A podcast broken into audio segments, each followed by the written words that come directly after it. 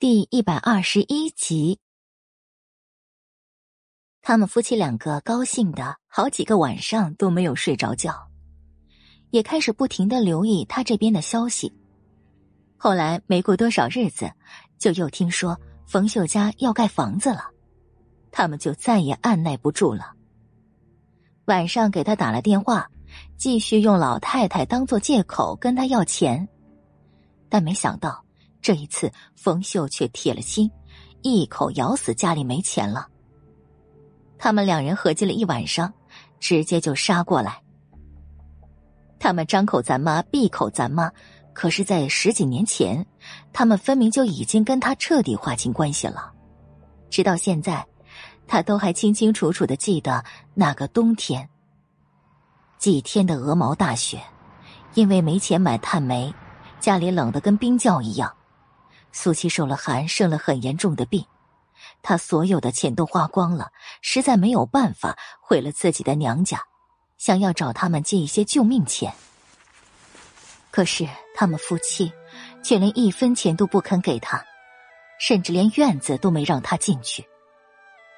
冯秀哭喊着，让他大哥看在他们一母同胞的份上救救苏七，他却无动于衷。他整整站在他家院外一天一夜，整个人都冻僵了，还是固执的没有离开。后来大门确实开了，是他妈从里面走出来。老太太说：“方秀啊，你怎么能这么糊涂呢？为什么为难你大哥呢？苏琪再怎么样也只是外姓人，他爸已经死了，你一个女人带着孩子，总归是个拖累。”倒不如就让他顺其自然。如果真的救不了了，那对你来说也是解脱呀。当时冯秀听到这番话，所有的亲情彻底崩塌了。他真的很难相信，这是从他的亲妈苏七的亲姥姥嘴里说出来的话。可是，他们却是他最后一丝希望。冯秀跪下来求他，让他们救救他的女儿。老太太却只是气急败坏，继续咒骂他不懂事。整整两天一夜，他几乎昏迷在那儿。老太太终于不耐烦的扔给他五块钱：“嫁出去的闺女泼出去的水，以后自己的日子自己过，你不要总想着拖累娘家。这些钱是我的私房钱，给了你，咱们娘俩的情分也就到此为止了。”以后啊，你也别再回来了。老太太说出最后这些狠话，犹如一把刀，狠狠的扎在冯秀的心里，割断了他的亲情。没人知道，那一刻他是怎样悲痛的心情，从地上捡起那五块钱。后面的这十几年里，每每想到那一天，冯秀的心都仿佛在滴血。他和他们也再没有任何往来，贫在闹市无人问，就是他之前的那几年最好的缩影。嗯，冯秀，呃，我在跟你说话呢。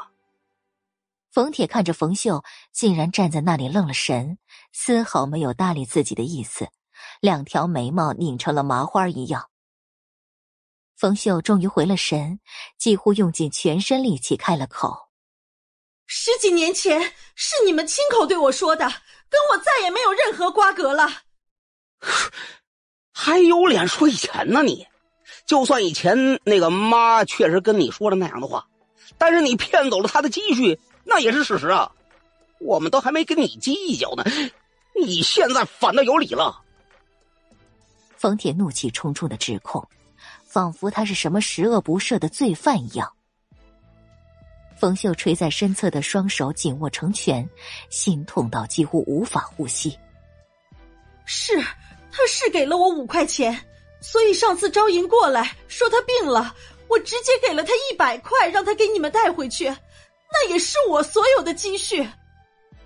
他已经二十倍的还给了他们了，所以他不亏欠他们，而且他也确实没有钱了。冯铁瞪着眼珠子。可没想到，他敢用这样的语气跟他说话。那点不够。医生说了，妈的病还得花好多钱呢。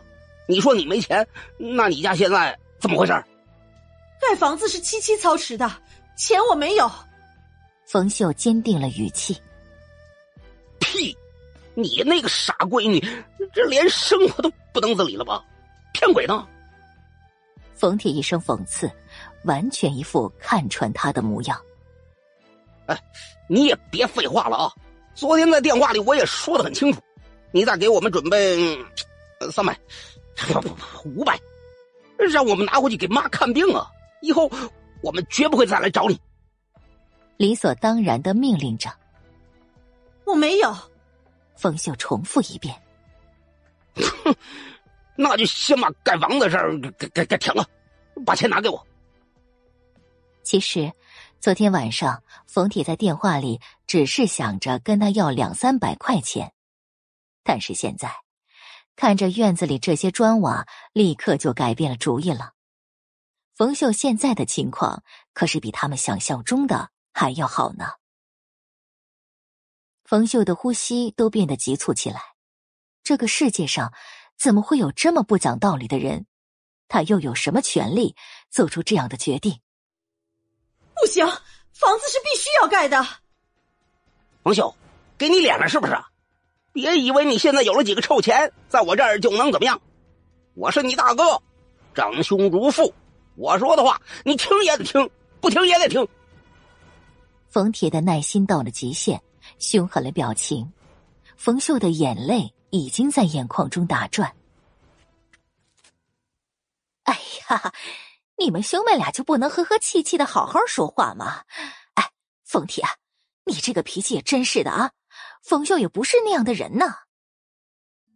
张招娣看着情况不对，赶忙开口调解起来，先是埋怨了一句冯铁，然后又看向了冯秀。冯秀啊，嫂子知道你是刀子嘴豆腐心，重情着呢。你要明白啊，这钱不是你大哥跟你要的，是因为咱妈看病的呀。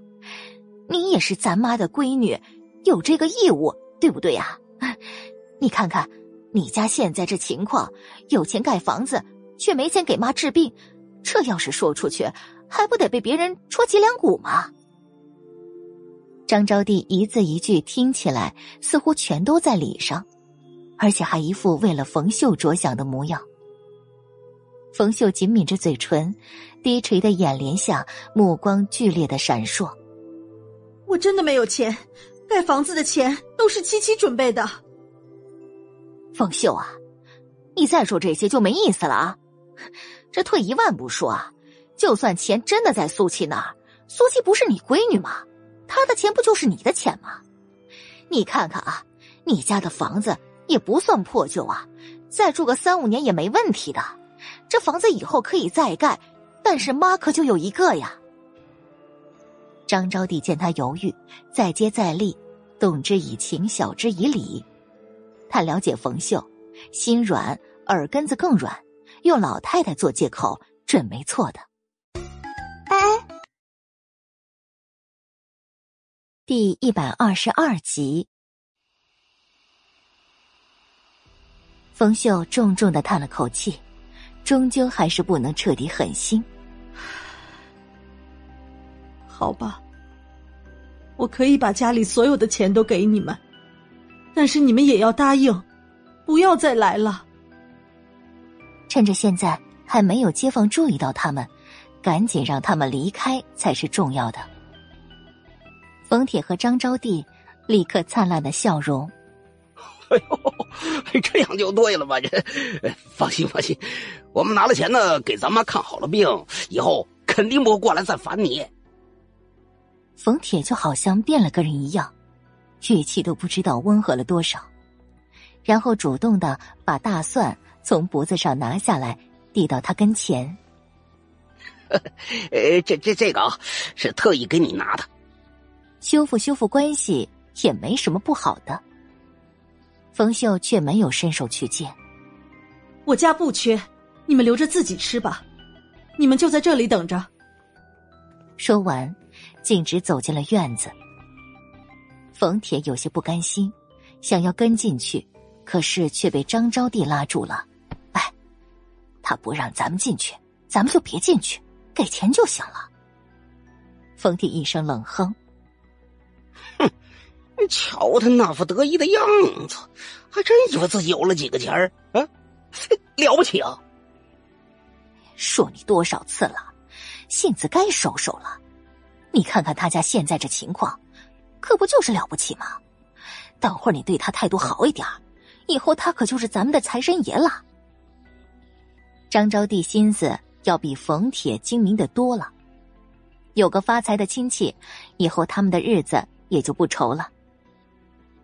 冯铁脑子也转开了，咧开嘴笑：“你说的有理啊。反正这种事儿就是一回生二回熟。他是冯秀亲哥，家里还有他亲妈，就算他不想管他们，他都不答应的。”东家，外面的人是谁呀？您没事吧？包工头看着冯秀，脸色不好看，又朝着院外门口的两个人看过去，关心的询问。冯秀僵硬的摇摇头：“两个朋友，不碍事的，你们继续忙吧。这件事无论如何都不能让苏七知道的。”包工头听他这么说，也就不再多问了。张招娣和冯铁伸长了脖子盯着院子，片刻之后。冯秀从屋里出来，两人对看了一眼，全都已经迫不及待了。冯秀很快回到他们面前，然后把手里的钱递过去：“这是我所有的钱了，都给你们。”两口子本来兴奋的脸，在看到那些钱之后，几乎是同时就垮了。特别是冯铁，更是一张脸直接就耷拉到地上。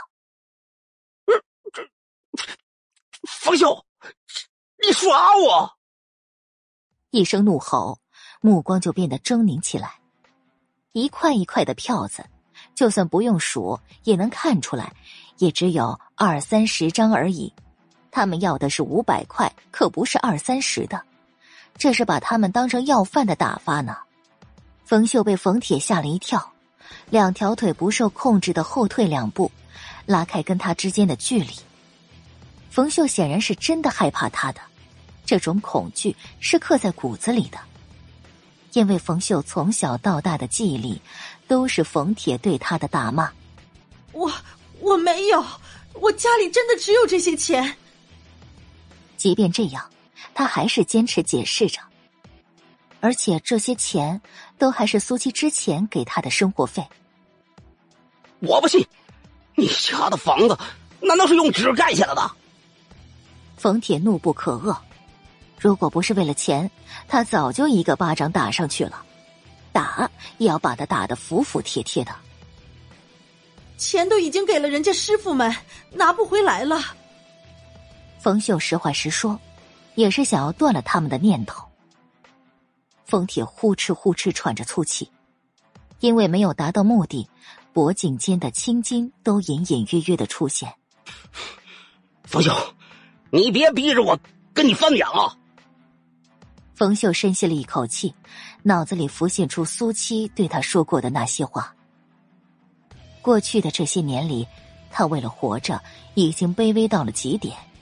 现在闺女已经长大了，她的每一步退让都是在给苏七带来更大的麻烦。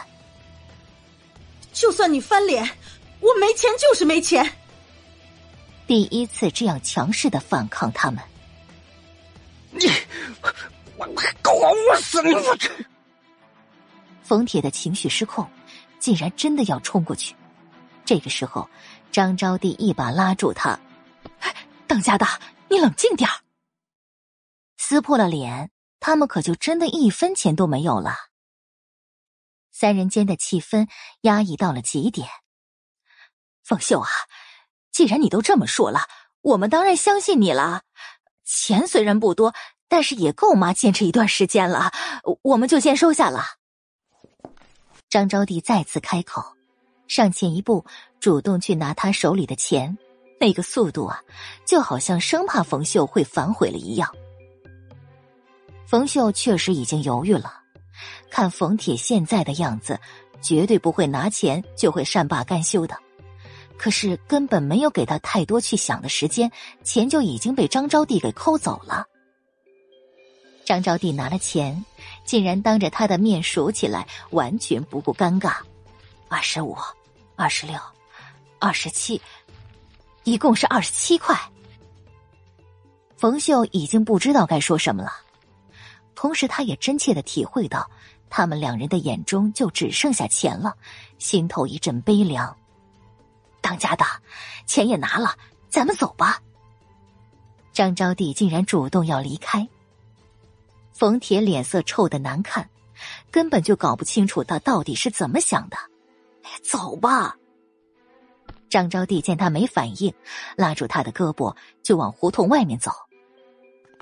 冯秀看着两个人逐渐走远的背影，稍稍的松了口气，不过也只是松快几秒，又紧绷起来，在心里暗暗的祈祷，他们真的别再过来了。哎，眼皮子怎么这么浅呢？才二十七块，就把咱们打发了。出去的路上，冯铁咬着牙指责着。单单只是看院子里那些领条，就能知道冯秀家盖的这处房子肯定要不少钱了，怎么就能这么便宜了他呢？哎呦，说你脑子不好，你还真是啊！你刚才没看到冯秀那个架势吗？这要是不要，恐怕最后连这点钱都拿不到了。张招娣反而轻松着声音解释：“钱是少了点儿。”但是也能够他们用一两个月的开销了。啊，那就这样了。冯铁可是不甘心极了，凭什么冯秀就有钱盖房子？他们可是亲兄妹，冯秀的钱就该给他花。谁说就这样了？哼！既然他张嘴闭嘴的都是钱在那个傻丫头手里，咱们直接找傻丫头要不就行了？那个傻子呀，还不是咱们说什么他就得听什么呀？张招娣说到最后得意了笑。论算计，他可从不输给任何人呢。冯铁先是一愣，然后眼睛里也冒了金光。呃，你说的对啊，那傻子估计看见我了，都会被吓得尿裤子吧。本集播讲完毕，第一百二十三集。赛场，苏七站在自己的跑道上，作为第四棒，也是最后的一棒，自然是受人瞩目的。四周已经全都是加油呐喊的声音，啦啦队也在其中。夏夏，这场比赛。有好戏看了。旁边的女生突然凑到吴香香耳边，兴奋的说着。吴香香动作停顿一瞬，什么都没有多问，可是嘴角却浮现出一抹笑容。终点线这边，除了体育老师和计时老师之外，竟然还多了三位老师，他们的注意力几乎全都落在苏七的身上。几个人低声的交谈着什么。看台上，高江和孙海他们也都在聊天，等待着比赛的开始。林夕却有些心不在焉，时不时的扭头看一眼立业。这种活动其实也挺无聊的，真的不如去搏击场看比赛呢。叶，这场你觉得七七还会像上场那样有很好的表现吗？林夕随便找了个话题，想要把立业的注意力。拉回到自己身上。立业一双眼睛深不见底，坐在这里的他，似乎比往常还要更加少言寡语。等一下就知道了。不确定的事情，他从来不会妄加揣测。嗯，我也希望他能够好好比，毕竟校长他们都很看好他的。敷衍一句，宁熙便也不再说什么了。苏七加油！苏七，整个赛场上第一次有人这么高调的为苏七喊着，瞬间吸引了不少人的视线，包括苏七自己都有一丝意外。顺着声音响起的方向看过去，然后眼底多了一抹淡淡的笑意。是赵蕊，见他朝着自己看了过去，赵蕊更是兴奋的冲着苏七挥挥手：“哎，苏七，加油！”苏七嘴角的弧度缓缓的扩大，不过也仅仅只是一瞬，便收敛了回去，不再看他。这个女孩子当真是想要跟他做朋友啊！同样，在人群里的张峰忍不住朝着赵蕊多看了一会儿。方宇的声音打断了他的思绪。没想到在学校里竟然还有喜欢苏七的人。那诧异的语气，仿佛这是一件多么不可能的事情。张峰皱了眉头。苏七难道就不能有朋友吗？方宇愣了愣，张峰抬起视线看向苏七，神色复杂。方宇目光闪烁，留意着张峰的动态，欲言又止。他怎么觉得张峰哪里不对劲儿呢？准备！裁判一声令下，气氛顿时火热。发令枪响。第一棒的女生几乎同时跑了出去，六组跑道，每个人之间的距离都追得很紧，所有人的目光都在追随着那些身影，而每一个人也都有自己看好的队伍。很快，第一棒顺利的交接出去了，苏七的这一组排在了第二的位置上，体育老师不由得喊了一声好，按着这个速度。再有苏七的最后冲刺，应该就没有什么问题了。看台上，立业似乎有些心不在焉，端起面前的水杯喝起来。七七这一组的优势还是很明显的，他应该不用太辛苦。明熙开心的说着，完全一副关心苏七的语气。立业没有说话。很快就到了第三棒。吴香香和啦啦队的众人也都先暂停，他们在意的却只有苏七的那一边。本来一直稳定在第二的优势，却在第三棒里开始有了变化。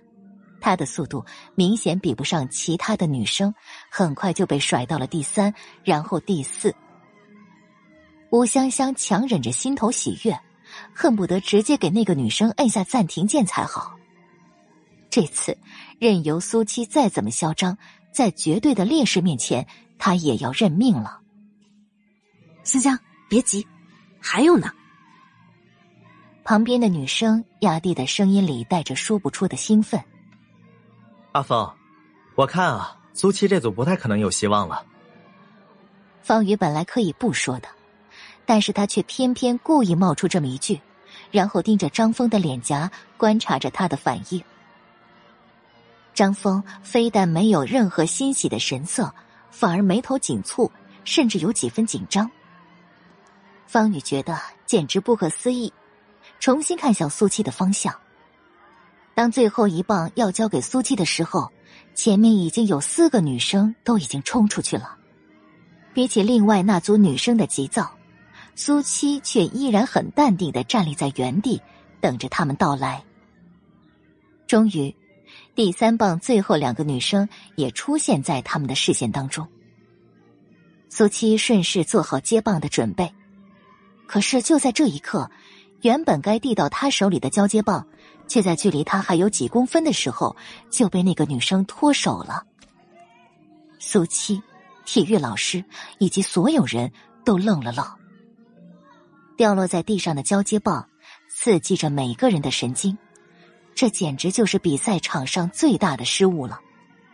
虽然也只是一瞬，苏七并又后退几步，弯腰捡起，但是跟另外的五组女生已经拉开巨大的差距。这，这，怎么会这样？体育老师铁青着脸色，简直无语至极。他们都看得很清楚，但是却也不能多说什么。因为在赛场上确实会出现各种失误的，特别是在这种需要配合的时候。唉。紧接着，他重重的叹了口气：“竟然掉棒了，这都怪苏七。在比赛之前，我看见他们组的人特意找他，想要跟他练习一下交接棒的，可是他却根本就不在乎。现在发生了这种事儿，拖累了整组人，很快，人群里就有学生愤愤不平的指责，犹如连锁反应一般，一个接着一个，全都在说苏七的不对。吴香香舒心不已，对着苏七的方向一声冷笑：“哼，活该。”哎，都闭嘴！比赛结束了吗？突然，一道呵斥声响起，在人群里格外的震耳。当所有学生看到说话的竟是张峰的时候，不少人脸色全都变了。学长说的对，比赛还在继续，要嘲笑也该等到结束之后，也很快的。唯有吴香香和方宇僵硬了表情，所以，他现在竟然是在为苏七说话吗？特别是方宇已经有些瞠目结舌了。苏七的速度很快。即便是最后一个出发，可是他的出场还是顷刻间就吸引了所有人的目光。看台上的高江他们也没有想到会发生这样的失误，不过现在反而更增加了几分观看比赛的紧张气氛和期待感。苏七到底还有没有扭转局势的能力呢？明熙有些不开心，因为他发现。明明刚刚还心不在焉的立业，就在苏七跑的时候，却坐直了身姿，紧盯着赛场了。第一百二十四集。哎呦，苏七在加速！哇，看到了。可是其他女生也很快呀，起跑的时间差的太多了。想要赶超第一，这第二根本就不可能了。站在终点的几位老师也在议论着，忍不住一声唏嘘和感叹：“这就是比赛的规则。团体赛最看重的就是彼此之间的合作。一个人的能力再突出，又怎么能和几个人的优秀相提并论呢？”体育老师已经紧张到手心里全都是汗了。即便输了这一场比赛，也不能怪苏七的。可是。他却打从心底还是希望苏七能够创造一个奇迹。怎么回事？他又加速了！身边突然传来另外一位老师的惊呼声。果然，速七的速度简直就是越来越快。此时此刻，原本喧闹的四周都已经变得鸦雀无声，所有人都在留意着赛道上的几个身影。哎，他还在加速！我的老天爷，他竟然还能更快吗？激动的声音带着剧烈的颤抖。刚刚还在否定苏七的这一场已经没有任何希望的老师，这一刻却一双眼睛瞪得老大，紧张的吞咽着自己的口水，恨不得像其他学生一样大声呐喊了。苏七的身影简直犹如射出去的箭一样，很快便超越了前面的一个人，紧接着又一个。这样的反转，来的让所有人都猝不及防。此时此刻的看台上，立业竟然主动的站起身来，一双眼睛盯紧苏七，神色复杂到了极点。明熙紧绷着脸颊，也被苏七现在的速度惊讶到了。不过，更让他诧异的是立业，这么多年来，他还是第一次看到立业现在这副不淡定的模样。难道？他就这么希望苏七能够赢吗？高江和孙海各自坐在彼此的位置上，甚至已经不再有任何的交谈。快一点儿，再快一点儿！当苏七超越第二名的那一刻，所有人的脸色都彻底变了。他真的可以做到吗？还有五十米，只有五十米了！站在终点的体育老师再也按耐不住激动的心情，扯着嗓子高喊出来。这一声犹如一道信号，四周气氛再次沸腾。这一次几乎全都是异口同声：“ 苏七加油！”四十米，三十米，二十米，就在最后仅剩下十米的距离，跑在第一的女生眼睁睁的看着一道身影先自己而去，她用尽浑身上下的力气，可是却始终无法追赶上。第一，苏七第一！紧接着。一道兴奋的呐喊声，一片哗然。没有人觉得这一场比赛第一名会是苏七这一组。但是他却用自己强横的实力，证明了即使已经输在了起跑线上，依然可以力挽狂澜。另外五组的女生，片刻之后也全部都到达了终点，每一个人的心里都有了几分不甘，可是看着苏七的身影，却是心情复杂。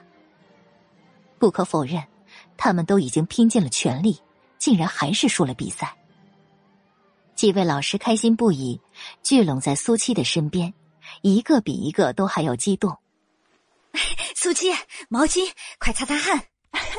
苏七，水，赶紧喝一口。这样的速度，即便是在之前的几届学生中，也是从来没有过的。现在国家提倡德智体美劳全面发展，而苏七这两场比赛简直就是一鸣惊人。完全可以成为特长生了。苏七呼吸稍微有些急促，额头、鼻尖都冒了汗水。为了能够不让他们这一组愿望成真，他还是花费了些许力气了。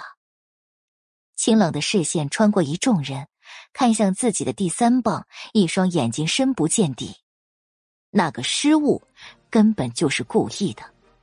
所以他们分明是想，哪怕自己输了，也不能让他赢了比赛。这种损人不利己的事情，还真亏得他们想得出来。另外三个女生全都表情古怪，她们本来确实是该开心的，毕竟这是团体赛，但是这一刻却怎么都笑不出来了。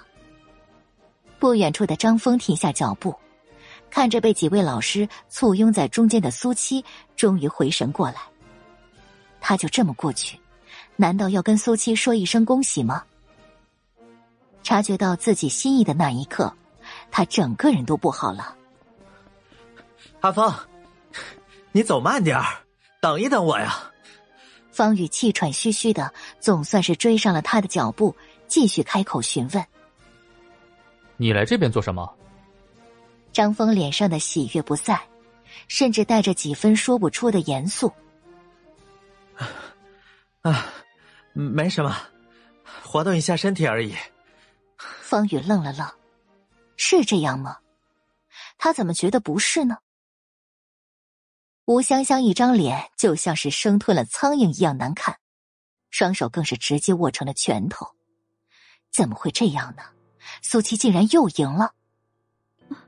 香香，旁边几个啦啦队的女生也全都有些不知所措。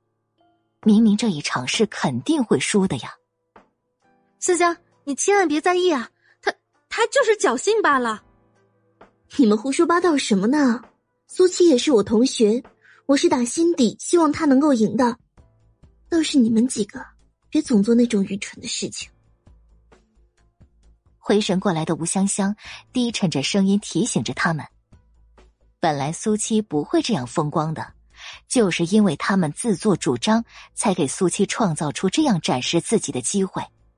现在恐怕学校所有的老师还有校长都会对苏七刮目相看了。高校长，这位苏七同学真的很不错呀！刚从赛道上回来的王艳忍不住一声惊叹。还好，刚刚在苏七最后冲刺的那一刻，他按下了相机快门，照下最激动人心的那一瞬。如果说苏七在第一场比赛中的发挥，他还没有那么确定他的实力，但是这一场他是真的再也没有任何质疑了。比起运气，这一场可是那位学生真真展示了自己的实力。校长高江哈哈大笑，已经许久都没有这么开心过了。哈哈哈哈哈！是啊，是啊，他真的很不错，李烨。这都要感谢你啊！啊，因为实在是太高兴了，所以他也忘记了避讳什么。一时间，所有的目光全都齐刷刷的朝着立业看过来。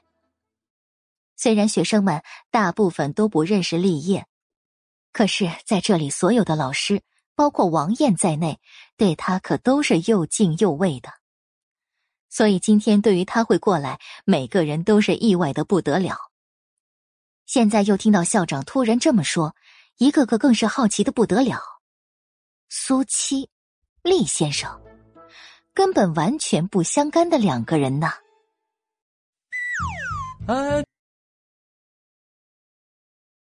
第一百二十五集，高江的潜台词是要感谢立业为学校送来苏七这么好的学生，可是其他人心里可不会这么想的。一时间，气氛说不出的诡异。立业却很淡定的坐着，看不出任何异样，但是也没有解释的意思。嗯，呃，那个，我是说呀，厉先生今天能亲自过来给学生们加油，还特意提供了奖励，所以才能更好的激发出他们的潜力啊。反应过来的高江很快又补上一句。四周的人面面相觑，原来是这个意思吗？唯有坐在角落的赵建新一声苦笑。别人不知道，可是他却清楚的很。苏七确实是跟立业有关系的，不然立业也不会三番两次替苏七出头了。只不过他到现在也没有彻底的搞明白他们到底是怎么回事。宁熙暗暗的松了口气。有些庆幸，刚刚高江没有直接说出苏七是立业未婚妻这件事情。接下来，校长高江和王艳热络的聊起来，而立业却起身了。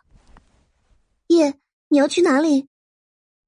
宁熙几乎是马上开口询问，也跟着一起起身。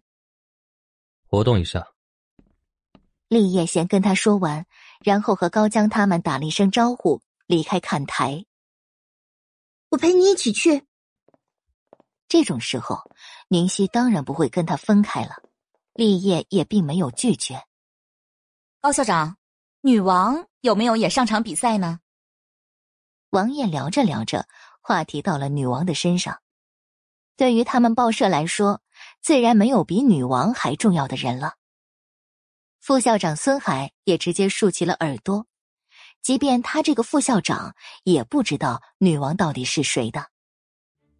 高江脸上的笑容凝固一瞬。呃，这他自然是也在的，全校的学生可都在这里呢。明明王艳问的是女王有没有上场比赛，可是他却聪明的岔开话题，这样的回答也就等于没有回答了。女王这位同学也是我见过的最低调的一位了。寻常的学生如果有这样的实力，肯定早就已经名声在外了。王艳还是忍不住继续说上一句，也实在不懂女王为什么需要搞得这么神秘。高江却只是用微笑代替语言。苏七坐在椅子上，对于四周投来的异样的目光视而不见。还剩下最后一场男女混合接力，但是这一场比赛安排在最后，所以苏七还需要再等等。苏七，跟他同组的三个女生一起来到他面前，此时此刻的他们已经完全看不出任何异样。苏七看着他们，等着他们接下来的话。刚才的比赛你表现的确实不错，但是我们也都是努力了的，能赢这场。是我们大家共同的结果。本来他也没指望他们能道歉，可是竟然还有脸过来跟他邀功。嗯，确实是你们给我拖了后腿了，不然这场比赛我能够赢得更轻松一些。苏七似笑非笑的开口，完全不给他们留任何的情面。三个女生的脸色全都变得很难看了，其实心里也清楚，这种时候不该过来招惹苏七的。可是，为了这场比赛的奖金，他们也都要跟他谈一谈的。哎，你怎么能这么说呢？小红跑第一棒的时候，可是始终排在第二位的。就算你一个人再有实力，难道能跑赢四个女生吗？简直就是人丑多作怪。他这么说，是想把所有的功劳都揽在他一个人身上吗？苏琪眼睛眯起来。浑身上下仿佛都散发着一股冷漠的气息。我不知道你们三个到底是谁受了意，又或者是单纯的想要针对我。我没有为你们输掉这场比赛，你们还有脸面在这里跟我磨叽吗？三个女生齐齐呼吸一紧，心虚不已。他竟然都看出来了，根本没有人故意针对你，比赛也是我们的，我们为什么要输掉？我看你是得了被害妄想症了吧？觉得谁都是坏人。其中一个女生回神之后，特意加重了声音跟苏七辩解着：“反正这种事情，只要他们自己不承认，苏七就是污蔑。”苏七一声冷笑，他认定的事情。可是从来都不需要证据的。你们在这里做什么？正当他准备跟三个女生好好的整理一下的时候，张峰的声音从不远处响起：“学长。”他们三个女生见到张峰之后，脸上的愤怒不在，全都摆出最好的面孔。张峰走到他们面前：“比完赛了，不去好好休息，在这里干嘛？”嗯。我们三个女生都在犹豫，片刻之后，其中一个开口：“比赛赢了，我们去领奖金。可是那边的老师说要苏七一起去才行。其实他们也清楚的，只是一开始并不想要带着苏七一起过去，因为这可是真金白银的事情。”而苏七自己已经赢了一场比赛，现在还要分另外的这份奖金，他们心里自然是不平衡的。苏七挑了眉头，他怎么不知道比赛还有奖金呢？怪不得他们三个人会过来找他的晦气。今天这场比赛要不是我，你们能赢吗？所以奖金也应该是我一个人的，你们三个就别想了，并没有跟他们商量的语气。而是苏七自己直接做了决定了。这是团体赛，你说没有就没有吗？三个女生气急败坏，明明是属于他们的，怎么可能会让苏七这样剥削呢？他们气愤的模样，完全忘记了刚刚自己也是这样的心思。苏七根本不跟他们废话，他想要拿奖金，没人可以不给的，也没人敢不给的。学长，你瞧瞧苏七这个样子，你你可要为我们做主啊！三人没了办法，求救的目光直接朝着张峰看过去。张峰竟然沉默了。刚刚的那一场比赛，他也同样看得清楚，特别是最后的那一棒，责任完全都在他们身上。如果不是苏七力挽狂澜的话，确实这场比赛他们赢不了的。可是说到底，这也毕竟是团体比赛。不过，按着苏七那个睚眦必报的性子，他决定了的事情，哪怕闹到天翻地覆，恐怕也不会改变的。第一次，他因为苏七的事情而纠结。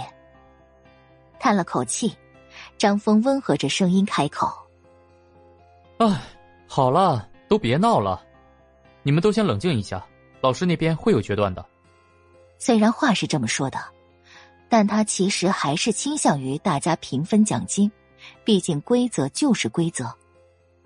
苏七目光闪烁，没想到张峰竟然放弃这么好的机会，没有跟他们这三个女生一起针对他。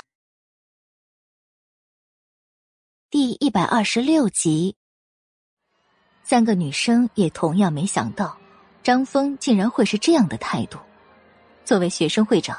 平常他都是很公正的处理每一件事情的，不过既然他都这么说了，他们也只能先离开，冷静之后等苏七一起过去了。奖金是怎么回事？只剩下他们两个人，苏七马上开口问。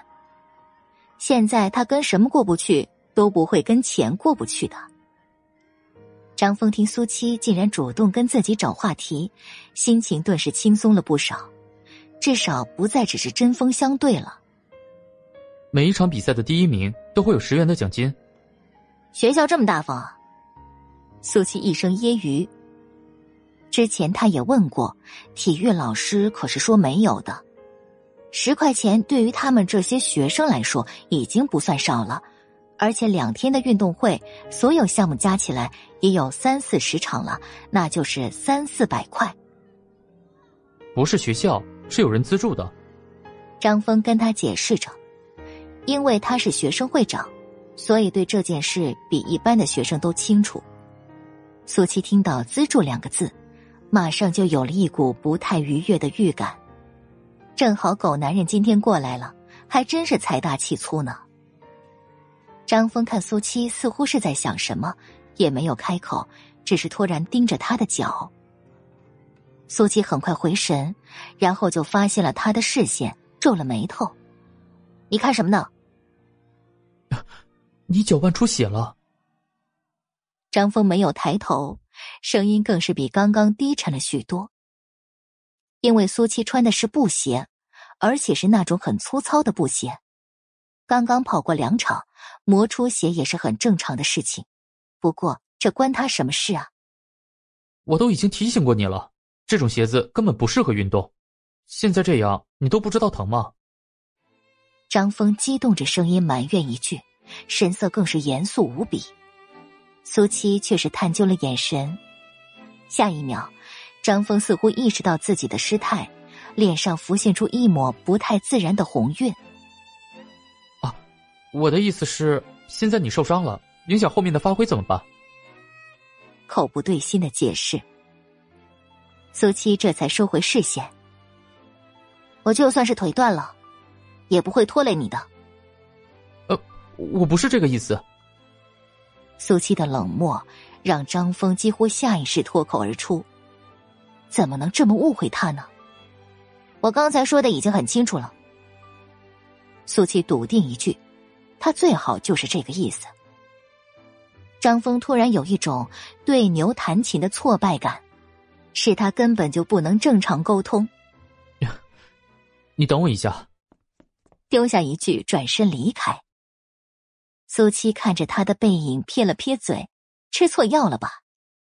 很快收敛了思绪，再次低头看向磨破了脚踝。以前什么样的重伤他都忍受过，所以这点疼痛对苏七来说实在算不得什么。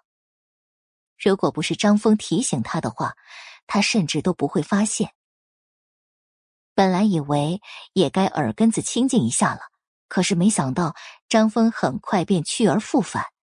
而且竟然还拿着紫药水和纱布，还有之前被他拒绝的运动鞋。苏琪一时间无言以对，甚至觉得那个紫药水里面是不是被他下了别的渗透性的毒药？只有这些东西，先清理一下伤口。张峰完全不管他现在的反应有多么的防备和奇怪，只是自顾自的说着，然后主动弯腰，半蹲在苏七的面前。苏七蹭一下从椅子上站起来，你脑子进水了。就算是真的担心他会影响比赛，也没必要做到这样的地步。而且张峰现在的举动已经引起他人的注意，不少双眼睛都朝着他们两个看过来，那一副副受到惊吓的脸孔，比苏七的反应都还要过度。张峰没有任何起身的打算。我是学长，你是学妹。我们还有一组比赛，我当然要照顾你。这句话是说给他听的，更是在催眠他自己的。对，就是这样。我不需要你的当然，也不需要你的照顾，你离我远一点就行了。苏七凌厉了眼神，态度恶劣。张峰在大庭广众之下做出这样的事情，无非就是让那些花痴他的女生更加的仇视他苏七罢了。果真是打的一手好算盘呐！不行。张峰的语气从来没有过的坚决。苏七刚想开口让他赶紧滚蛋，可是却突然看到不远处站立的立业和宁熙，他们两个怎么过来了？又听到了多少他们的对话？立业还是一如既往面无表情，让人看不出一丝情绪。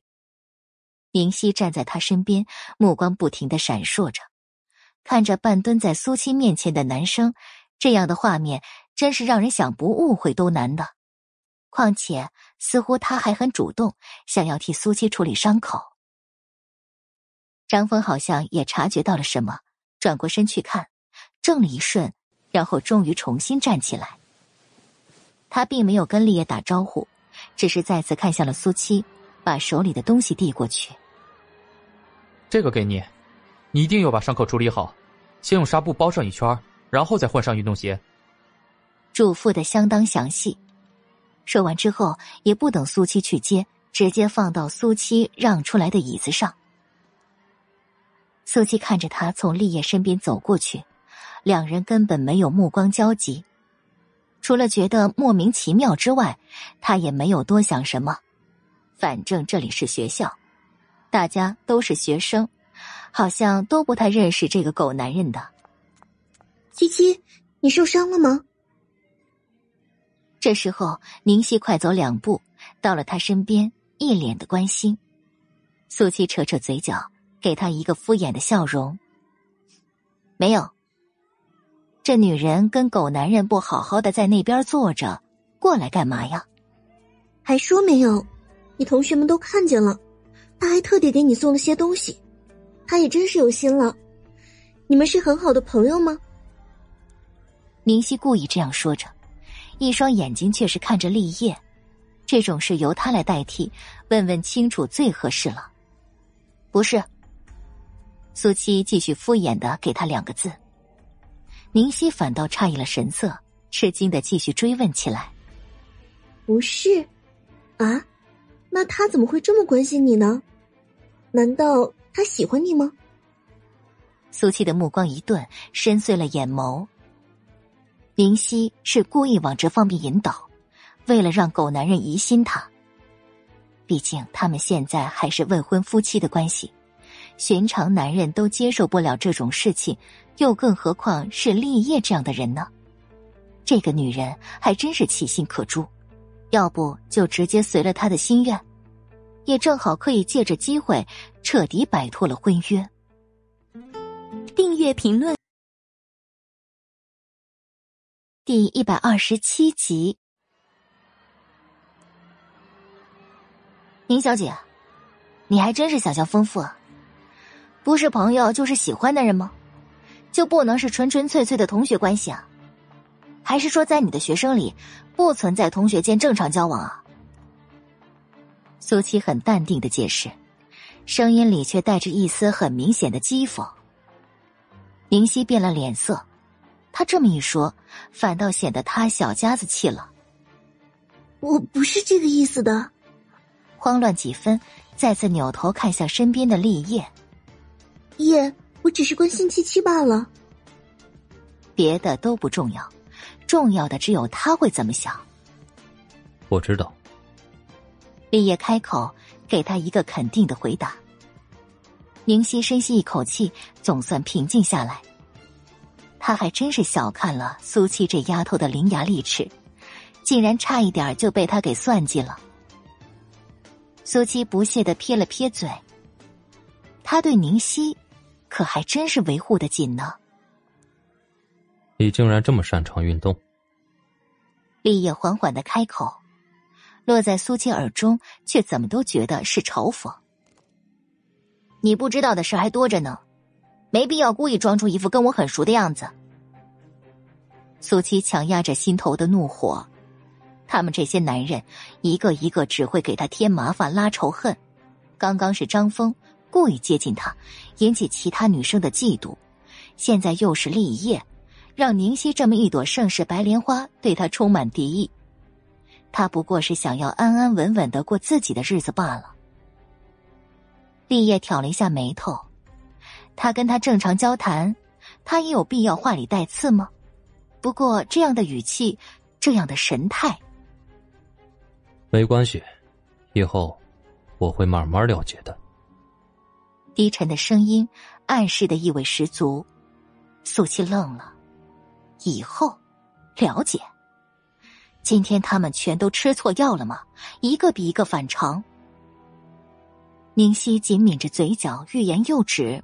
也没想到他会突然这么说。立业的目光落在苏七身后的椅子上，那里放着刚刚张峰留下的东西。苏七察觉到他的注视，朝着后面看了一眼，他不会要借题发挥吧？你还有一场比赛，鞋子应该换上。立业面无表情的说着，然后转身离开。苏七站在原地一动不动，直到他们两人的身影彻底消失在视线当中。狗男人是在关心他？呸！不可能！我来领奖金。十几分钟之后，苏七出现在看台不远处的领奖台。不管奖金是从谁的口袋里出来的，都是他该得的。负责登记和发放奖金的老师看到是苏七，脸上笑容满面。苏七同学表现的不错啊。苏七选择沉默，只是等待。老师一边说，一边把二十块钱递到他面前，丝毫不提刚刚那是一场团体赛。苏七把钱接过，揣进口袋。知道立业和宁熙就坐在那边，却连一个眼神都没有给他们。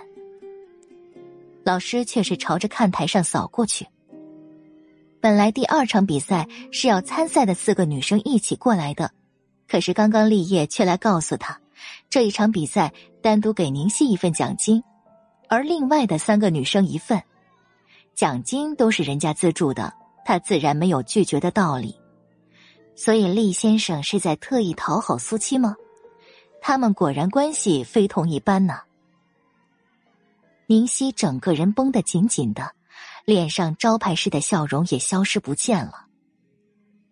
叶，我们已经在这里很久了，该看的也看到了，不如先回去吧。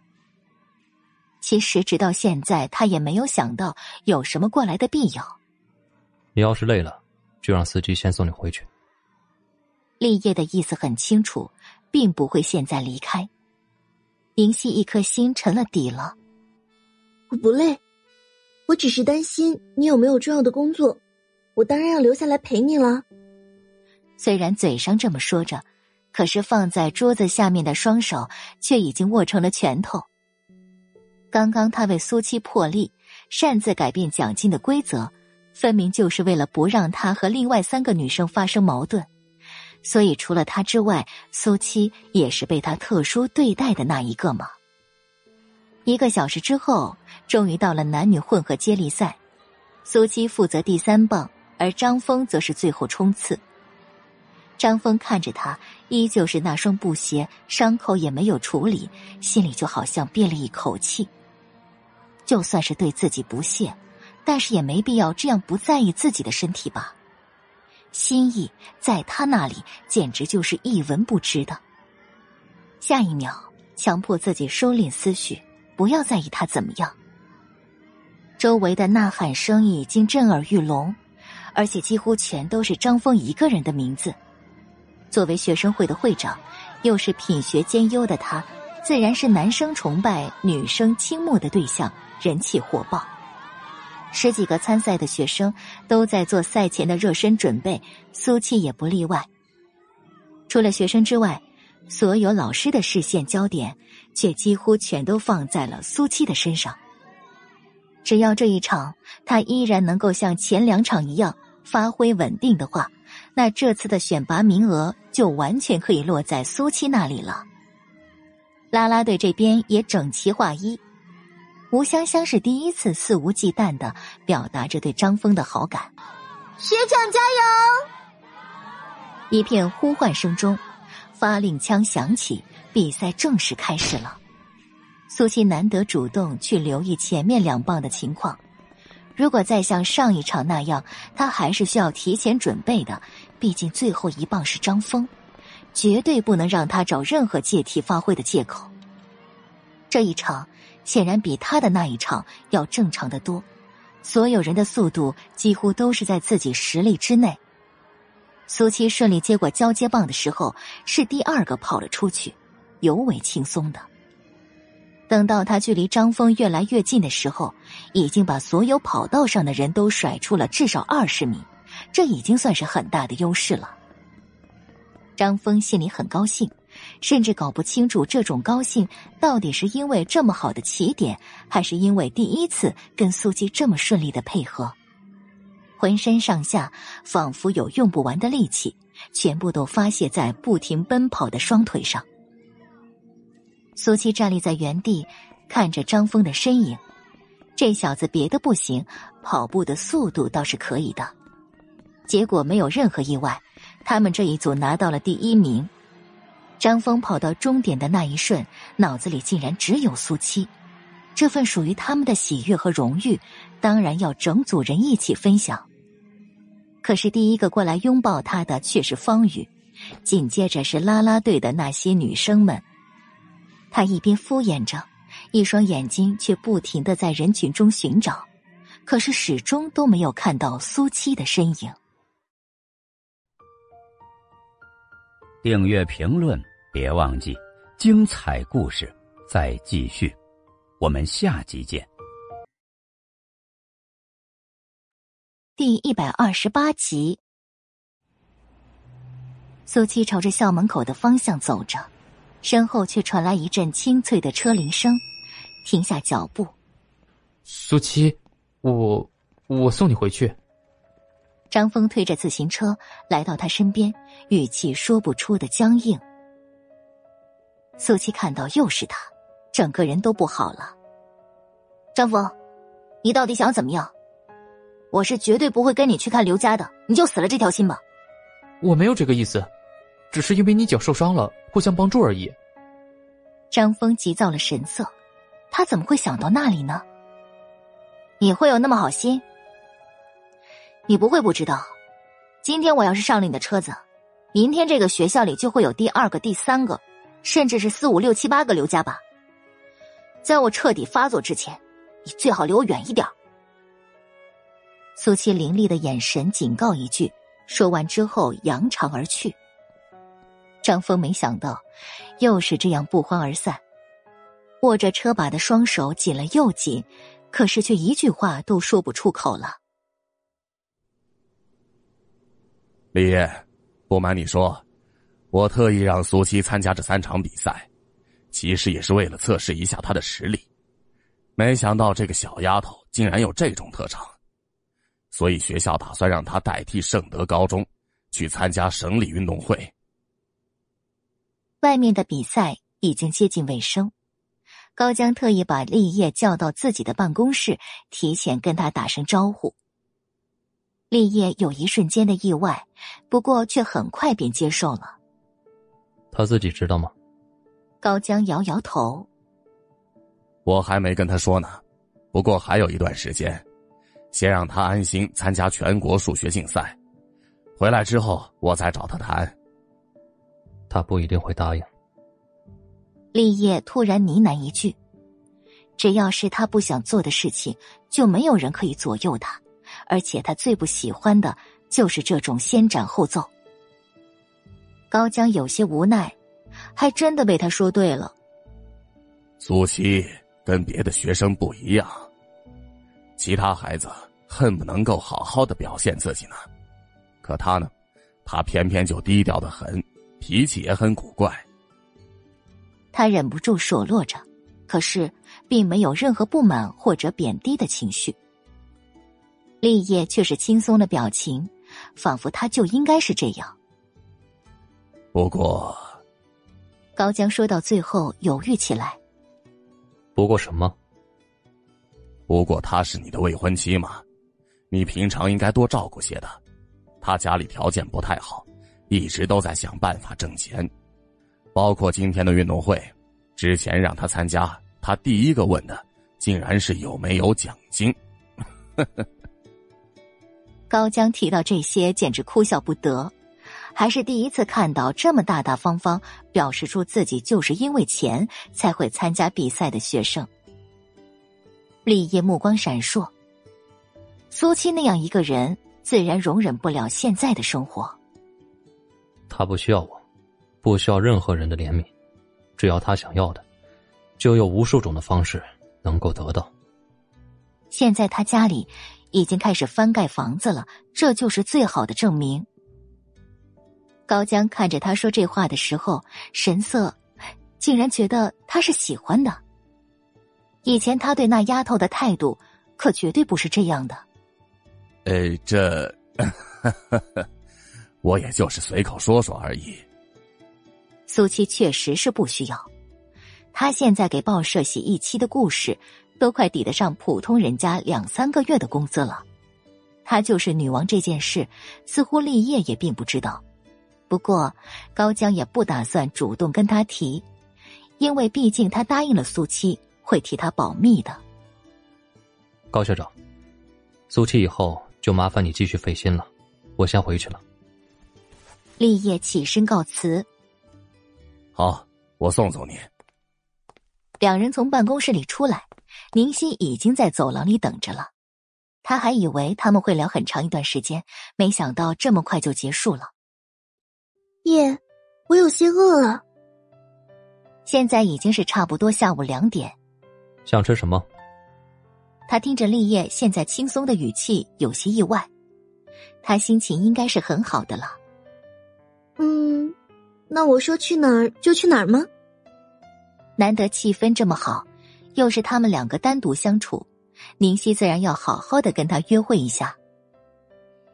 从学校出来之后，苏七径直回了家。配房已经盖的差不多了，该把正房里的东西都收拾过去。虽然也没有什么值钱的东西。走到大院门口，就看到路边的石头上坐着一男一女。两人的眼睛盯着他身上打量。哎，是他吗？嗯，都那么多年没见了，我怎么能认得出来呀？张招娣和冯铁嘀嘀咕咕的，他们已经拦下八个进院子的小闺女了，可是每次都认错了。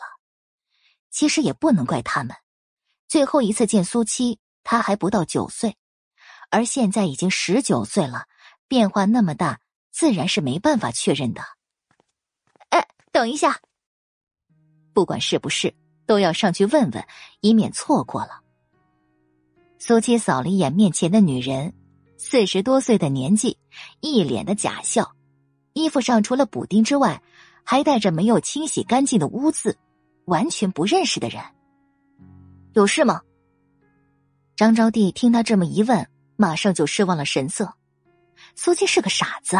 面前的这个小姑娘可是没有半点傻气，啊，哈哈，呃，你，呃，是苏七吗？就算不是，还是随口问了出来。苏七的目光平静至极。你们找苏七有事吗？啊哈，我们是苏七的亲戚，特意过来看他的。原来是亲戚啊，你们可以直接进去他家呀。苏七好心的提醒，一双眼睛却又在两人身上打量一番，然后收敛。呃，我们张招娣一时之间竟然不知道该怎么解释才好。他又不是苏七，你跟他废什么话？赶紧回来吧。冯铁不耐烦的冲他切了一声。他们都在这里等了好几个时辰了，肚子都饿得咕噜噜叫了。张招娣也顺势又走了回去。苏七迈开脚步进去大门口，对两人的身份没有一丝的好奇。在经过门卫室的时候，他停下来跟他们有短暂的交谈，不过很快就离开了。哎，招娣啊！你就给我买那个一屉包子啊，再买点花生米和那个三酒。哎呀，饿死我了！冯铁直接吩咐张招娣，他自己一个人在这守着就行了，还喝什么酒啊？张招娣嘴上嫌弃着，可还是下意识的摸摸口袋，准备去买了。嗯，喝酒提神呢，而且不是有那么多钱吗？他他当然要改善改善了。哎，有咱们的生活，也要脱离贫困，奔小康喽。冯铁说的理所当然，虽然是在路边可是往常下地的时候，也是随便在哪儿都能吃下去的。张招娣听他这么说，也忍不住笑起来。这话不假，只要冯秀真的是棵摇钱树。爆点击，快订阅！第一百二十九集，七七，你吃饭了吗？锅里应该还有馒头。苏七到家的时候，冯秀正在整理木柜里的东西。看到苏七这个点儿回来，赶紧准备去给他拿饭。我吃过了。他回来的时候，确实在路边摊吃了面。那行，运动会怎么样？累不累呀？冯秀关心起来。可这还是他第一次参加运动会呢。不累，我帮您收拾。刚才进来的时候，苏七已经跟施工队那边沟通了，今天把正房腾出来，明天就可以推倒这边开始施工了。我自己就行，你先歇着吧。冯秀笑呵呵的，其实也就几件衣服而已，用不了多长时间的。过去的几十年里，他们母女的日子实在是太艰难了。家里但凡有点值钱的东西都已经卖了，所以现在根本没什么家当。苏七当然不会听他的，帮忙一起整理老旧的衣物，有一些甚至已经全都补丁了，再压在箱子太长时间，散发着一股淡淡的霉味儿。这些都扔了吧，以后买新的。他实在是嫌弃的不得了，随手就准备扔在地上。突然有什么东西随着他的动作从里面掉出来。什么呀？呢喃一句，弯腰去捡。冯秀却很明显的怔住了，甚至呆滞了目光。苏七没想到，竟然会是一张已经泛黄的黑白照片。照片上是一家三口，男人怀里抱着的女孩两三岁的年纪，竖着两个羊角辫格外可爱。这是。他，那这个男人应该就是。这时候，冯秀终于回了神，颤颤巍巍把照片拿过去，只是一眼，瞬间就红了眼眶。您没事吧？苏西没想到，都已经过去了这么多年，一张照片还能让冯秀有这么大的反应。所以，厉家奶奶说的，她其实一直没放下那个男人，也是对的。冯秀用力的吸了吸鼻子，强忍着没让眼泪掉下来。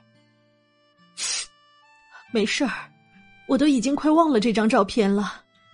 不是真的忘记，只是不敢去看，因为每看一次都会伤心一次的。我们以后的生活会越来越好，你也该从以前走出来了。苏七理解不了，一个女人在明知道那个男人已经死了之后，依然十几年走不出来的感情。人都应该向前看的，为什么要为已经失去的而浪费自己大好的青春呢？冯秀张张嘴巴，明明有千言万语，可是到了嘴边却一个字都说不出来了，最后只是僵硬的点了点头。照片我先替您收着吧。免得您看了又伤心。不等冯秀同意，苏七直接把照片拿回去，目光扫向男人年轻而意气风发的脸庞。不可否认，男人也确实是个英俊的男人。冯秀的眼中充满了不舍，刚想说话，可是苏七却打断了他。其实我一直都挺好奇的，过去了这么多年，他不在了。为什么两边的亲人都不来往了呢？冯秀呼吸一滞，整个人都肉眼可见的紧张起来。七七，你回来的时候是不是？询问的话语已经到了嘴边，突然意识到了什么，又赶忙忍住。是不是什么？苏西明知故问。没，没什么。你怎么突然想起问这些呢？你知道的。爷爷奶奶死得早，你爸又是独生子，至于那些远房的亲戚，自然也就没有往来了。冯秀低着脑袋解释，根本不敢去看苏七。您那边的亲人呢，也没有吗？苏七的问题让冯兄更是心惊胆战。难道他见到冯铁他们了吗？我，冯秀不会撒谎，特别是对着苏七。可是又不想让苏七搅进冯铁他们这件事里，所以现在真的是左右为难。我只不过是随便问问而已。您不想说就算了，反正一开始就只有我们两个，以后也别想有人干涉我们的生活。苏七看不得冯秀这副模样，直接结束了这个话题，但是也不忘记告诉他最后那一句。夜幕降临，冯铁揉了揉坐得发麻的屁股，烦躁不已。天都已经完全黑下来了，可是他们竟然还没等到那个傻丫头回来。你去问问那边看门的，到底怎么回事啊？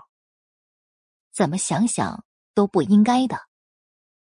张招娣也觉得累了，本来是挺好的打算，难道是他们什么时候错过了吗？现在要想进去这道大门，恐怕也是困难了。片刻之后。他从门卫那边回来，脸色说不出的难看。他们说，傻丫头已经进去了。冯铁顿时暴跳如雷：“妈的，老子在这堵了他一天了，这竟然还让他给溜了！我我我他妈的我狗日的我！”张招娣也觉得纳闷儿，可是再追究也没办法。当家的，现在怎么办？总不能在这里等一个晚上吧？冯铁恨不得直接冲进去，可是看看门口那几个保安，还是沉了口气。家人先回去吧，等过几天再来。为什么是过几天？因为他家离这里也有很长一段路程了，等着下次再来，还能继续用老太太做借口。张招娣虽然不甘心，但是也只能点点头。反正这对母女就在这里，随时过来都没问题的。日子又回归到了平静，苏家的房子盖得如火如荼，大院里的人也依然络绎不绝的往他家门口跑。苏七每天上学放学，即便是在学校里，也没有人敢当面嘲笑他是傻子了，因为他俨然已经成为学校眼中的运动特长生。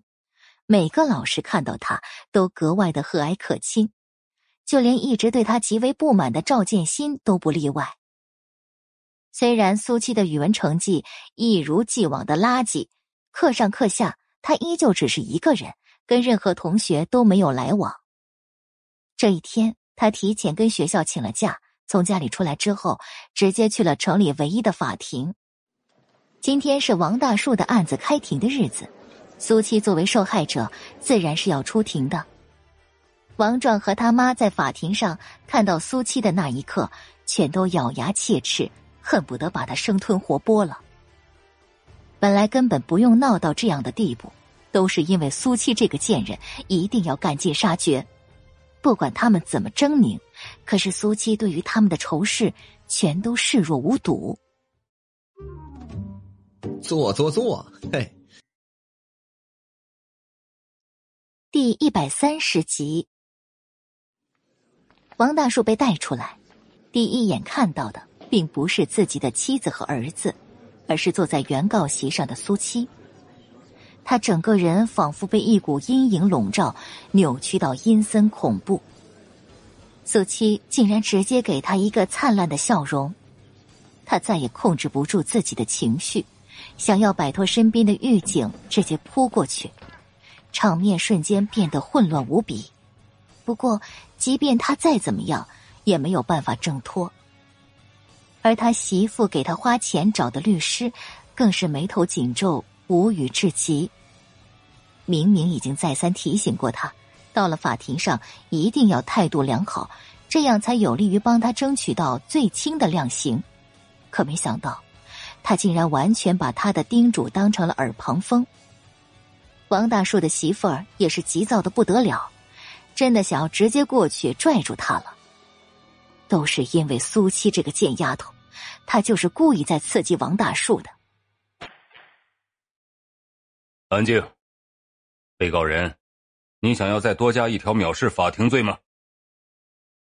法官凌厉的声音从前面响起，整个法庭的气氛都变得压抑无比。王大树呼吸一紧，头脑终于清醒一些，勉强让自己镇定。他总不会坐一辈子牢，君子报仇，十年不晚。等他出去的那一天，就是这个贱丫头的末日。大院儿，哎，冯秀，你怎么还在家里呢？前院的街坊看到出来扔垃圾的冯秀，诧异了神色。冯秀疑惑的问：“怎么了？他不在家，还能去哪儿呢？你不知道吗？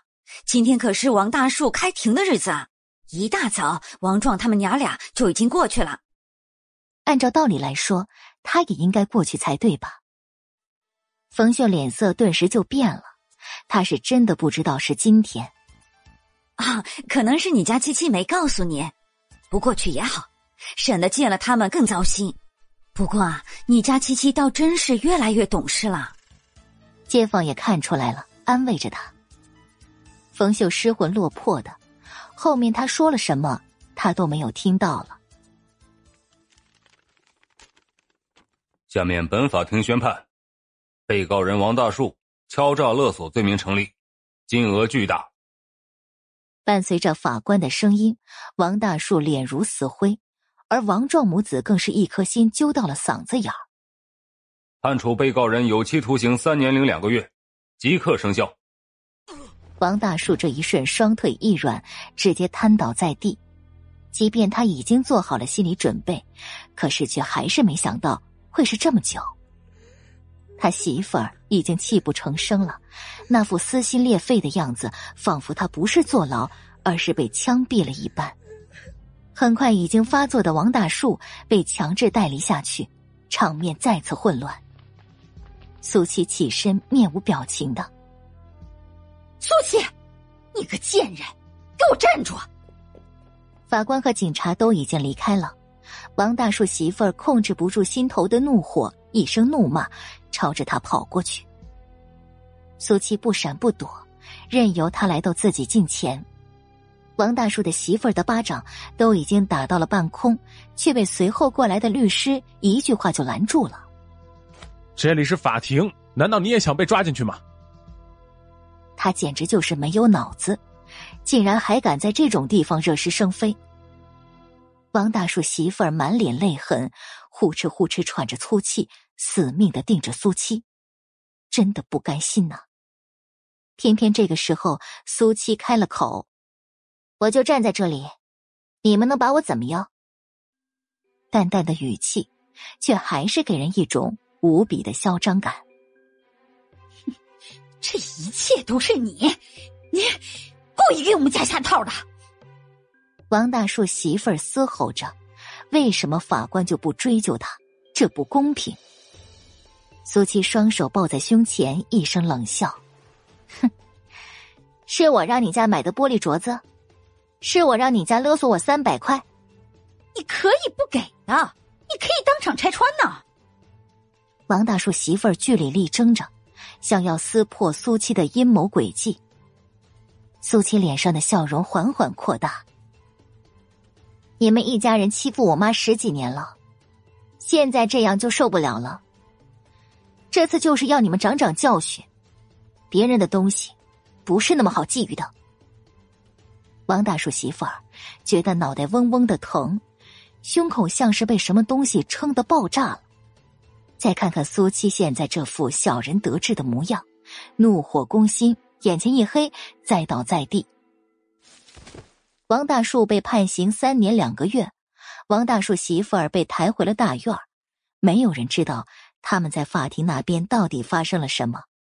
但是却不妨碍整个大院里的人对这件事议论纷纷。冯秀在王大树面前夹着尾巴做人十几年，没想到最后锒铛入狱的竟然会是王大树。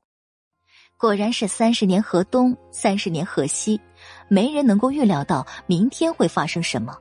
但唯有一点，所有人都心知肚明，那就是苏七再也不是那个可以任人欺负的傻子了。冯秀心惊胆战的时候，苏七却拎着好几个大西瓜回来。天气热，请大家吃。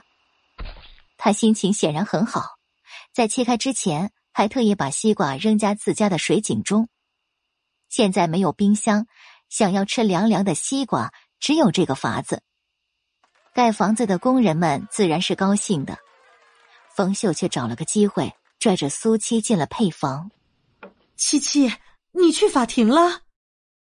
是啊，今天王大叔开庭，我们是原告，您在家里盯工，我就直接过去了。案子都已经完结了，苏七自然没什么好隐瞒的。冯秀惴惴不安，那王壮妈是怎么回事儿？她可是被人抬着回来的。他们母子比苏七早回来一个小时，回家之后就直接把大门从里面给锁了。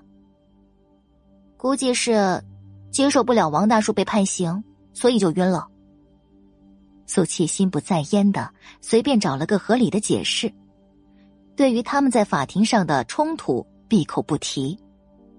冯秀觉得发慌，他也同样没想到王大树会背叛那么长时间的。七七，我心里不踏实，特别是以后还要经常看到王壮母子。虽然他们没做错什么，但冯秀就是害怕。苏七握住他的双手紧了紧。您平常该怎么样就怎么样。他们安安分分的就相安无事，如果他们再敢有半点的坏心思。说到这儿，苏七的声音停顿下来，眼底一抹阴影转瞬即逝。七七，你要做什么？冯秀猛地一个机灵。我不做什么，现在是法治社会，都有了王大树的教训，他们也不敢怎么样。下一秒，苏七就温和不少。给冯秀一个笑脸，让他安心。王壮那个怂包，没有了王大树，翻不出什么水花的。至于王大树的媳妇儿，短时间之内估计也会消停的。本集播讲完毕，第一百三十一集。一周后，小东家，您看什么时候方便？把中期款给结一下。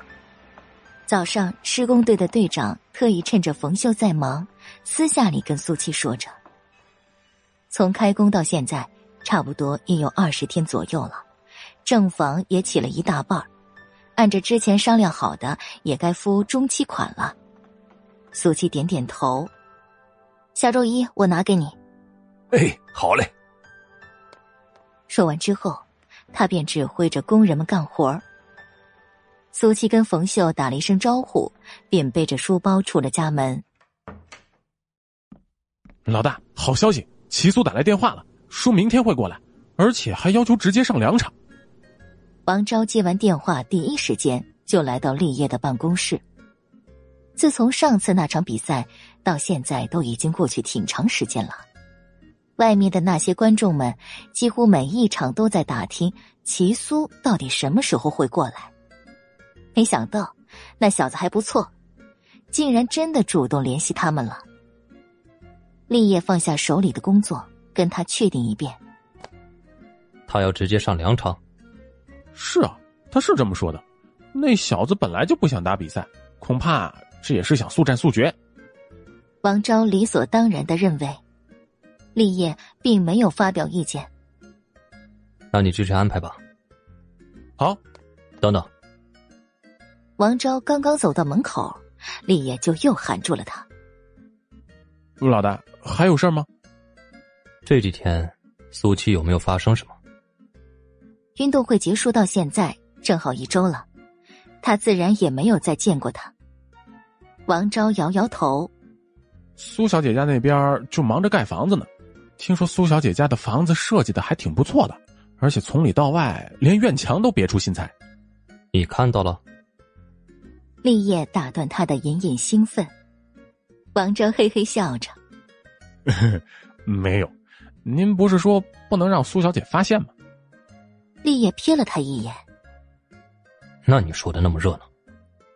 我也是之前从施工队那边打听到的，他们说苏小姐家的房子算是他们接到的一个大活了。”王昭直到现在还是依然认定了苏七家盖房子的钱就是立业给的。所以，虽然老大嘴里嫌弃人家，但是该有的男人风度还是都有的。让你调查的事情怎么样了？立业突然收敛神色，改变了话题。王昭竟然犹豫一瞬，欲言又止。说。立业马上低沉的声音，王昭赶忙开了口：“我调查到苏小姐出事的那一天，并没有在大院里，而是被一辆轿车带走了。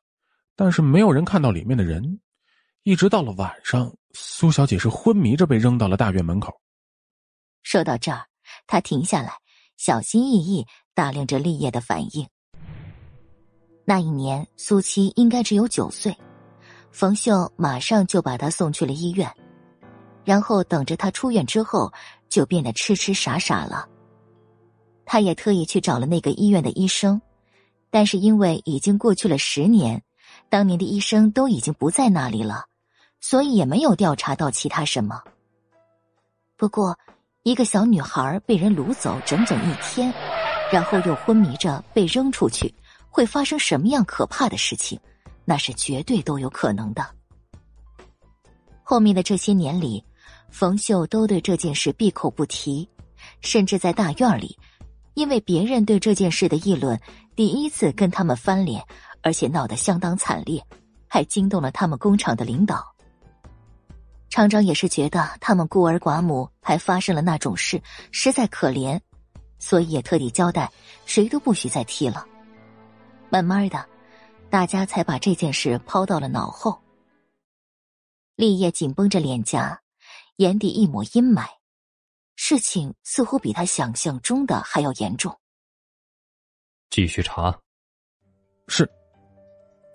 片刻之后，只剩下立业一个人的房间里，安静的没有一点声音。他说自己已经不记得那些事情了。按照他那样的性子，如果一旦知道了真相，不管对方是谁，他都绝对不会善罢甘休的。不过，他想要做什么都没关系，因为这里还有他。圣德高中校长办公室，苏西啊，这是报社那边送来的三期稿费。高江把装的稿费的信封递到苏七的面前，苏七随手接过，然后穿进口袋。这里有一百五十块，明天就再去搏击场那边打两场比赛，有四百块，足够给施工队的了。苏琪啊，再过几天你就要去参加全国数学竞赛了，准备的怎么样了？高江关心的询问着，这对学校来说可是头等重要的事情。虽然往年的比赛安排过去的学生成绩也都不太理想。但是能够有资格参加，已经是一份不小的荣誉了。校长，这个数学竞赛有奖励吗？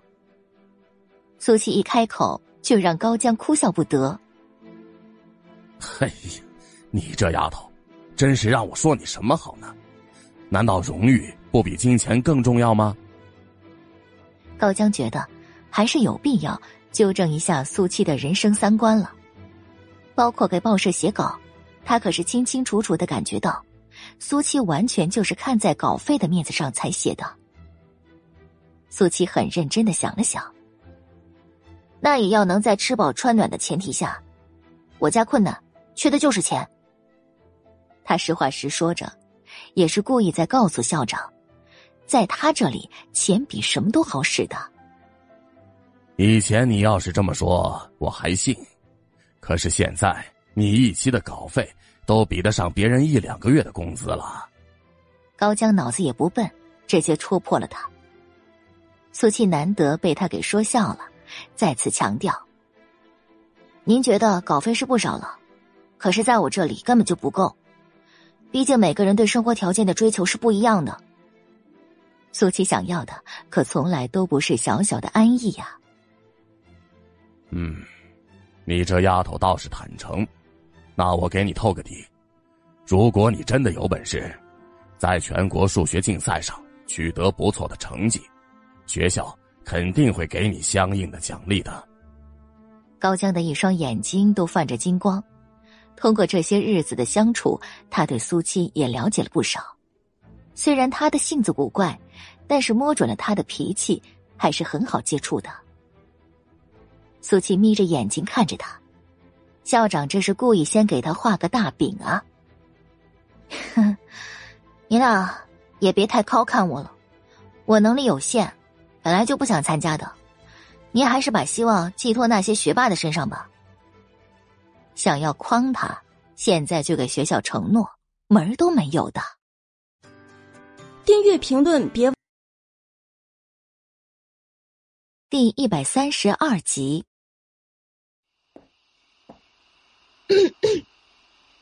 学长，周末你有时间吗？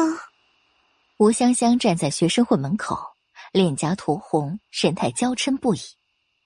而他面前竟然空无一人，只是关闭的房门。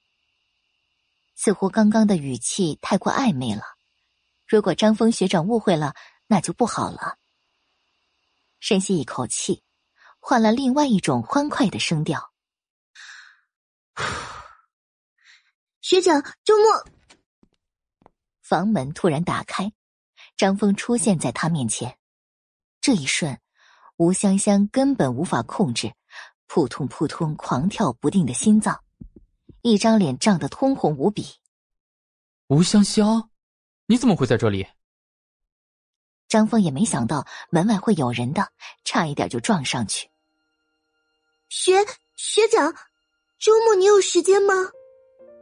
吴香香强迫自己冷静下来，把刚刚练习的话说出口，可是却已经害羞的不敢抬头去看他了。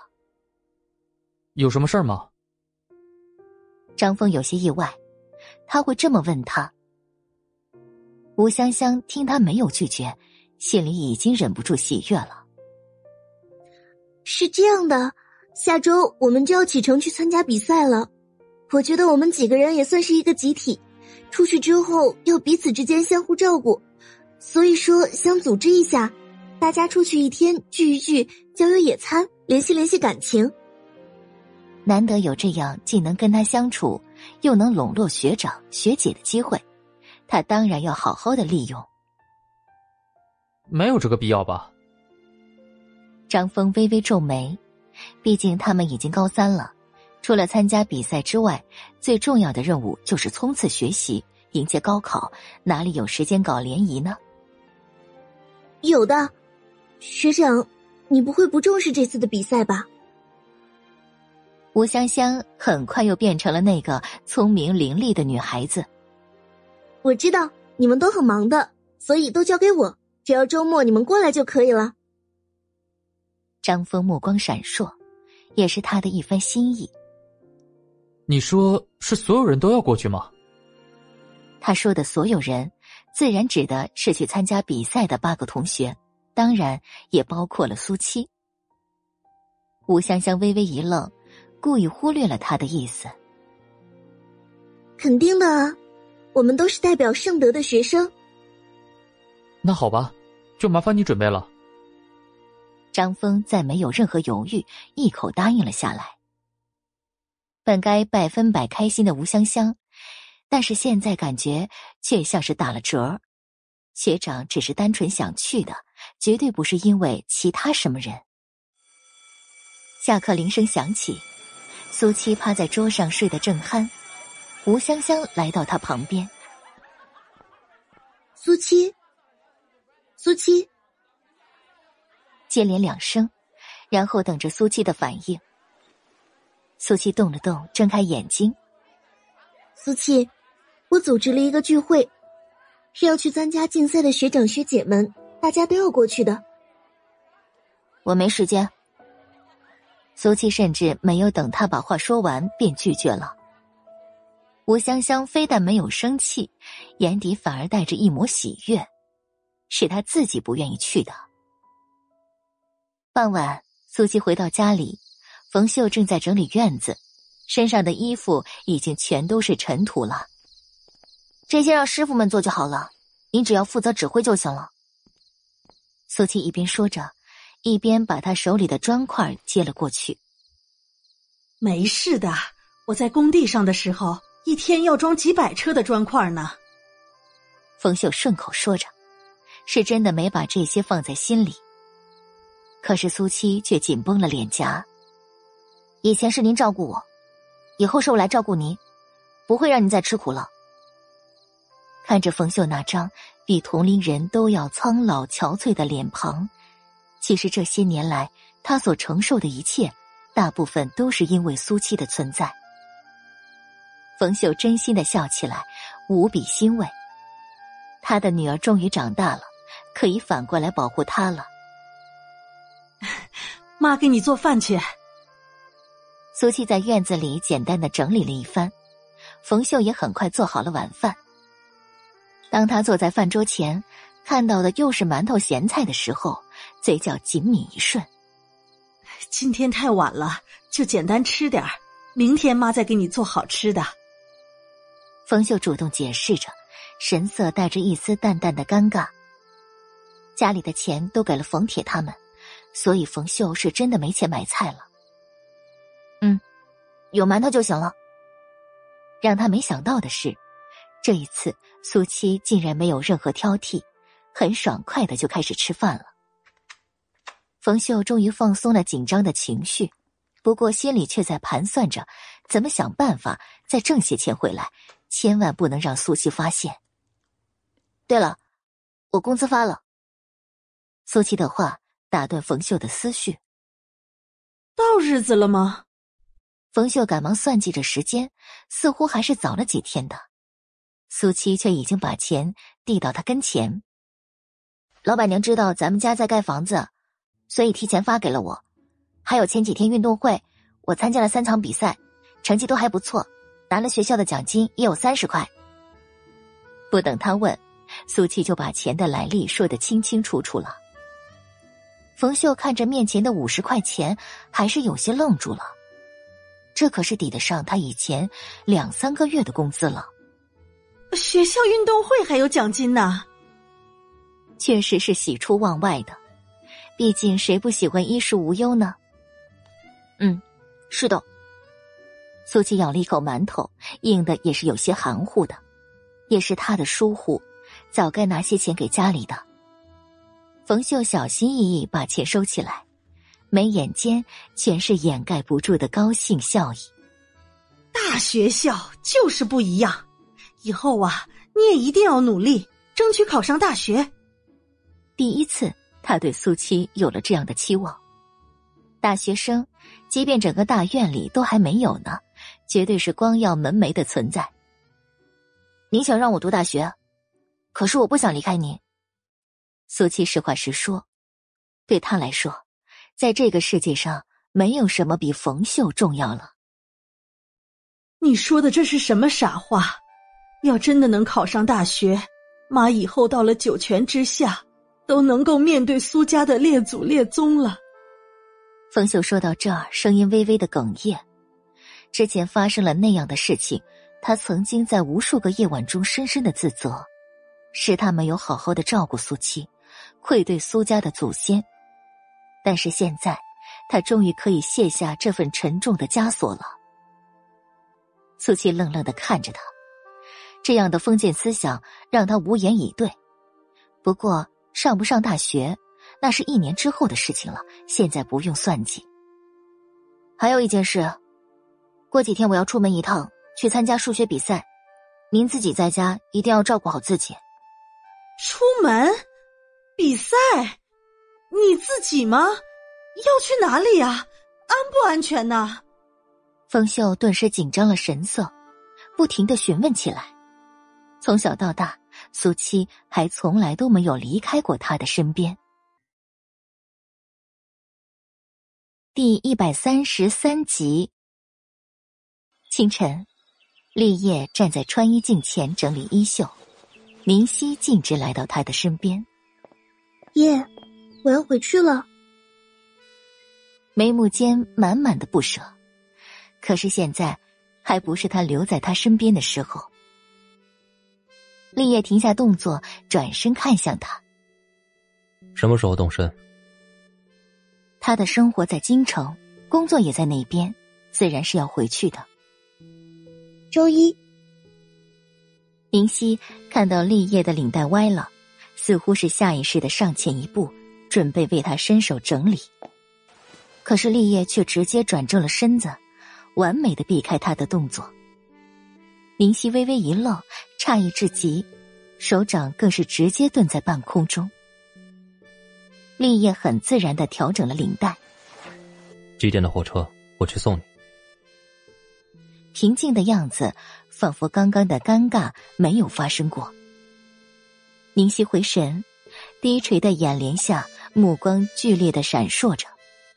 他变了，以前的他根本就不会这样回避他的，是因为苏七吗？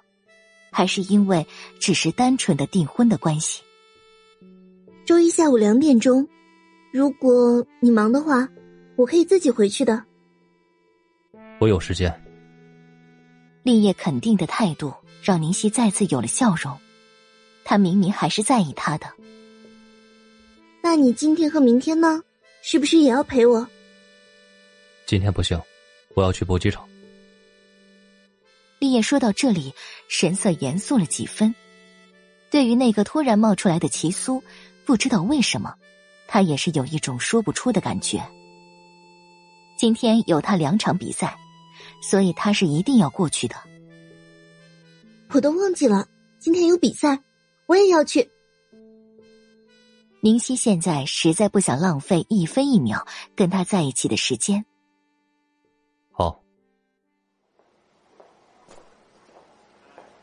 哈哈哈，小兄弟啊，这些。都是你定做的啊！裁缝铺子老板把袋子放到柜台上，笑呵呵看着面前戴着口罩的小伙子。他是一周前过来的，他对这小伙子的印象格外的深刻。别人来定做衣服，都是他们铺子设计样式的，可是人家却是拿着设计图来的，按着他自己的尺寸，他自己的图纸，他们铺子只负责制作。而且人家的款式做出来，不管是他还是铺子里的其他师傅，更是连见都没见过。除了衣服之外，他竟然还特别加钱让他们做了牛皮面具，这种东西，他们从开店到现在也绝对是第一次。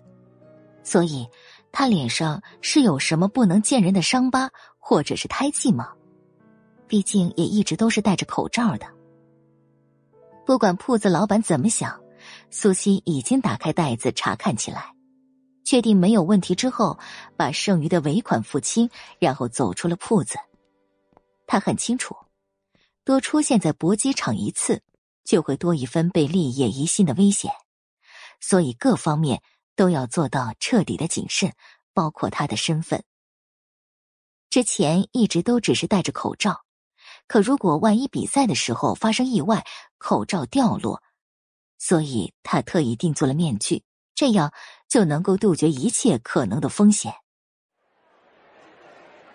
老大，齐苏两场比赛的对手已经安排好了。王昭来跟立业汇报的时候，声音里压抑着一丝丝的兴奋。两场连比，这可是有史以来的第一次。那个齐苏。就真的那么有把握能够接连战胜两个对手吗？昨天消息才放出去，今天他们赛场简直就是一票难求。你安排了谁？厉业难得问上一句，王昭马上说出两个名字，他终于明白了他的兴奋是从何而来。叶，这两个人很厉害吗？就连一旁的宁熙都意识到了什么，忍不住好奇起来。很厉害，是我们这里排名前五的两位。还没等立业开口，王昭已经兴冲冲的解释：“啊，那齐苏行不行啊？他毕竟还是个孩子，我觉得还是不要那么残忍了。万一要是出了什么事，他家里人肯定会伤心的。”宁熙皱紧了眉头，担心的提醒着。王昭却是呵呵的笑起来。宁小姐，您就是心肠太善了，能够站在这个台上的都不是一般人的。不过您放心，我也已经提醒他们了，不会出大事的。说到最后，还是补上一句，让他可以安心。那就好。林夕长出一口气，然后又有了笑脸。老大，我先出去看看齐苏来了没有。王昭打过招呼，走了出去。叶。这几天你有没有见过七七啊？办公室里只剩下丽叶和宁熙两个人，宁熙还是提到了一直都在心里徘徊的话题。没有。立业同样在心里算计着时间，没有理由，他当然也不能突兀的出现在他的面前，而且，他也还有很多事情没有想清楚，所以现在不见面反而比较好。明熙也知道问的是多余的，因为他每天的安排自己都很清楚。犹豫片刻，还是小心翼翼。叶，你打算什么时候和七七解除关系？既然婚约是因为奶奶才定下来的，但立业的性格是绝对不会真的娶一个自己不爱的女人的。立业并没有回答，而是起身来到他面前，一双眼睛落在他的脸上，仿佛看到了很远很远。温柔的都能滴出水来，林夕连呼吸都是幸福的，从来都没有过的满足，就是这样的眼神，就好像他是他的全世界一般。立业的眼睛里面只有他，也唯有他。每当这种时候，林夕就能够清清楚楚的感觉到立业对他压抑的爱意。他一直都在等着他主动表白，可是每一次。立业却都没有说出口。明明只要他说，他就可以义无反顾的奔向他。叶，明熙娇嗔着声音，觉得自己好像都要被他的深情点燃了。下一秒，他主动闭上了眼睛，扬起了脸庞。他真的不想继续等待了，只希望他的一个吻。放在腿上的双手紧紧的握着。手心里已经全都是汗水了。正当宁熙满心期待的时候，立业的注视却消失了，四周的空气似乎都冷了几分。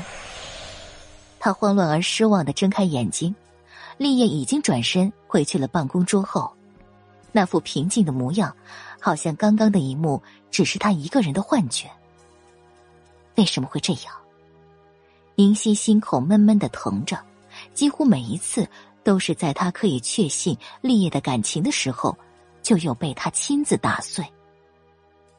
等一下，比赛就要开始了，你先过去吧，还是上一次的位置。立业开口说着，虽然声音依然温和，但是脸上却柔情不在。哎哎，别走！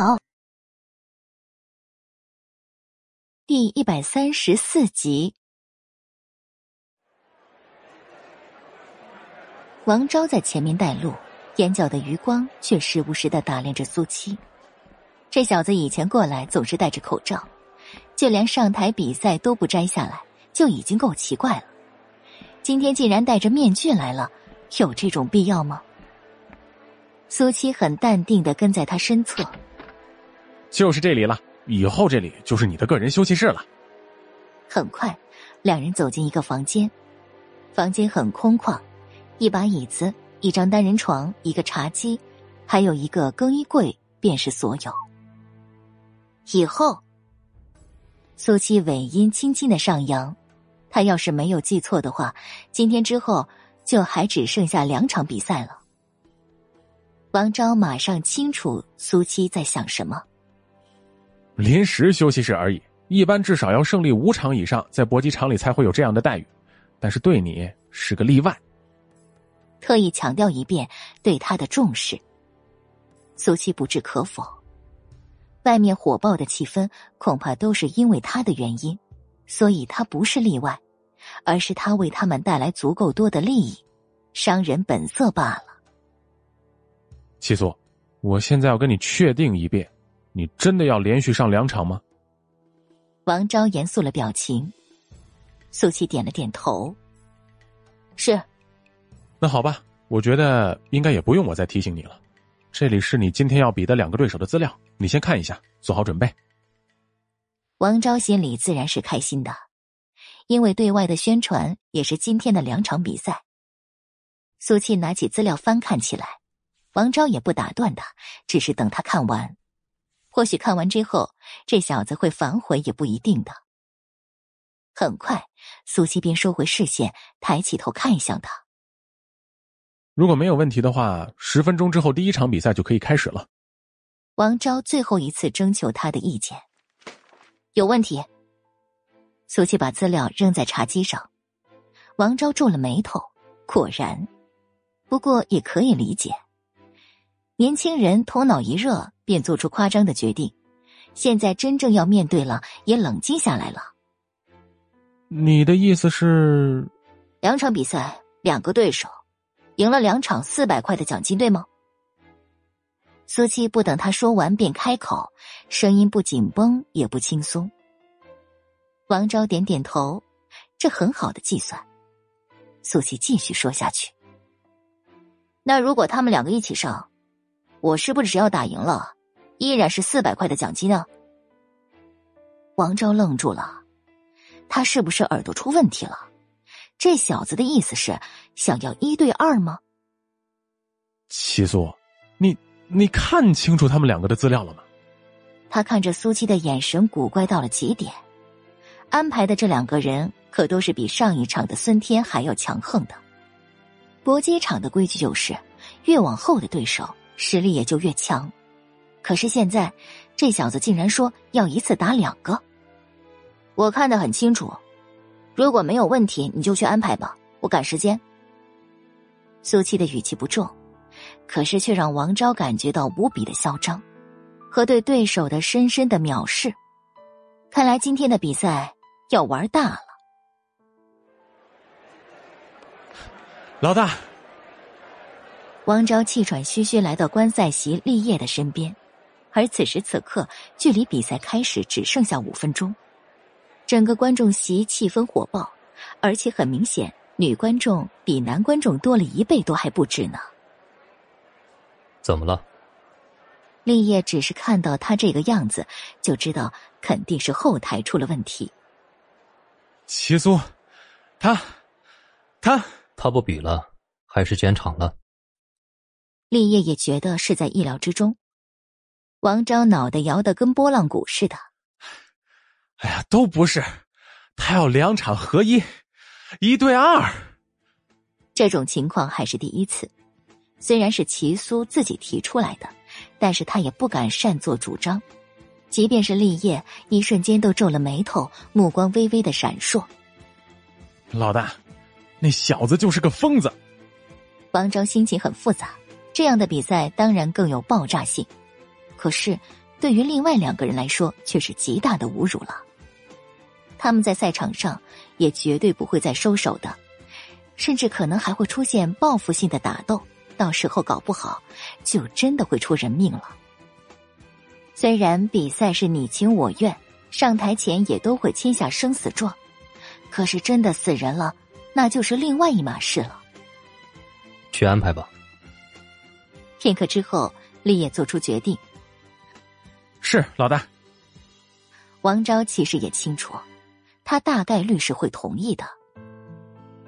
叶，那孩子真的要一对二吗？会不会太危险了？坐在立业身边的宁熙。一直都没有找到什么机会跟他开口，现在终于可以了。来到这儿的人，早就做好了准备。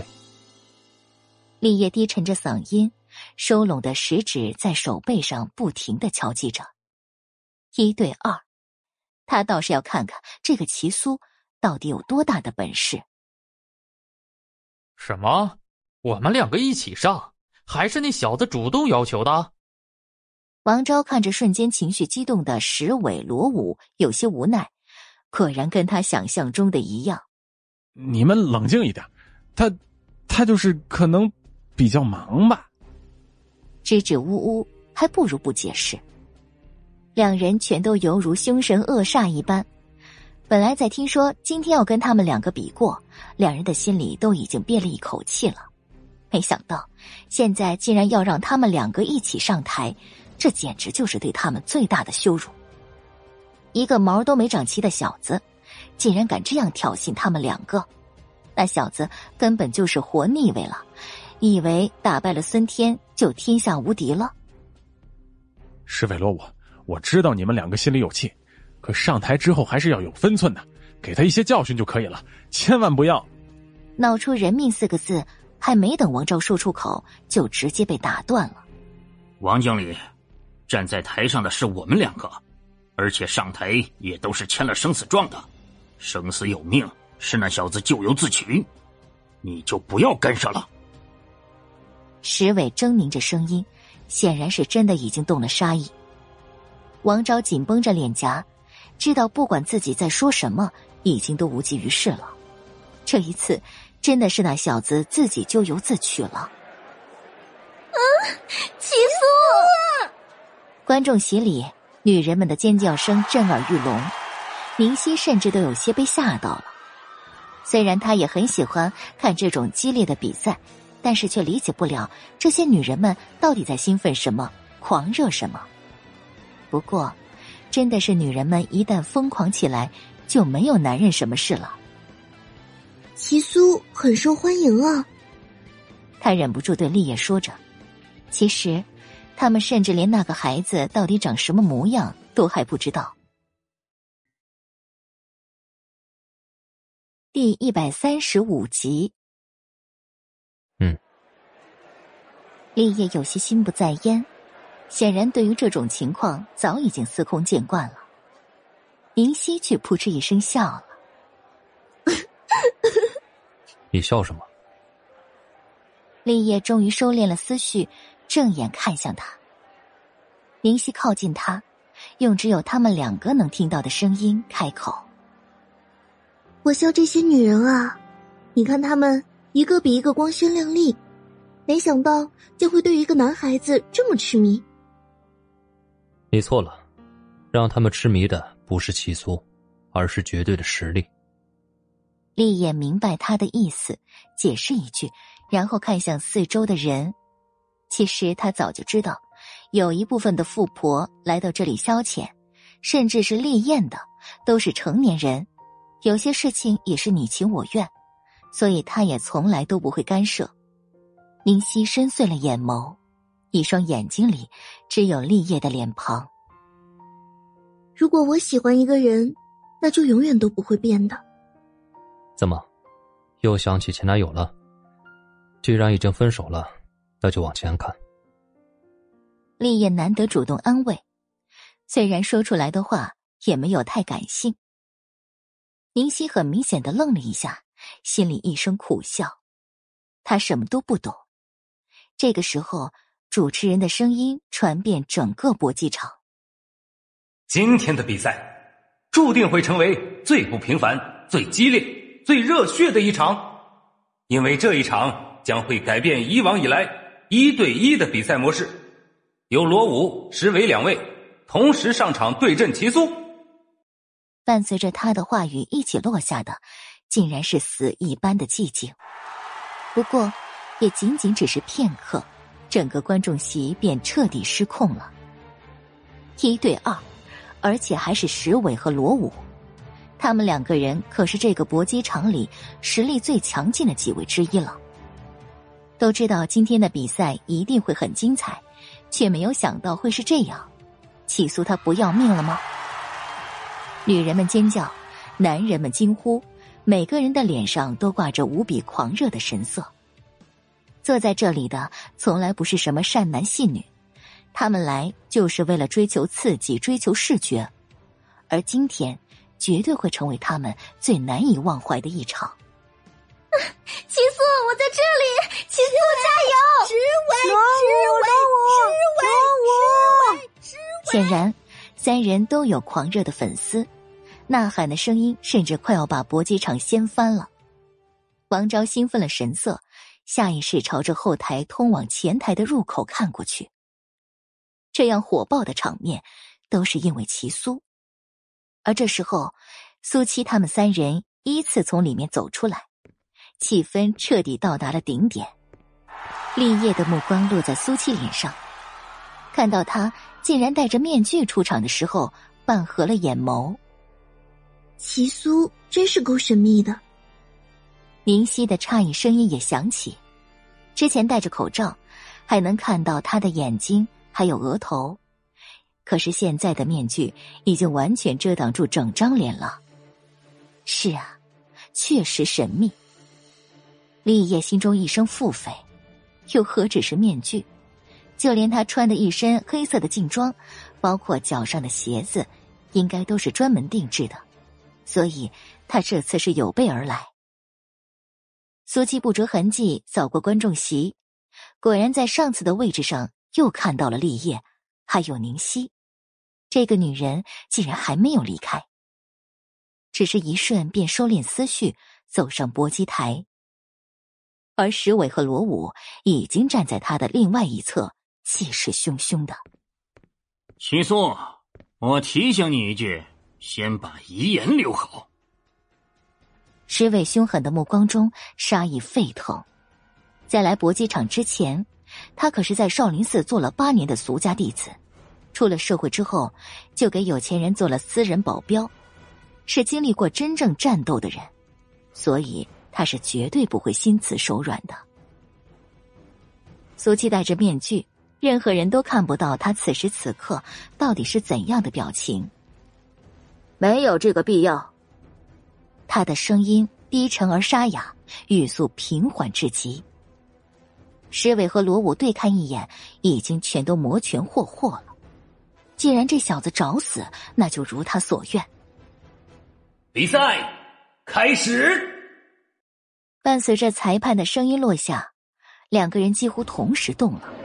观众席上的呐喊声一波接着一波。这里的搏击场，并没有其他的比赛场那么多的规矩和时间的限制，只有一场，而只有一方失败才会结束，没有中场休息，更没有三场两胜，要么认输，要么被抬着下去。好快啊！宁熙已经完全被台上的激烈打斗吸引了注意力，特别是被两人同时攻击的齐苏，就好像是一条泥鳅一样，不管他们两个人怎么努力想要抓住他，但是他却每一次都会被他轻易逃脱。他以为只有在电影上才会看到这样的身手，没想到在现实生活中竟然也是真实存在的。此时此刻，赛场里的声音已经小了很多，因为所有人都已经被场上的情形吸引了注意力。立业视力极好，苏七的一招一式，每一个闪躲的角度，几乎都没有逃过他的眼睛。这个男孩子确实很强，可是为什么他还是有一丝说不出的熟悉感？到底是哪里呢？搏击台上。十几个招式已经过去了，可是石伟和罗武依然没有对苏七有过一招的有效的打击，但两人也并没有丝毫的急躁。他们能够在搏击场上立足，自然也都是有真本事的。对于苏七，他打败了李虎，又打败了孙天，而且还同时要对阵他们两个，他们也不会因为愤怒而真的小瞧了苏七。他们全力以赴，打斗激烈无比。苏七则更多的是防守，寻找时机，并且并不能在这个赛场上展露太多。不过，他们两个人，苏七还是没有太放在心上的。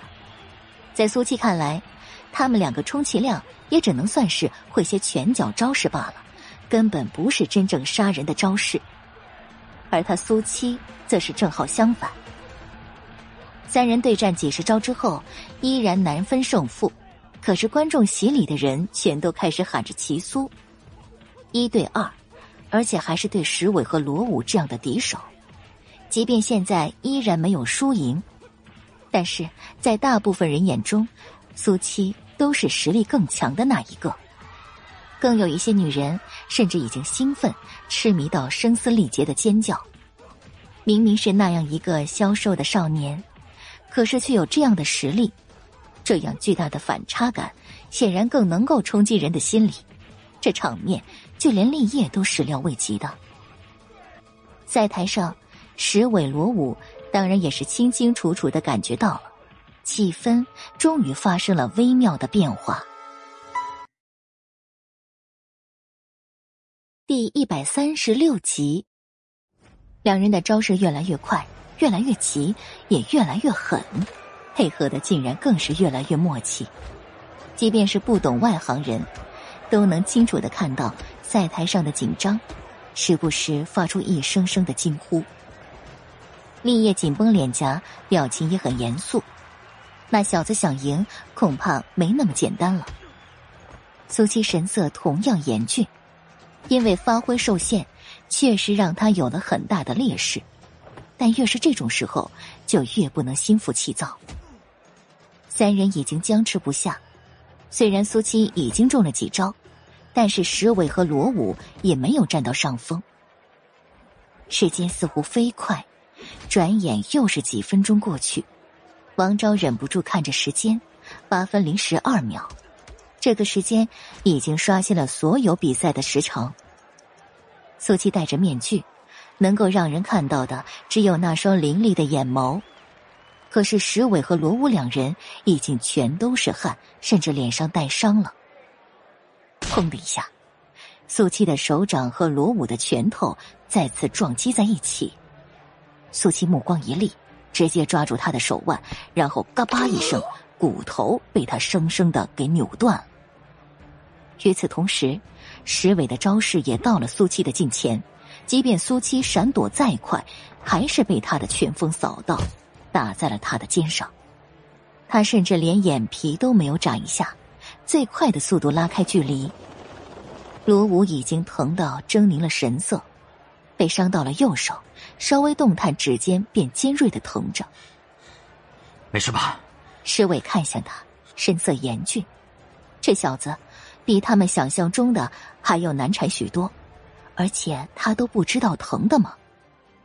罗武咬牙切齿，他都没有回答他。观众席上的喝彩声刺激着他整个人。杀了齐苏，他的脑子里只剩下这一个念头。两人又朝着苏七扑过去，而这一次，罗武已经很明显的疯狂了许多。伴随着三人越来越多的伤，那些观众也越发的兴奋，气氛甚至达到了无法控制的可怕的状态。明熙被这样的情景吓到了，下意识的往立业身边靠了靠。比起搏击台上的人，这些观众才是真正快要发疯的。王昭脊梁绷得紧紧的，现在石伟他们的情况已经完全没有办法控制，似乎到了不死不休的状态了。这样的生死搏斗虽然异常精彩，但是更多的是让他心惊胆战。他几乎是下意识看向立业，如果现在叫停比赛，虽然观众会不满，可是却不会闹出人命。但他却始终没有对上立业的视线。也就是在他分神的这一瞬，搏击台上突然发生了意外。本来是赤手空拳的罗武，左手赫然多了一把短刀，刀尖上鲜血缓缓滴落，那鲜红的颜色格外刺目。而苏七的手臂上刺破的衣衫同样被鲜血染透，顷刻间，赛场里的叫声、嘶吼声，甚至可以穿透人的耳膜。王昭噌的一下从座位上站起来，表情要多难看就有多难看。上了搏击台，虽然都已经签下了生死状，可是却有规矩，是绝对不能带任何武器的。这个时候，他终于等到了立业的目光。他的脸色阴沉如水，仿佛夹杂着暴风雨。王昭的冷汗也顺着额头上滑落下来，这绝对是属于他们的失职了。快速朝着赛台的方向走过去。哎，哎，哎，齐苏，我要杀了你！罗武双目赤红，犹如发狂的野兽。苏七扫过被鲜血染透的整条手臂，整个人仿佛被一股阴影笼罩，找死！下一秒，他动了，腾空而起，仿佛一把利剑朝着卢武劈下去。赛场上。一瞬间，万籁寂静，唯剩下一阵阵急促的呼吸声。立业的双眼中是他的所有动作，每一秒，每一瞬。双手紧握成拳，一抹震惊，一丝诧异，一份浓重的难以置信。他同样从座位上站起来，瞳孔剧烈的收缩着。这一招分明是苏七的手肘狠狠的砸在罗武的太阳穴。一口鲜血从罗武的口中喷洒而出，他甚至还没有来得及发出一点声音，身子便轰然倒下。在场里一声尖叫，紧接着是第二声、第三声，是杀人了吗？罗武死了吗？女人们一个个表情诡异无比，似兴奋，似恐惧。男人们却全部眼睛睁大，从来没有过的激动沸腾。明熙还是第一次看到这样的画面，心里剩下的只有害怕了。特别是看到倒在台上已经没有任何反应的罗武，他以为这里只是比赛赢了而已，没有想过会真的涉及生死。裁判也完全傻了眼，明明前一秒受伤的还是齐苏。可是下一秒，罗武却已经。这个时候，王昭已经最快的速度冲上了台，他的第一个反应就是查看罗武是否还有呼吸。落在他鼻子下面的手指有一刻的僵硬，然后一股寒意从脚底窜上头顶。来人，把他抬下去。不过他还是强作镇定，朝着下面的工作人员吩咐着。一分钟后。罗武被担架抬走，除了王昭之外，没有人知道他的死活。王昭再次看向苏七，这一次，他的眼神彻底变了。苏七依然很淡定的站在原地，眼中没有丝毫波澜，仿佛刚刚什么都没有发生过一般。王昭张张嘴巴，想要说什么，可是却发现根本不知道该说什么。可是他不说。苏七却开口了：“还来吗？”他看着石伟，声音寡淡，却让这个台上的所有人都不寒而栗，包括石伟。石伟的喉结上下滚动，因为他在用力的吞咽着自己的口水。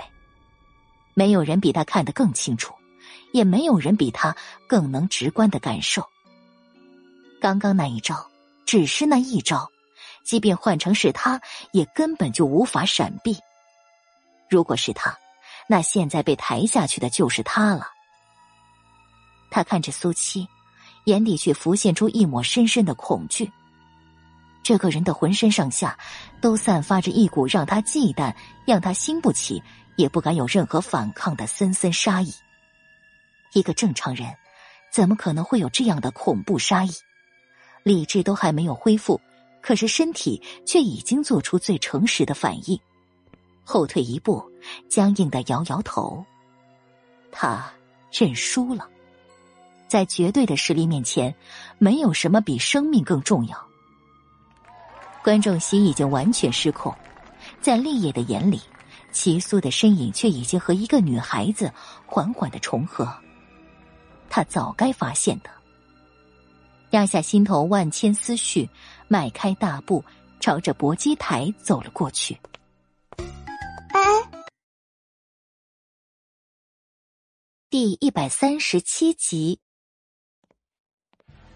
苏七在一片震耳欲聋的喊叫声中走下台。当他准备再次迈开脚步的时候，立业却站在他的面前。他紧紧盯着苏七，神色无比复杂，似乎是在极力的压制着什么。苏七一颗心沉到了底。虽然刚刚他只出了一个杀招，但如果立业真的是前世的他的那个对手的话，也足以让苏七暴露了身份。垂在身侧的双手紧握成拳，甚至已经做好跟立业动手的准备。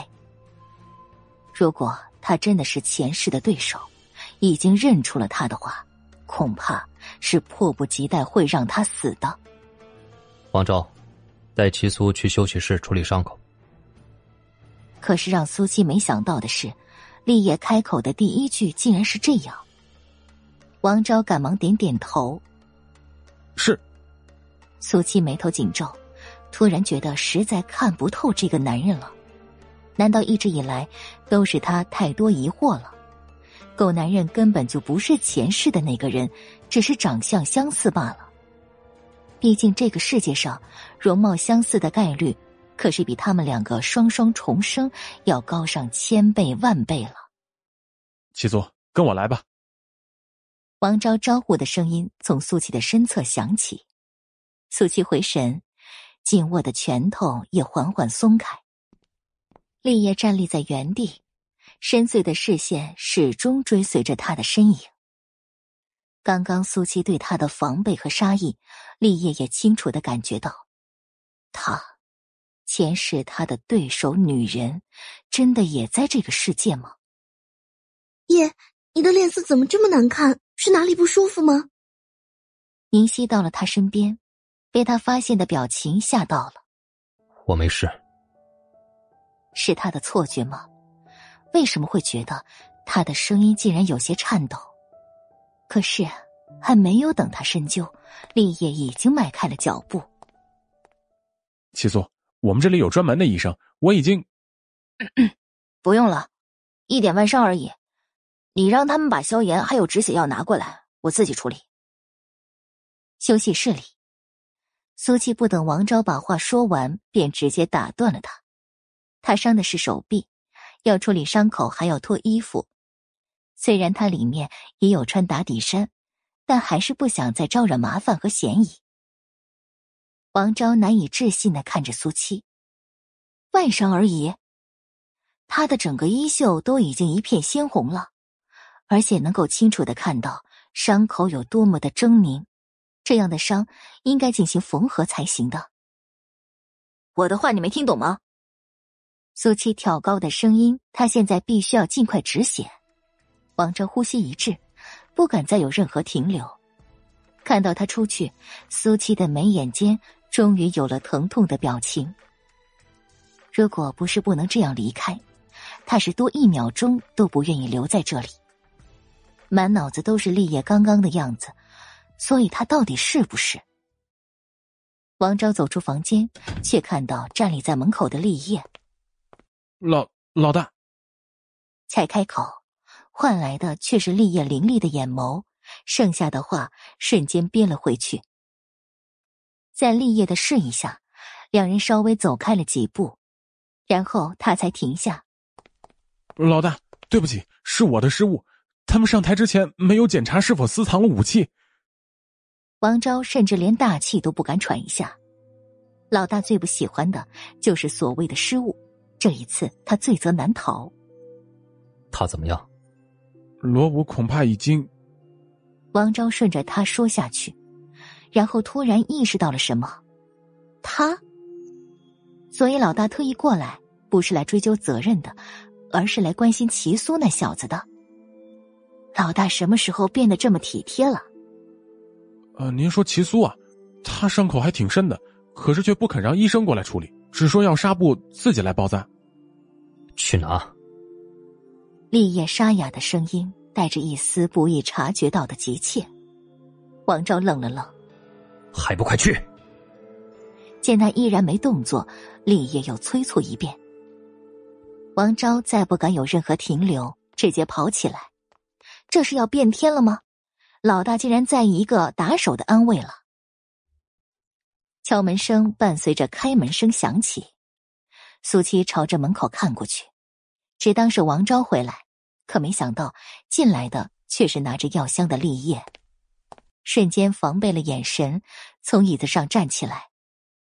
因为动作幅度很大，牵动伤口，面具底下的脸孔密布了汗水。立业径直朝着苏七走过来，步子比往常要快了一倍不止。坐下。紧绷着声音，妈的！苏七忍不住在心底爆了粗口。狗男人是在命令他吗？这是想要趁着他病要他命吗？立业看向苏七受伤的手臂，整个人都仿佛阴森了几分。不听话，是不想要胳膊了？明明伤得很重。苏七愣了愣，合着还是为他好啊？目光闪烁一瞬，还是决定敌不动我不动。王昭呢？他故意压低嗓子，开始试探他。他去处理外面的事儿。立业一边回答，一边放下药箱，靠近他。你要做什么？察觉到立业的意图，苏七整个人都已经蓄势待发。立业脸上似乎没有什么多余的表情，跟平常完全无异。当然是帮你处理伤口。苏七甚至怀疑，是不是自己的耳朵出了问题。不需要，我自己可以。伤口需要缝合，你自己可以。立业说这句话的时候，配合着低头打开药箱，让他看不到立业的这一刻的表情。可是立业语气中的怒气却是无法掩饰的。苏倩两条眉毛拧成了麻花一样，他当然知道伤口需要缝合。他打算的是现在简单的包扎，然后要去外面。但立业生气又是为了什么？那也不需要。你是在故意躲避？立业突然抬起头，一双眸子对上苏七的眼睛，深不见底。苏七竟然没来由的心头一颤，莫名心虚。我为什么要逃避？只是不敢麻烦你这个大老板，而且你又不是医生。下一秒，立业便收回视线，手里却多了一把剪刀。他已经不打算再跟苏七废话。苏七差一点一拳挥舞过去，直到立业拿着剪刀快速剪开他整条衣袖，苏七的脑子有些混乱。所以，他是真的想要为他处理伤口吗？没必要这么紧张，你签了合同就是我的人，我为我的人负责，理所应当。立业低沉的解释着，从他耳边响起的，苏七却怎么都觉得不对劲儿。他的人，要不要不要这么恶心他？他跟这狗男人可是不想有半点关系的。厉老板，你是不是想太多了？你以为我想要签合同吗？还不是被他这个狗男人给算计了。本集。播讲完毕，第一百三十八集。想不想？你都已经签了。立业看到那道恐怖的伤口，眼底一抹愤怒和戾气。罗武确实该死，苏七被气得够呛，还想反驳，可是胳膊上却突然凉飕飕的。是立业在清理伤口四周的血渍。他半垂着眼帘，神色认真无比，虽然眉头紧锁，可是动作却是小心翼翼。苏琪微微一愣，这样的立业他还是第一次看到，他是真的有在认真的为他处理伤口。两人终于安静下来，苏七的防备和敌意也收敛了一些。等一下会有一些疼，你是自己忍着，还是我帮你上麻药？立业仔细的询问着他的意见。不需要麻药。苏七的选择完全在他的意料之中，一时之间，他的眼底深处浮现出一抹温柔和怜惜。好，那你忍着。话语里却依然听不出任何情绪。你确定你会缝合？在立业开始之前，苏七还是再一次阻止了他的动作，跟他确定着。放心。立业没有抬头，但是简简单单的两个字，却让苏七唯一的一丝怀疑消失的荡然无存。紧接着的疼痛，让苏七暂时没有精力去探究自己为什么会相信他，为什么不直接拒绝他，换专业的医生过来。苏七紧抿着嘴角，双眼紧闭，脸上的肌肉都因为这种疼痛而抽搐着。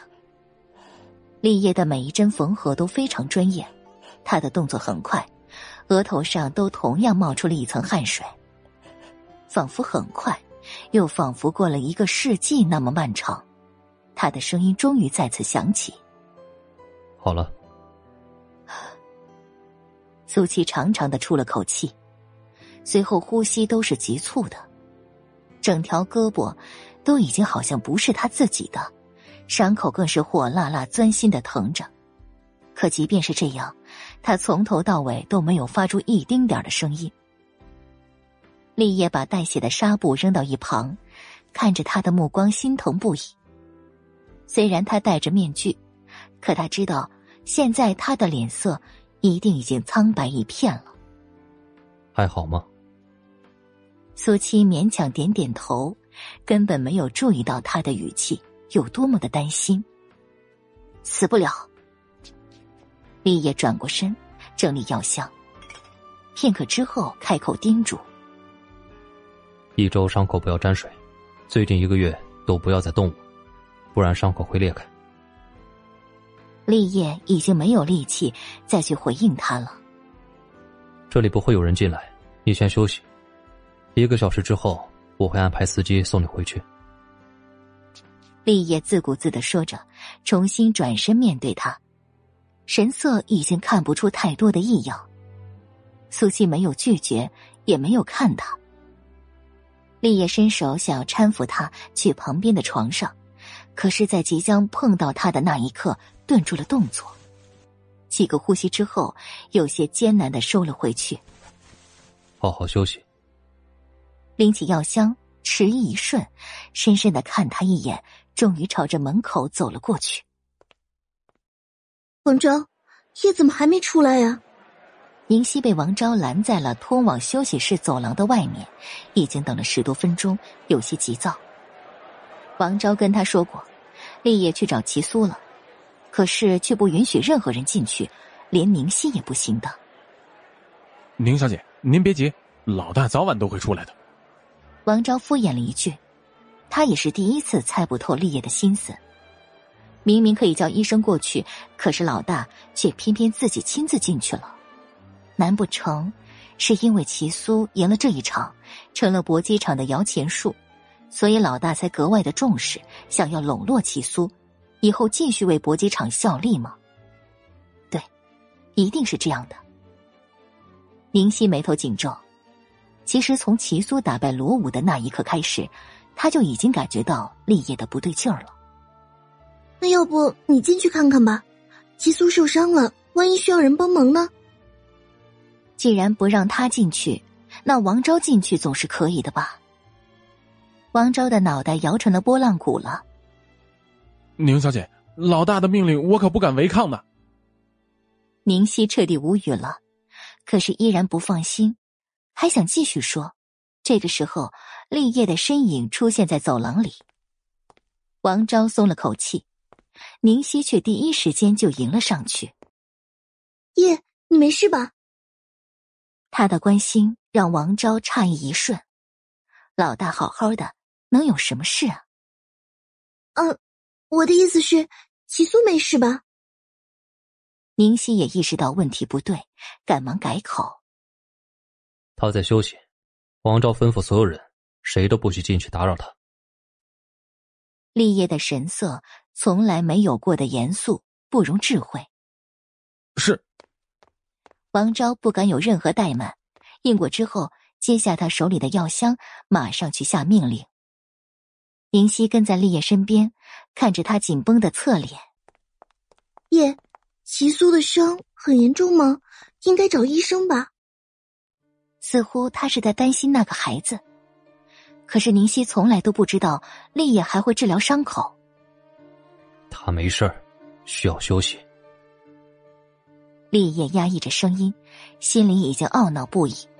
如果早知道，就不该安排石伟和罗武的。叶，你是在担心他吗？宁熙小心翼翼的，虽然就算是担心也是正常的，可他就是有些不太舒服。这种感觉，就连他自己也不知道为什么。我还有事要忙，你去会个事，或者。直接让司机送你回去。立业非但没有回答他的问题，反而加快了脚步。林夕清楚的感觉到他的冷漠，怔住了，站在原地，眼睁睁的看着跟他距离越来越远。他甚至连看都没有看他一眼。为什么会这样？回到办公室的立业，也在无法控制自己的情绪，不停在房间里踱着步子，似喜是狂。齐苏竟然和他一模一样的身手，而之前给他这种强烈相似感觉的，分明是苏七。苏七，齐苏，他早就该发现的。他们两个的身高体型分明是一样的，还有，他每次过来都遮挡着脸面，今天甚至夸张的戴上专门定做的面具，分明就是为了掩饰身份。似乎所有的一切都可以解释得通了。立业急促了呼吸，恨不得现在就去求证。冷静，一定要冷静。不管怎么说，所有都还只是他的猜测，他的主观臆断，他还需要更加确定的证据。而且之前那丫头在厉家对他的做法，根本也是在试探他，还有对他的敌意和不满。上一世他们之间的误会和他对自己的偏见实在是太深了。立业深吸了一口气，来到窗边，脑子很乱，可是心情却是从来都没有过的快乐。他需要好好的想想，接下来到底该怎么做。第一百三十九集。苏七睡得昏昏沉沉的，不知道到底过去了多久，因为疼痛睁开了双眼。第一个反应就是去摸脸上的面具，确定依然在，松了口气。伤口依然火辣辣的疼痛着，房间里却已经一片黑暗了。他竟然睡了这么久，小心翼翼从床上起来，尽量不扯动伤口。借着月光，朝着门口走了过去。房门打开，一直守在外面的王昭马上便出现在他的面前。七素，你醒了。动动有些发麻的双腿，看向他手臂上包扎好的纱布。他也从来都不知道老大竟然会缝合伤口，而且看起来处理的还很专业。这小子到底何德何能？竟然能让老大亲自帮他？你怎么在这里？苏七向走廊里看过去，只见只有他一个人，放下了防备。老大说你需要休息，不许我们进去打扰，所以我就在这里等你了。王昭实话实说，只是没想到会等这么长时间。苏七目光闪烁。脑海中自动浮现之前立业为他处理伤口的情景。七素，你先跟我进去。毕竟门口不是说话的地方。王昭示意苏七，两人重新进了房间。他打开电灯，瞬间一片明亮。看着苏七脸上的面具，实在觉得不方便。这小子也真是的，都是男人，有什么不能让人看见的？这个是你的奖金。收敛思绪，主动把装着的钱的信封递到苏七的面前。苏七左手接过，放进口袋。这一场，你的奖金翻倍。他没有看，但是王昭却主动说起来。信封里面是整整八百块，这对于寻常人来说已经是很大的一笔钱了。苏七挑着眉头，可不是开心。王昭看不到他的表情，自顾自的继续说下去。正常比赛一场两百块，两场四百块，但你是一对二，所以奖金翻倍，这是搏击场的规定。那你之前为什么没有告诉我？苏七提出质疑。王昭扯出一抹难看的笑容。这是老大刚刚定下的规矩，他怎么提前告诉他？因为以前也从来没有人成功过，所以我一时忘记了。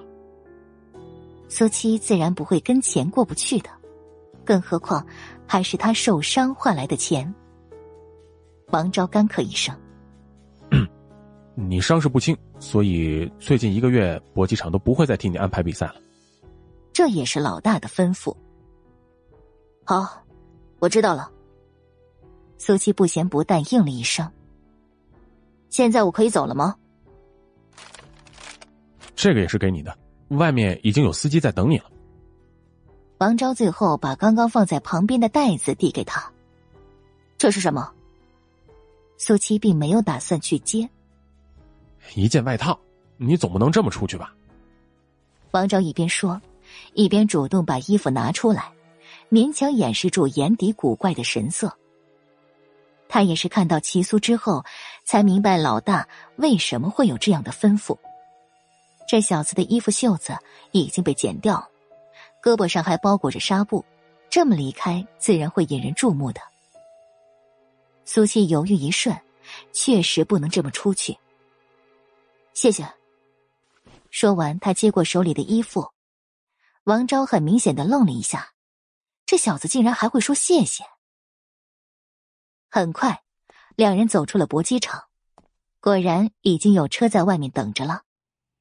现在几点了？苏七上车之前询问着，他没有手表，所以也不知道具体的时间。八点半了。王昭回答一句，目光中多了几分复杂的神色。这小子从刚才到现在，不管是声音还是眼神，甚至是步子。都正常的，让人看不出任何受伤的样子。这样的忍耐力，可不是随便什么人都能做到的。在他愣神的功夫，苏七已经上了车。王昭沉了一口气，他竟然都没有问一句罗武的死活，到底还是他以前太小瞧这小子了。车子发动，很快便消失在夜幕之中。王昭回到了搏击场，就被工作人员拦住，压低声音跟他说着什么。他点点头，然后朝着会客室的方向走过去。宁小姐，已经很晚了，我送您回去吧。从见过立业之后，他就一直待在这里了，甚至连晚饭都没有吃的。宁熙以为进来的是立业，先是兴奋一瞬，看到是王昭之后，脸色很不好。叶呢？我要跟他一起回去。他说有事情要忙，现在已经过去五六个小时了。王昭一脸的为难。老大有事儿要忙，先离开了。离开了。宁熙睁大眼睛，难以置信，甚至没有跟他打一声招呼，就把他一个人独自留在了这里。王昭尴尬的点点头。是啊。不过，老大临走的时候特别吩咐了，你想去哪里都让我来安排。虽然这话并不是老大亲口说的，但他还是要安抚一下宁熙的情绪。宁熙紧抿着嘴角，目光剧烈的闪烁，整个人仿佛被一股阴影笼罩。王昭也不敢再多说什么，只是耐心的等待着。在今天之前，他真的以为老大对这位宁小姐是与众不同的，但是现在他却觉得，老大似乎对齐苏也格外的不一样啊。齐苏呢？他走了吗？他才刚刚见到齐苏，宁熙也突然问到了他。才走的。听他这么说，宁夕阴沉的脸色终于多多少少好了一些。只要立业不是去送那小子就好。我要回家。他自然也没有留在这里的必要。停车。车子才行驶到城中央，苏七的声音从后座响起：“好的。”司机马上应下，平缓的把车停在路边，然后最快的速度下车，为苏七打开车门。您稍等一下。苏七下车之后，司机又赶忙从车里拿出一个小袋子。这是王经理吩咐的，里面是退烧药、消炎药。他说您可能会需要的。不等他开口，司机便主动解释：“替我谢谢王经理。”苏七没有矫情，他的伤确实需要这些的。不管之前狗男人和王昭是不是算计了他，但是今天他们的做法。还是获得了苏七的一份好感。拿着药包走进夜色之中，不过他却没发现的是，就在苏七走过的路线，一道身影始终跟着他保持距离，跟随在苏七不远的地方。哎，第一百四十集，苏七回到大院的时候，已经穿着早上离开的衣服了，背着包走进大门。哟，苏七，这么晚才回来啊？保安看到他，笑呵呵的打着招呼：“啊，刚下班。”苏七跟往常一样应了一声，走了进去。此时此刻，外面不远处，立业也终于停下了脚步。月光下，他一双深邃的眸子微微泛着红。妈，我回来了。苏七进了院子，打起精神喊了一声。冯秀马上就从屋里迎出来。今天怎么这么晚呢？今天周末，去书店的人多，所以就晚了。苏七很自然的解释，看不出任何异样。我饿了，你帮我热热饭吧。从打完比赛到现在，他还什么都没吃呢，肚子已经在咕噜噜的叫了。好，冯秀立刻就去准备。苏七进屋，把自己的包放在柜子里。不大一会儿，冯秀就把热好的饭菜端上了桌。苏七左手抓了一个馒头吃起来。七七吃菜呀！冯秀今天特意给他炖了肉，一直都在锅里给他留着。嗯。苏七放下馒头，拿起筷子。七七，你怎么用左手拿筷子呀？冯秀发现他的不对劲儿，开口询问着：“啊，今天搬了很多书，右胳膊酸的厉害。”苏七一边说一边吃饭，丝毫看不出任何异样。冯秀也没有多想什么，只是有些心疼。打工自然是要付出体力的。那等一下，妈帮你捏捏。不用，我可没那么娇气。今天家里怎么样？没什么事吧？苏七不着痕迹的岔开话题：“没事儿，好着呢。”翌日，苏七把中期款交给施工队长，然后又交代了一些需要注意的事情。小东家，看你脸色不太好，是不是不舒服？施工队长都看出苏七的憔悴和苍白。啊，没睡好而已。苏七也知道。自己脸色不会好的，昨晚几乎疼的一个晚上都没有闭上眼睛。不过，现在正好可以借着出去上班，找个地方好好休息。回去配房，给冯秀打过招呼，然后便出了家门。圣德高中门口，吴香香一身碎花长裙，两条长长的麻花辫，唇红齿白，站立在那儿，宛如一幅美人图。惹得来往的路人全都投来注视的目光。他笑盈盈的看到了学长学姐，大大方方跟每个人打过招呼。因为约好去郊游的，可是每个人住的地方都不一样，所以就定好在学校门口集合。除了张峰之外，其他人全都提前到了，大家有说有笑等着他。吴香香虽然是学妹。但是在几人中间，却绝对是最受欢迎的那一个。香香，还需要我们准备什么吗？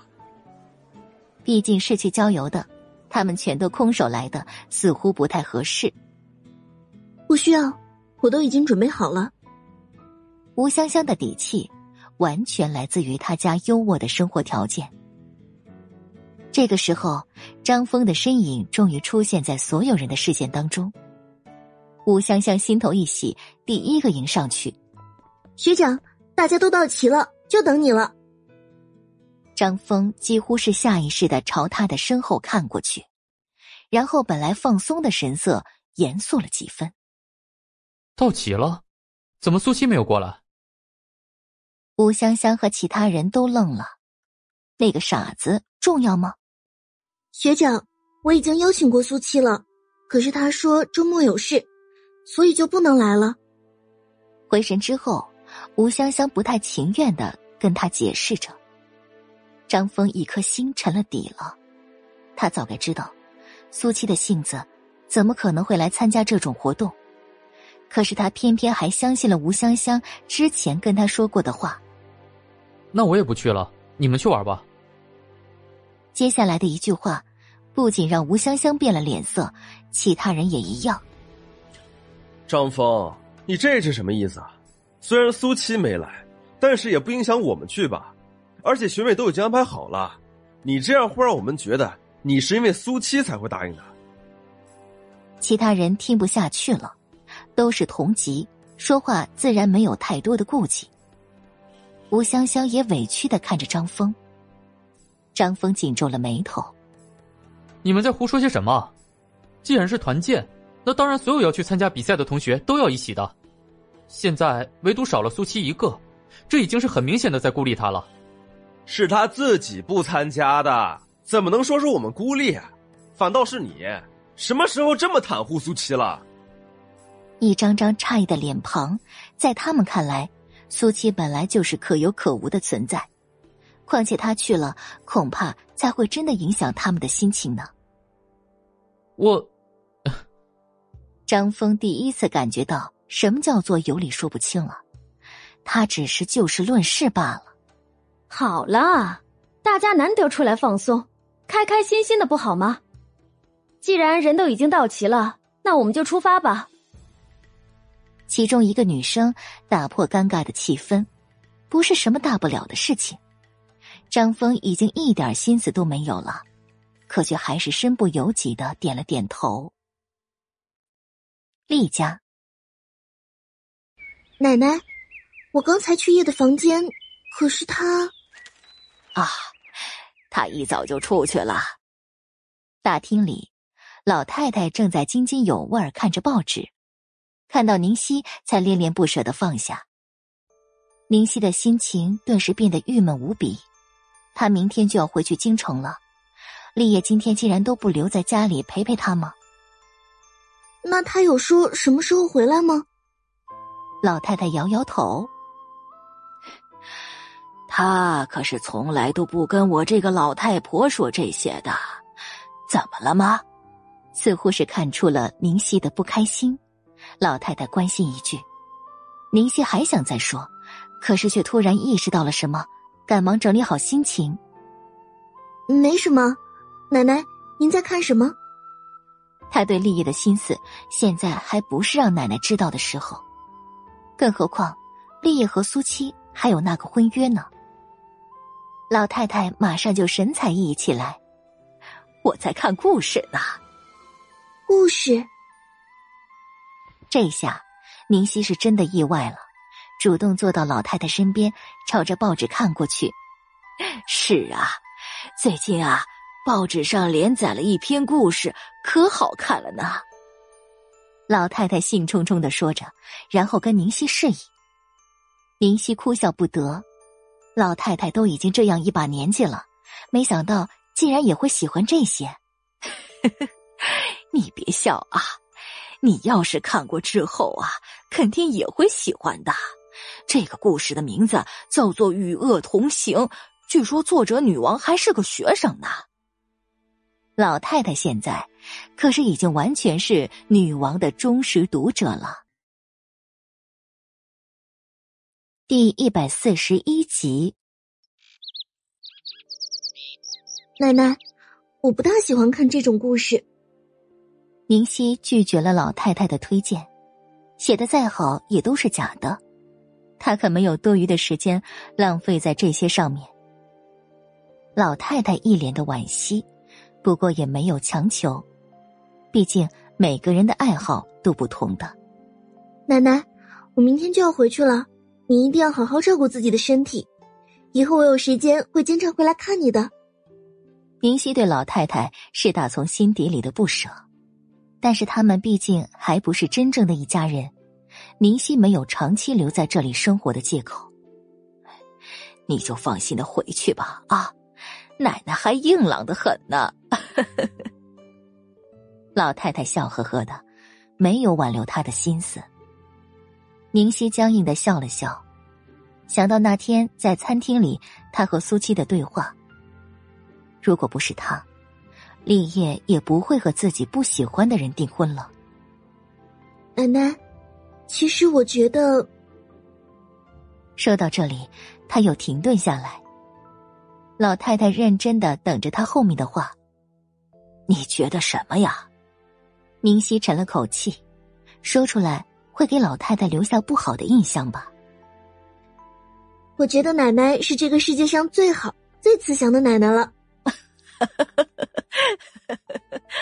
老太太顿时被他这句话哄得开怀大笑。医院，伤口缝合清理的都很好，没有必要再进行额外处理了。医生检查完苏七的伤口，给出肯定的回答。虽然苏七也知道，但还是特意过来了，因为他绝对不会允许自己的身体有任何闪失。谢谢医生。从医院里走出来，苏七就准备随便找个旅馆去休息了。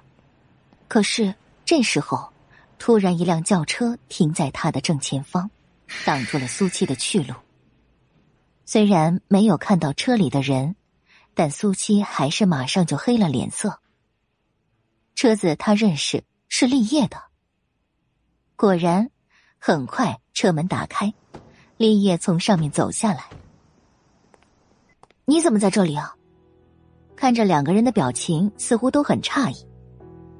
苏七防备了神色，在这里遇见实在是太凑巧了些吧？还是说，立业已经猜到了？老板，黄总的病房在二楼的二零四号。副驾驶上的王昭一边说，一边来到两个人身边，然后看到了苏七。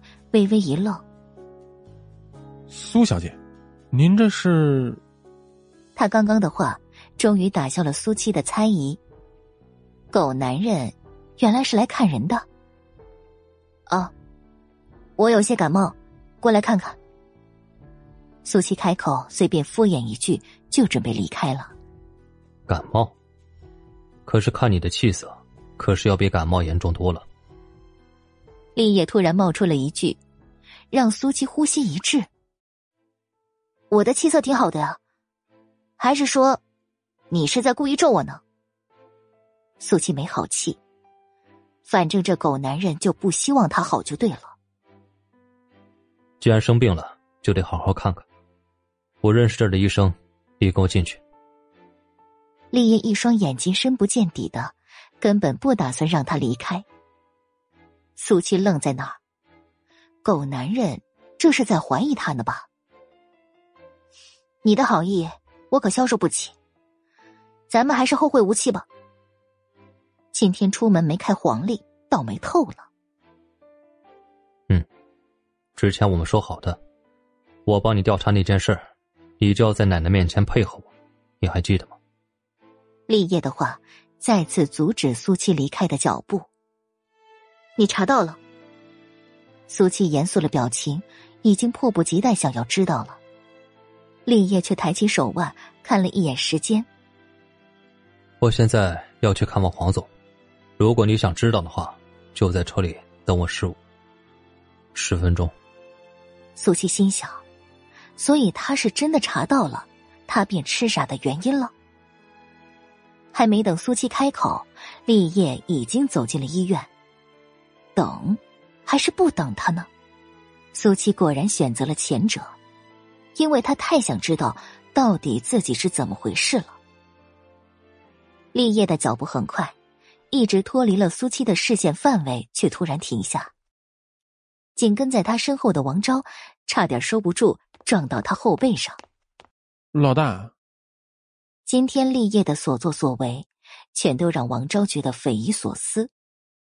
他明明要开一个很重要的会议，可是却因为接了一个电话，然后就急匆匆的出来了，再然后就到了医院这边。哪里有什么黄总啊？他却吩咐他一定要这么说，而且一定要当着苏小姐的面。所以搞了这么多事情，其实就是为了在这里偶遇苏小姐，有必要费这么大的力气吗？立业站在原地一言不发。王昭也不敢多嘴，也不知道该说什么。时间就这么一点一点过去。在立业第三次看向手表之后，终于转过身来，又朝着门口的方向走了回去。王昭瞠目结舌：“老大是在等刚刚跟苏小姐说的十分钟吗？”这这简直太惊悚了。苏七并没有上车，而是一直站在车旁边等待。立业出来的速度甚至比他想象中的还要快了一些。从这里到医院的二楼，来回恐怕也要六七分钟吧。他去看望别人，竟然只逗留了两三分钟。说吧，你查到了什么？不过，苏七也并不准备探究，直奔主题。立业看着他憔悴的脸色，还有发黑的眼圈，强压心头的情绪。这里不是说话的地方，先上车。不等苏七拒绝，他已经替苏七打开了车门。苏七犹豫一瞬，还是按着立业的意思坐上去。车厢里鸦雀无声，坐在副驾驶的王昭时不时透过后视镜看向后座上的立业和苏七，神色无比复杂。你看什么？苏七本来不想开口的，但是王昭看他的频率实在是太高了一些。让他察觉到了异样，王昭瞬间回神，脑袋绕成了拨浪鼓一样。呃，没什么。他支支吾吾的，自然更让苏七疑心了。立业直接一记眼神杀，让他觉得毛骨悚然。找借口，赶紧找借口啊！王昭脑子里这么想着，额头上冒出一层冷汗。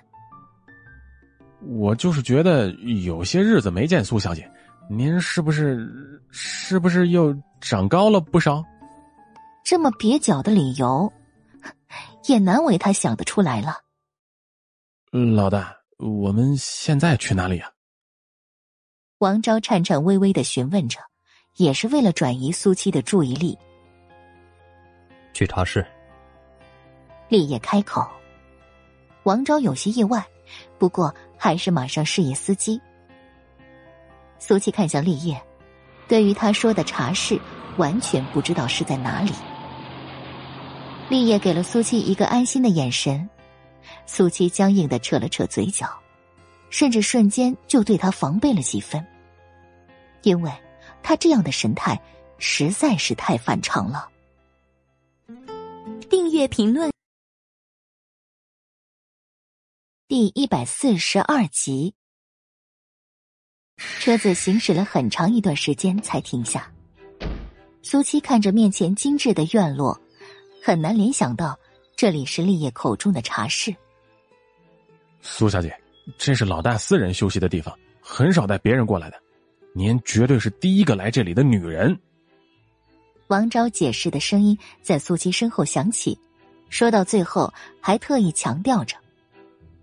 老大都带人家过来了，当然有必要让对方知道他有多么特殊了。果然，立业给了他一个不错的目光。苏西眉头紧皱，朝着立业看过去。立业面无表情的走吧。苏七看着他的身影，犹豫一瞬，然后跟了上去。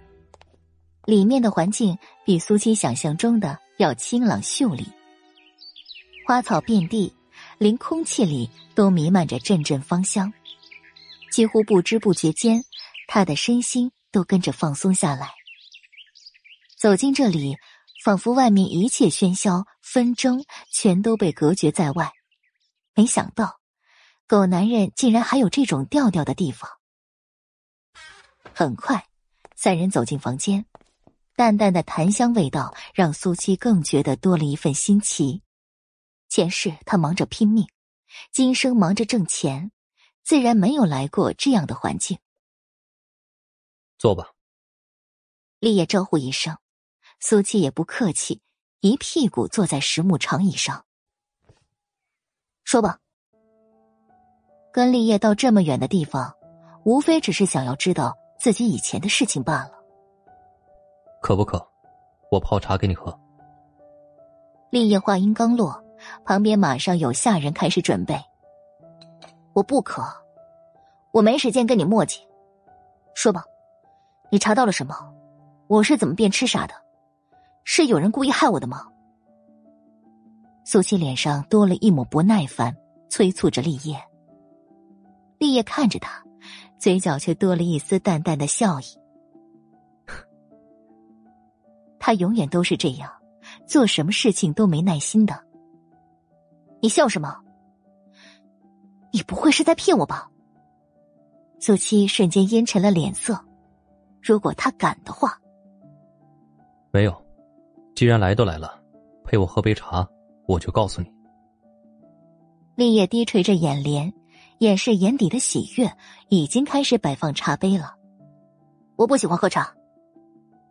苏七很认真的告诉他，而且他也没有心情陪他喝茶。嗯，我知道。立业随口接上。苏七立刻挑眉，防备了神色。你知道？你们这种小女孩，有几个喜欢喝茶的？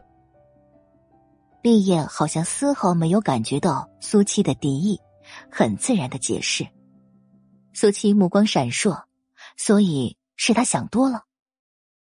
两个人安静下来，立业的动作认真而随意，因为他坐在靠窗的位置。阳光正好照耀在他身上，漾起一层淡淡的光晕。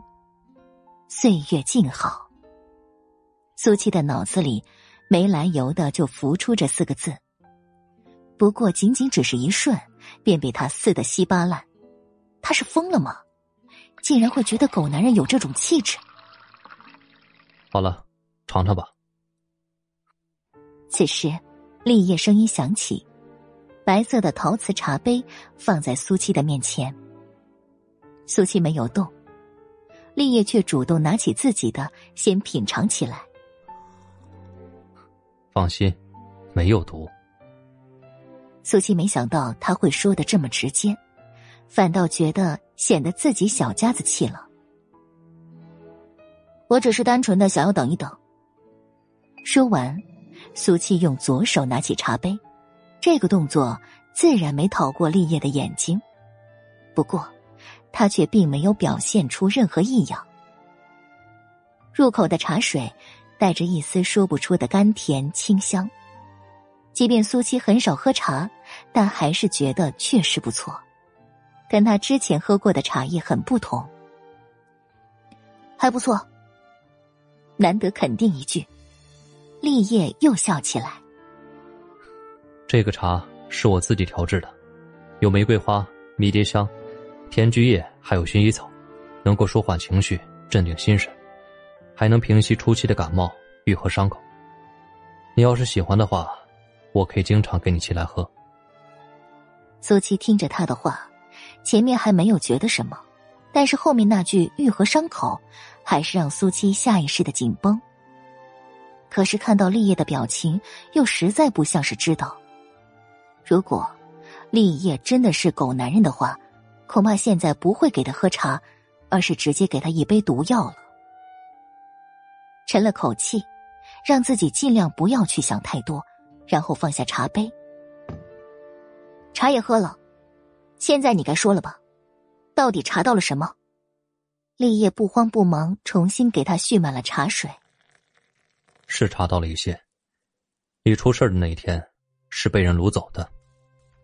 按着苏七的性子，如果他不说什么，肯定会当场翻脸了。苏七目光一厉，浑身上下仿佛都森冷了几分。是谁？立业却摇摇头。你先放松，现在也只是查到这些，因为过去的时间太长了，目击证人又几乎找不到，所以后面有些困难。苏七双手紧握。怪不得他妈什么都不肯跟他说的。有些事儿很奇怪。立业迟疑了一瞬，苏西马上回神：“哪里奇怪？”我查的很清楚，你家根本没有任何仇家，甚至包括你父亲出事以前在工厂的人际关系都很友好，根本不可能是人为报复。可是，如果不是报复，那谁会对一个小女孩下毒手呢？立业也想过会不会是人贩子，但人贩子不会得手之后把他扔回来的。周围的气氛压抑无比，苏七眼底一抹阴霾。不管是谁，早晚都会有水落石出的时候。我会继续帮你查下去的。片刻之后，立业打破了凝固。好，我也会说到做到。苏七很清楚，现在只能依靠立业了。看来他也确实对自己没有任何疑心，或者立业根本就不是那个人，不然是无论如何都不会这样帮自己的。立业放松了神色。那今天，你跟我在一起吧。已经打算要离开的苏七直勾勾的看着他，然后黑了脸。什么意思啊？奶奶说想你了，让我一定带你回去吃饭。立业不等他问，便继续说下去。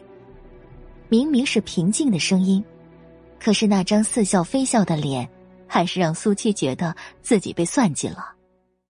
我还有事。哦，原来你可以说话不算数的吗？立业直接打断了他，发出了一声质疑。嗯，苏七一时之间竟然无言以对。立业根本不给他继续反驳的机会。已经马上做了决定。他告诉苏七，他还有一些工作需要在这里处理，旁边就有空置的客房。苏七不是感冒了吗？可以让他先去休息，等自己忙完了再去找他。订阅评论别忘记，精彩故事再继续，我们下集见。第一百四十三集，苏小姐，您还有什么需要吗？下人恭恭敬敬站在门口，等待着苏七的吩咐。苏七打量着客房，房间很漂亮，一张大床格外宽敞。这里除了狗，这里除了厉先生之外，还有其他人吗？啊，这里是厉先生私人的地方。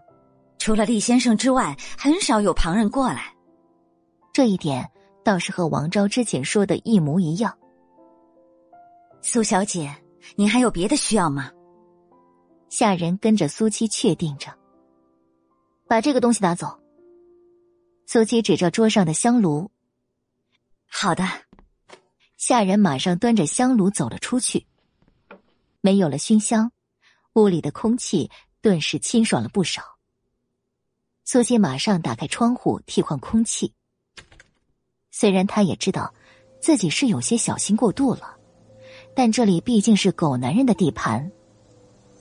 绕着房间一圈，没有发现任何不妥的地方，最后把房门从里面上锁，这才重新坐在床铺上面。现在倒是可以稍微安心的休息一下了。下人抱着香炉出来，而应该很忙的立业。却站在走廊外面。厉先生，苏小姐让把它拿出来。立业看着被嫌弃的香炉，竟然有了几分笑意。本来是给他助眠的东西，他却防备成这样。下人看到立业竟然在笑，差点心脏都蹦出来。这可还是第一次啊！下去吧。立业吩咐一声，然后也转身离开。老大，刚才李经理打来电话，说您的会议。一直等待厅里的王昭看到立业出来，马上就迎上去。今天所有事情全部取消。不等他后面的话说完，立业就打断了他。今天他就留在这里，哪里都不去，什么都不做。王昭愣住了，那可是有很重要的会议，而且下午还要跟临县的刘总定好了见面的。老大，那您是有其他什么重要的事儿？他小心翼翼的开口询问。嗯，是有重要的事儿。立业肯定一句。需要我做什么吗？王昭赶紧打起精神，跟他确定着。立业想了想，跟我来。王昭不敢再说话，寸步不离的跟在立业身侧。书房里，立业很认真的在写着什么。罗武的事儿，特别是他的家人要处理好，不能有任何麻烦。他突然开口，可是却没有抬头，手里的钢笔也没有停下。是，罗武本来也是签了生死约的，而且也是他违反规则，带着武器上台，想要害人反而害己，那边不会有什么情况的。王昭严肃了声音：“昨天他就已经跟罗武的家人联系过了。罗武只有一个十七岁的弟弟而已，他弟弟也知道，罗武一直在搏击场打拳，知道他出事之后，情绪当然也很激动，但是给了他一笔钱之后，也算是能够接受得了了。”立业不再说话，又过了两三分钟后，终于停下来。看着刚刚写的这些，确定没有任何问题，然后递给了王昭。王昭小心翼翼的接过，认真的看起来。不过，当他看清楚上面所写的内容时，甚至怀疑自己是不是眼睛出了问题。母鸡、山药、枸杞，洋洋洒洒的十几种，竟然全都是食材。老大，这……按照我写的这些去买，一样都不能差。立业吩咐一声：“老大，这就是您说的重要的事情吗？”王昭哭丧着脸，实在想不通，这到底有什么重要的？直接交给这里的下人去准备，不就好了吗？立业淡淡的瞥了他一眼：“怎么，你有意见？”王昭只觉得后背一凉。脑袋瞬间摇成了波浪鼓。没有没有，我现在就去。反正从今天早上开始，老大就好像变了个人一样，做出来的事情全都让人觉得匪夷所思了。临近中午，王昭站在厨房外面，看着腰间系着围裙的立业，依然觉得阵阵恍惚。老大竟然下厨了！他不仅亲自下厨。而且处理起各种食材，竟然还如此井井有条。特别是现在，熬的汤散发出来的阵阵香气，更是不停的在刺激他的神经。跟在老大身边这么多年了，他知道老大冷酷无情、手腕铁血，也知道老大生人勿近，从来不会对什么不相干的人和事上心的。但是却不知道，他竟然会有这么居家的一面。想想还在客房里睡着的苏七，老大所有反常的行为似乎都得到合理的解释。到底是从什么时候开始，他竟然对苏小姐这么用心思了呢？老大，刚刚搏击场那边打来电话，宁小姐已经打过两次电话，问您是不是在那边。您看需不需要给宁小姐回一个电话？虽然也知道现在说这些实在是有煞风景。但他就是忍不住想要确定，到底是苏小姐在老大的心中更有分量，还是宁小姐能够更加得到老大的青睐？不需要。立业几乎没有任何迟疑，直接就给出了回答。确定汤熬的差不多了，这才离开灶台。老大，您辛苦了。王昭屁颠屁颠的走过去，忍不住拍着马屁，那个香气呀！甚至连他都忍不住吞咽着口水了。您这个是为苏小姐做的吧？明知故问。他现在应该还没有醒过来，先不要吵醒他。汤骨就在这上面热着，等他醒来之后，你亲自给他送过去。立业一边吩咐，一边解下身上的围裙。王昭答应的异常爽快。能够吃到老大您亲手做的煲汤，苏小姐的感冒一定马上就会好了。立业淡淡的瞥了他一眼，只是一碗汤而已，你以为是灵丹妙药？还有，不要告诉他这是我做的。王昭很明显的愣住了。为什么？老大这么为他费心思，他要是知道了，肯定会欣喜若狂，以身相许的。别废话了，我怎么说，你就怎么去做。立业当然不会告诉他，如果那丫头知道汤是他做的话，只会怀疑他是不是在这里面下毒了，更别提吃下去了。是老大，我绝对会把嘴巴给封起来的。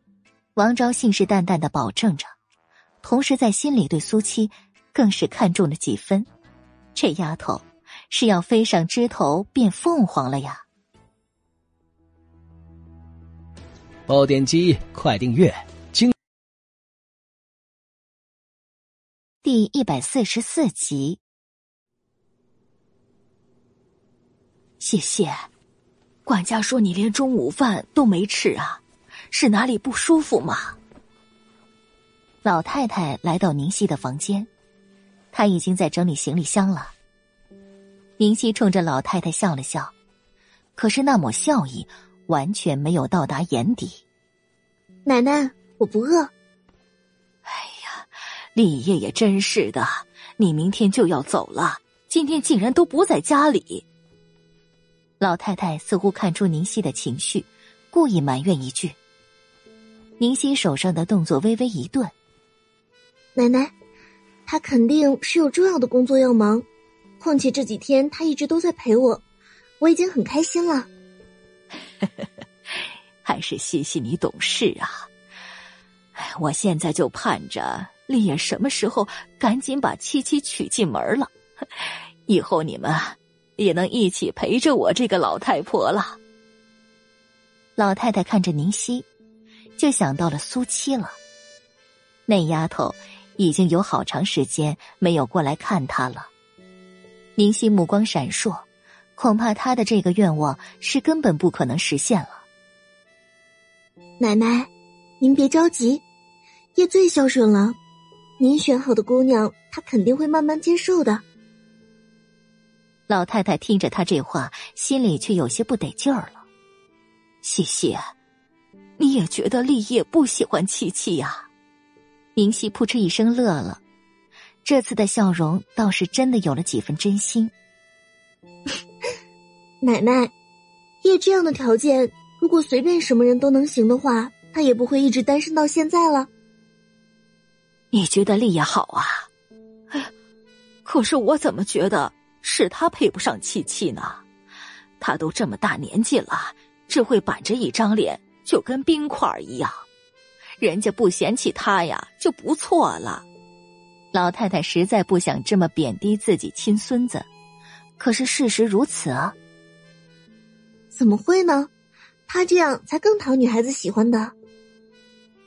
宁熙忍不住反驳着，老太太皱了皱眉头，不说话了，只是盯着他。宁熙心头一紧，莫名的有些心虚。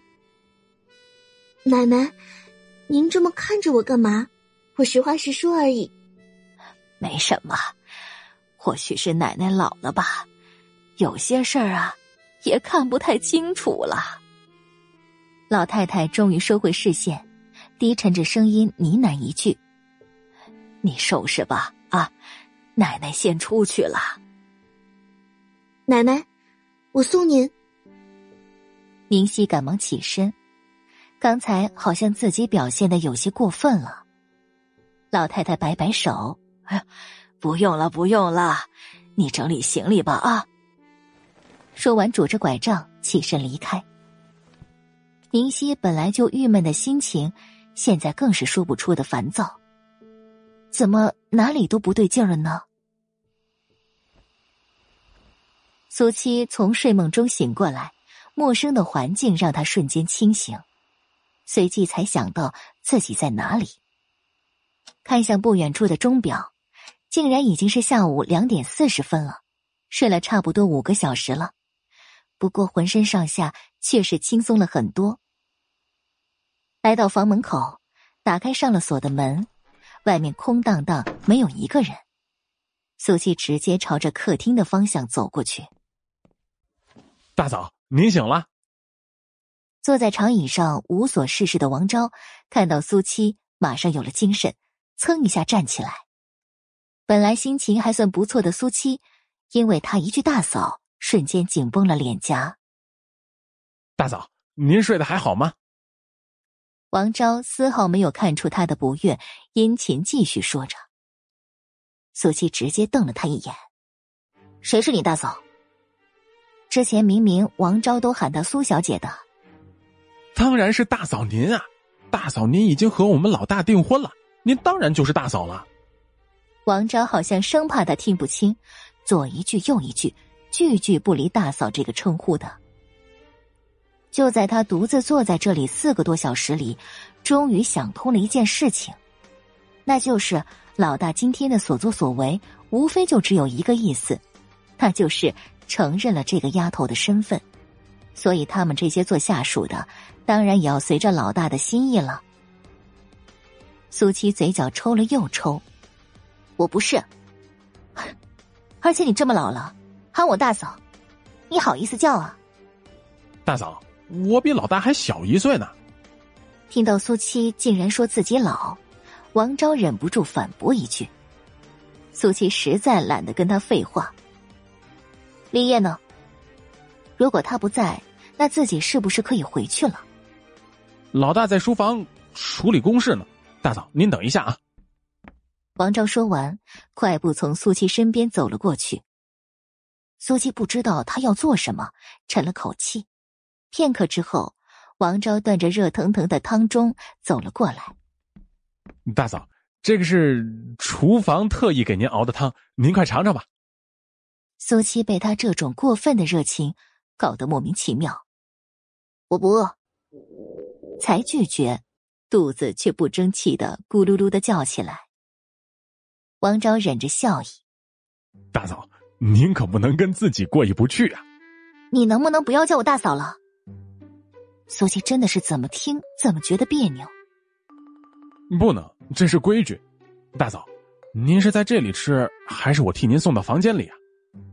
王昭主动征求他的意见。苏琪无语，坐在了长椅上。王昭心领神会，把汤盅小心翼翼放到他的面前。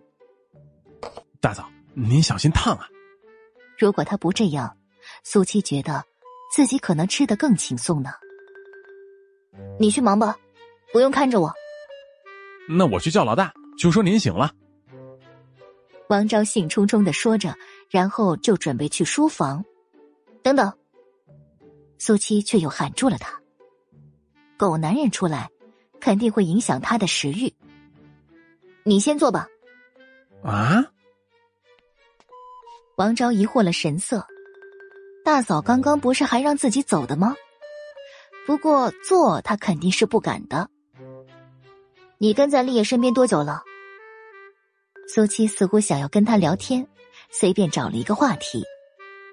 回大嫂，已经很久了。王昭只是站在他对面说话。苏七低着头，打开汤盅，一股香气弥漫开来。嗯，还不错。这里还有专门的厨子。本来就已经有了几分恶意，现在更是觉得饥肠辘辘了。本来是没有的。王昭实话实说，不过很快便又话锋一转。呃。前几天老大刚刚吩咐请了厨师过来。苏七听他这么说，也没多想，直接吃起来。汤汁鲜美，咸淡适中，里面的食材也很丰富。王昭伸长了脖子看着，本来他就知道这个汤是很美味的，现在看到苏七这样的吃相，更忍不住啧着嘴巴。大嫂，您可真是好福气。苏七正吃得尽兴，抬起头看向他，然后差点被王昭垂涎欲滴的样子给逗乐了。哼，至于吗？你也饿了，要不一起吃？苏七似笑非笑，招呼了一声：“坐坐坐。”嘿。第一百四十五集。王昭的脑袋摇成了拨浪鼓，他可不敢跟未来大嫂坐在一张桌子上吃饭。王昭，你跟我说说，立业平常最喜欢什么，又最讨厌什么？苏七的饭吃的差不多了，开始步入正题。他觉得今天的立业从头到脚都透着一股不对劲儿，可是偏偏他也根本没办法确定他的身份呢。王昭眼珠子咕噜噜的转。大嫂，您这是？你也叫我大嫂了，我当然想要多了解你们老大了。苏七很认真的说着，这个理由合情合理。王昭果然点头如捣蒜。我还以为大嫂害怕老大呢，您有这个心思实在是太好了。我怕他，苏七简直无语了。不过现在也不是跟他纠结这些的时候，强忍着听着他继续说下去。老大喜欢的东西不多，花花草草算一个，别的好像也就没什么了。苏西翻了翻白眼，这等于没说呀。不过老大讨厌的东西有一样，大嫂一定要特别注意的。王昭接下来这句话，马上就拉回苏七的思绪。是什么？苏七亮了眼睛，兴奋了神色。王昭竟然干咳一声，朝着四周打量一圈，确定没有其他人之后，稍微靠近了苏七，压低了声音，郑重其事的开了口：“蜘蛛。”呃，苏七额头上顿时冒出三条黑线。如果不是他现在的神色太过严肃了，苏七真的会以为他是在故意诓他了。大嫂，我没骗你，老大怕蜘蛛这事儿，除了我之外就没有第二个人知道了。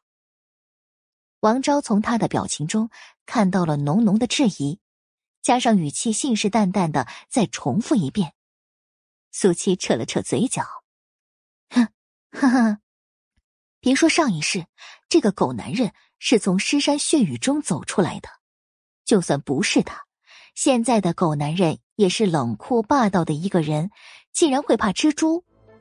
蜘蛛？这是他听过最大的笑话了。王昭无奈叹了口气，他知道这事儿一般人都不会相信的，不过反正他已经提醒过苏七了。你们在聊什么？此时。立业低沉的声音从两人不远处传过来。王昭呼吸一滞，脸色瞬间就变了。完了，老大要是知道了他们在说他害怕蜘蛛的事情，恐怕他就得被罚去煤矿挖煤了。随便聊聊而已。苏七不咸不淡的回了一句。立业大步来到他面前，看到茶几上摆放着汤盅，嘴角微微上扬。休息的还好吗？苏七只觉得头皮发麻，浑身上下的鸡皮疙瘩都起来了。又是这样的语气。嗯，你让司机直接送我去见奶奶吧，也总比留在这里面对他要轻松多了。不急，我有东西要给你，你跟我来。立业完全一副肯定的语气，说完转身朝着里面走过去。苏七有了一些不耐烦，王昭却赶忙示意让他跟上。这可是跟老大单独培养感情最好的机会了。苏七也只能起身，但是心里也打定了主意，不管他给什么东西，自己都不会要的。书房里只有他们两个人，立业主动让苏七坐下，然后拎着行李箱到他面前。我听说你马上要代表圣德高中去参加比赛了，这个行李箱里面还有一些日常用品，你都带上。苏静两条眉毛拧成麻花一样，怎么都没想到会是这么寻常的物品。我自己会买。立业丝毫不意外他会拒绝，强忍着笑意。一个学生，阿姨的情况我也清楚，你哪里来的钱买这种东西？故意的明知故问。苏西刚张开嘴巴，立业马上又继续开口疑惑。而且我还听说，你家最近在翻盖房子，所以钱是哪来的？说完之后，立业盯着他的眼睛一动不动。苏七心头一沉，他果然是在怀疑他了。别以为就只有你会挣钱，我家生活怎么样？跟你有什么关系吗？苏七不打算解释钱的来历，因为根本就解释不清楚的。强势的目光直接顶上去，毫不示弱。我只是觉得好奇，问问罢了。你不想说，不说就是了。为什么总好像我是要吃了你的洪水猛兽一样？立业语气不重，甚至还带着一丝委屈和调侃。苏七心头发寒，差一点伸手摸摸他是不是发烧了。你能不能正常一些跟我说话？我哪儿不正常？我从来都没有这么正常过。立业认真而严肃的肯定着，漆黑的瞳孔中是苏七的脸庞。现在的他，没有一点之前的模样，但是现在这副神态却让他格外觉得憨厚可爱。察觉到跟他的距离越来越近，苏七很抗拒，往后缩着身子。这是什么情况啊？立业，你别忘了。我们可是早晚都要退婚的，那也是以后的事儿。现在你就是我的未婚妻，所以我觉得我们还是应当好好相处。以前是我对你太冷漠、太忽视了，你放心，以后我绝对会做到未婚夫的本分。立业的神色郑重无比，这样的身份可是他以前从来都不敢奢望的。苏七呆滞一瞬，脸色彻底垮了。这样的他更可怕。立业，你是脑子不清楚了吗？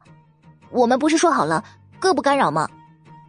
我反悔了，就想跟你好好相处。苏七越是心急抗拒，立业就越是心情愉快，因为在他们所有的交锋中，他永远都是被动的那一个。但是现在。却不一样了。苏七一张脸憋得通红，胸口闷着一团气，怎么都发泄不出。如果是以前，他早就一巴掌扇过去了，让他有多远滚多远了。可是现在，却还要小心翼翼的对他各种防备。你离我远一点就是跟我好好相处了。立业轻声笑起来，苏七这个脾气还真是一点没变。不过，这样已经很好了，至少他没有直接跟他划清界限。毕竟现在的他跟以前的他是一模一样的。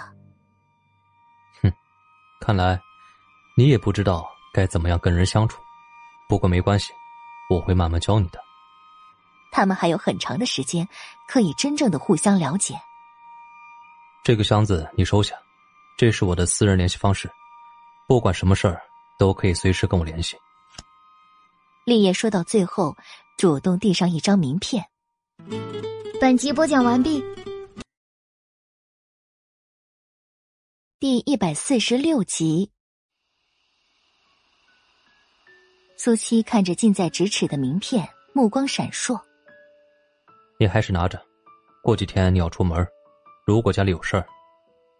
立业只是说到这里便停下。因为后面的他都明白，苏七果然挑了一下眉头之后，把名片接过去。名片接了，行李箱自然也是要收下的。至于箱子里到底有什么，苏七当然不会现在打开去看的。这样或许也没什么不好，至少他不在的这段日子，他妈妈也有个靠山了。好，就听你的，好好相处。但是之前我们说好的，退婚的事情，你也要说到做到。再次跟立业强调一遍，先消了他的疑心，然后再找机会试探他。立业又笑了起来，眉眼弯弯，发自真心的：“宁小姐，厉少爷回来了。”宁熙整理过行李，就一直在客厅里等待了。而现在已经是下午四点多了。他还是眼前一亮，飞快起身，朝着门口的方向走过去。果然，立业回来了，可是他的身边竟然还跟着苏七。宁熙脸上的兴奋，顿时就消失的荡然无存。今天一整天，他几乎都在安慰自己，立业是有重要的工作要去忙，所以才没有陪着他的。可是没想到。苏七同样也看到了宁熙，眯了眯眼睛，他还在这里呢。叶，你们怎么会一起回来？宁熙僵硬着声音，脸上全都是无法掩饰的失望和不满。奶奶想机器了，我接她过来吃饭。立业随便敷衍一句，然后示意苏七走进客厅。宁熙正在原地，看着他们两个人从自己身边走过去，深吸一口气，勉强按下嫉妒的情绪。七七，上次运动会之后，我一直想找机会去看你，可是也一直很忙，没有时间，所以也就耽搁了。不过，你今天来了，实在太好了。叶，你是特意带七七过来为我践行吗？说到最后，宁熙开心的自我理解着，然后很自然的坐在立业身边的位置。你要走了？苏七直接抓住他话里的重点。宁熙看着他这副迫不及待的样子，眼底一抹阴霾。果然如他所料，之前苏七对立业的冷漠都是装的。倒是小瞧了这丫头的野心了，还以为真的能够嫁进厉家吗？嗯，我这次回来就是特意看望奶奶和叶的，已经不短时间了。一边说，一边朝着立业看过去。如果他开口挽留自己，宁熙在京城工作生活，人脉都在那边，是该回去了。可是让宁熙没有想到的是。立业非但没有挽留他，反而主动跟苏七解释起来。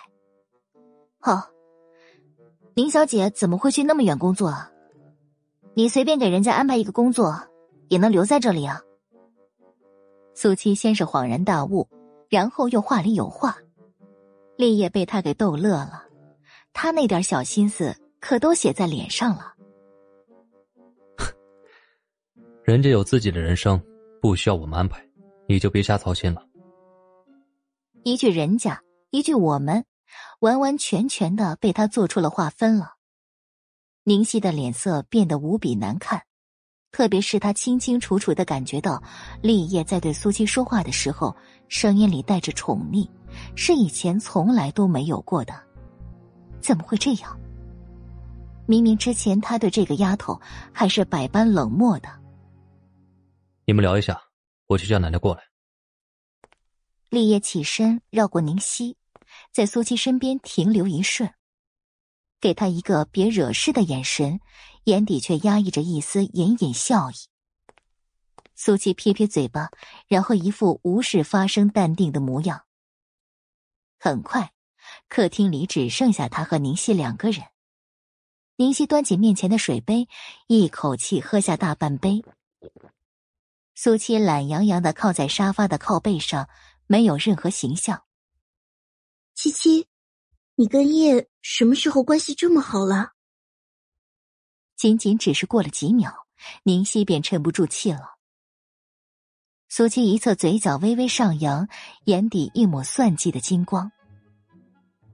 其实我也觉得纳闷呢，今天他突然就找到我说奶奶想我了，让我一定要过来。以前他看见我，都会很嫌弃的，话都不愿意跟我多说一句。怎么刚才那么反常，吓死人了！林夕眉头紧皱，盯着苏七的脸，不放过他任何一丝表情。他对你好，你该高兴啊！哼，拉倒吧，我可怕他了。要是可以啊，我真是宁愿一辈子都不跟他见面。苏七紧绷着脸，很严肃陈述心中所想。宁熙没有说话，想要找出苏七在欺骗他的证据，可是他现在的样子也实在不像在说谎。啊，我明白了。苏七突然坐直了身子，大叫一声，宁熙被他吓了一跳，心脏扑通扑通跳得不停。你明白什么了？苏七一双眼睛泛着亮光。我知道立业刚才为什么会故意那样了。林夕赶忙追问，别的都不计较了。为什么？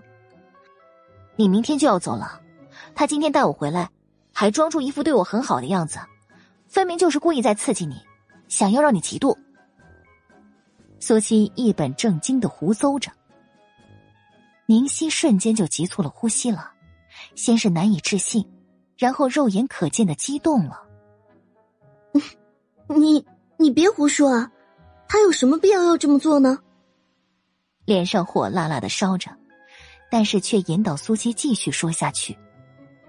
苏七心里一声冷笑，声音却更加笃定：“当然是因为他喜欢你啊，他想让你留下，可是又不好意思明说，所以才想出这样的办法，想让你主动跟他表白。这个闷骚的男人，心眼也忒多了。”宁熙的坏心情全部一扫而光，竟然觉得苏七这个推测似乎一切都合情合理了。七七。你快别说了，你才是叶的未婚妻，我只是把他当成了哥哥一样。啊，原来你不喜欢他。苏七不等他说完，便震惊的大喊：“宁熙恨不得直接捂上他的嘴巴，又赶紧支支吾吾的辩解：不，不是你想的那样的，他不是已经和你订婚了吗？我们那个订婚都是因为奶奶。既然你喜欢他。”那就大胆的表白啊！要是错过了这次机会，以后可就夜长梦多了。苏七很认真的提醒着。可是，没什么可是的，我会帮你的。苏七看着已经心动的宁熙，嘴角的笑意缓缓加深。订阅评论别。第一百四十七集。哎呦，我的小乖乖呀，你可想死奶奶了呀！老太太从房间里出来，笑得脸上的褶子都挤成一团了。她可没想到立业竟然会主动带苏七过来。苏七比宁熙晚了两秒起身，然后跟老太太打招呼：“奶奶好。”难得的乖巧，老太太开心的不得了，特意让苏七坐在自己身边。问个不停。一旁的宁熙却是羞答答的，时不时朝着立业看一眼。他现在已经完全明白立业的心意了，只不过还不能确定苏七到底是不是真心想要帮他的。立业也察觉到宁熙的反常，对他投过来的目光视若无睹。这就对了，立业以后你要多带七七回来。感情都是需要培养的，钱是赚不完的呀。老太太突然很欣慰，夸赞立业一句，似乎是在特意强调着什么。宁熙僵硬一瞬，下意识的坐直了身子。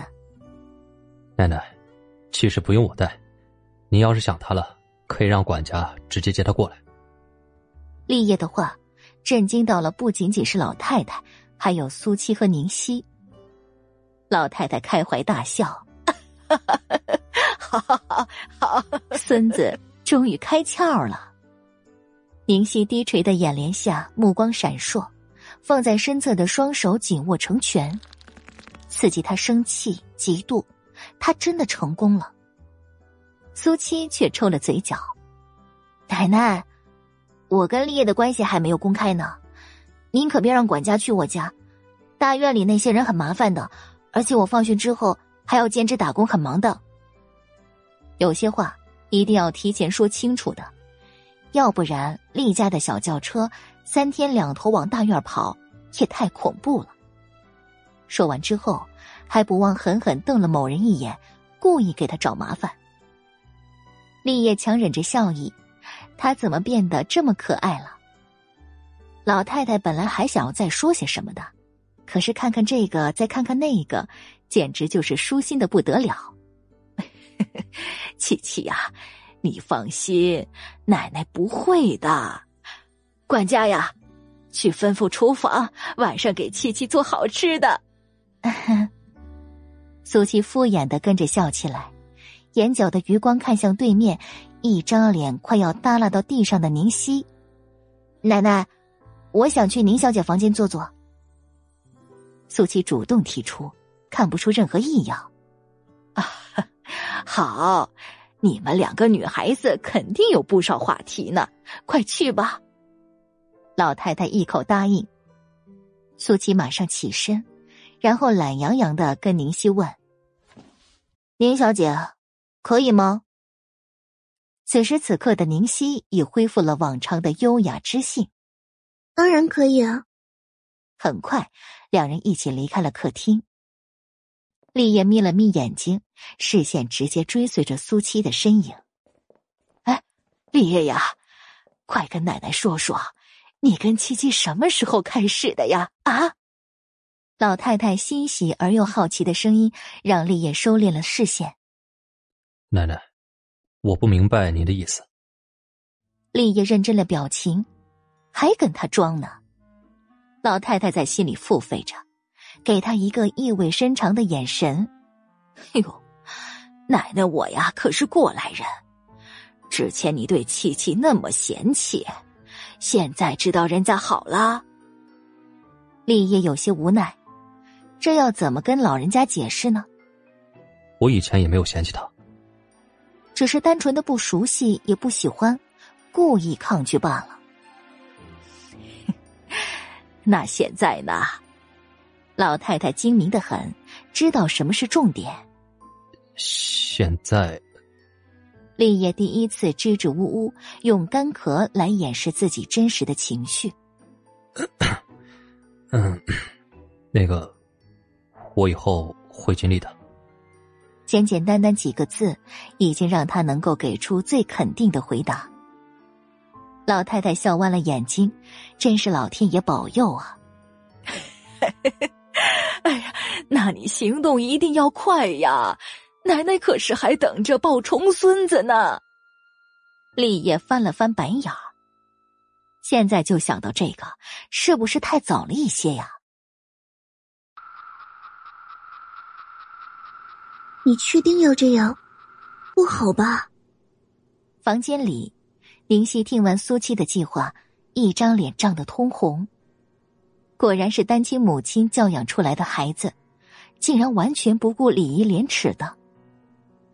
不过虽然觉得不耻，但是内心深处却抑制不住一丝兴奋。苏七看着他红着脸颊，笑容越发灿烂。你要想想啊，李野为什么不敢公开对你的感情呢？还不是因为奶奶的关系啊！奶奶现在认准了我，你要是不来一把狠的。她怎么能答应让立业跟我退婚，成全你们两个呢？这，林夕双手不安的搅在一起，竟然无法反驳苏七的话。确实如此。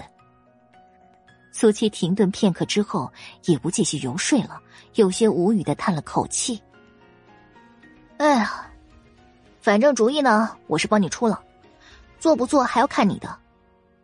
不过你也看到了。”奶奶刚才对我的态度了，你要是真的还想跟立业在一起，可要尽早行动。万一我们两个被迫把婚事给办了，我答应。苏七的话狠狠戳在宁熙的心里，甚至不等他说完，他便已经下定了决心。这就对了。苏七一双眼睛深不见底，已经迫不及待的开始期待接下来要发生的事情。七七，之前我怎么没发现你是左手用筷子的呀？饭桌上，苏七低着脑袋吃饭，老太太一句关心的询问，让他动作一顿。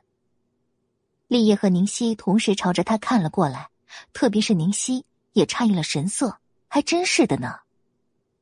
下一秒，苏七不慌不忙抬起头，径直看向老太太。啊。呃，之前听说多用左手可以开发大脑智力，你也知道的。我以前脑子不太灵光，所以这段日子我特别在练习呢。啊，还有这说法呀？老太太觉得新鲜，还是头一次听到。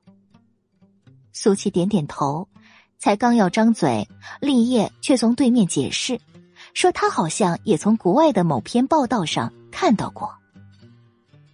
苏七疑惑了眼神，这狗男人非但没有怀疑他为什么不用右手吃饭，反而现在还帮他解释。哎呦，哎呀，看来还真是奶奶孤陋寡闻了。七七呀，你多吃点儿啊，要是觉得筷子不方便，就用勺子嘛。老太太果然疑惑尽消了，一个劲儿招呼着苏七吃饭。苏七朝着立业看过去，后者却很正常的吃饭，就好像真的看到过报道一样。苏七很快收敛心神，然后看到端着汤碗走进来的管家，马上递给宁熙一个眼神。他可是特意吩咐了管家，今晚想要喝浓汤的。宁熙神色慌乱一瞬，明明之前已经想好了的，可是到了这一刻，他竟然有些害怕、迟疑了。可是整整一碗热汤，要是全部都洒在立叶身上，肯定会烫到他的。第一百四十八集，就在宁熙犹豫的瞬间，管家已经拖着托盘站在老太太和立业的中间了。四碗浓汤分别放在四人面前。苏七紧绷着脸颊，看着宁熙现在的样子，心里骂了一句废物，同时立即起身朝着管家走过去：“我来吧。”说完。马上从管家的托盘里端起一碗，放到老太太跟前。这是奶奶的。一边分配，还不忘记说话分散立业的注意力。老太太笑呵呵的，未来孙媳妇儿亲自端汤，她当然高兴了。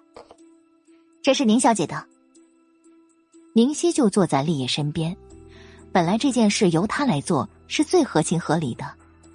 可是偏偏宁熙关键时刻掉链子，宁熙尴尬的不得了，甚至不敢去看苏七。不过他的一颗心却揪起来，因为他很清楚接下来会发生什么。立业始终很淡定的坐着，好像完全没有留意苏七的举动。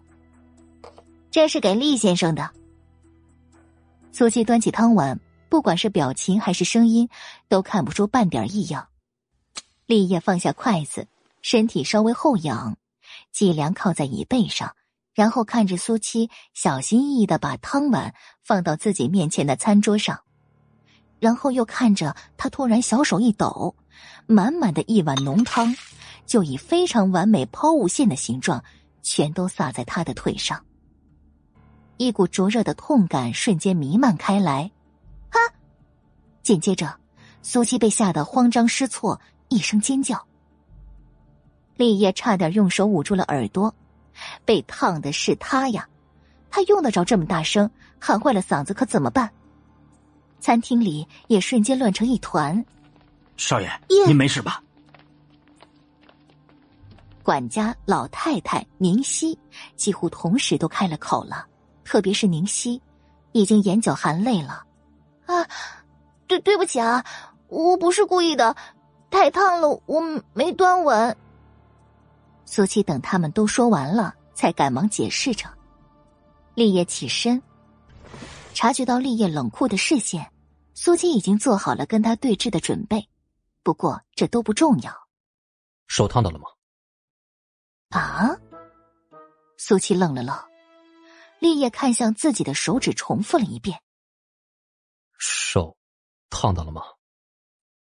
苏七只觉得自己被雷的外焦里嫩，他绝对是傻了吧？叶，快别管他了，你都被烫成这样了，赶紧回房间用冷水冲一下。管家，快去拿药箱。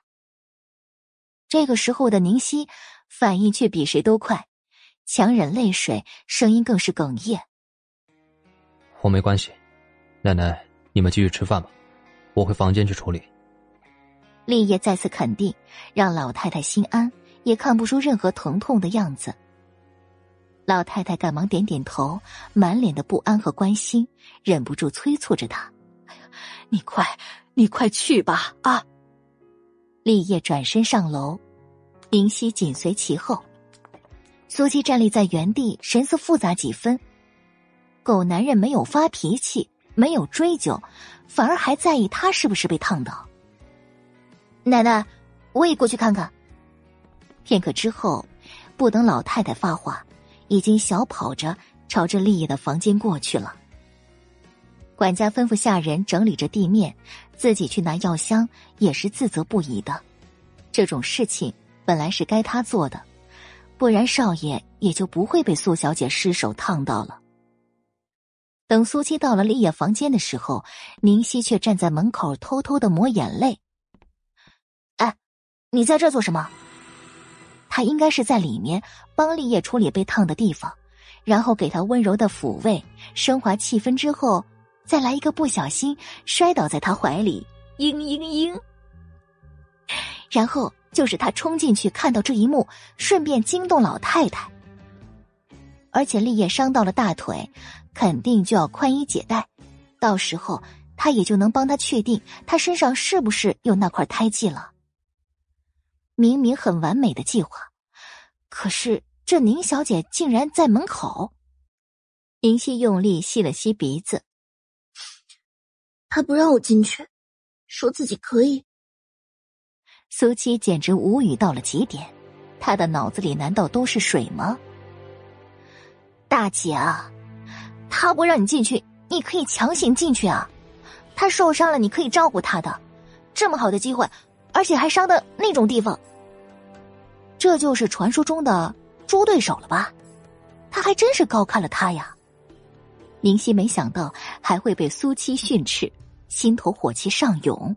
他当然明白该怎么做，可是他心疼立业呀，在乎他的想法也是真的。那个汤，那么烫，你竟然真的下得了手？嗯。苏七左手用力的揉着额头，如果不是还需要他，他早就让宁熙有多远滚多远了。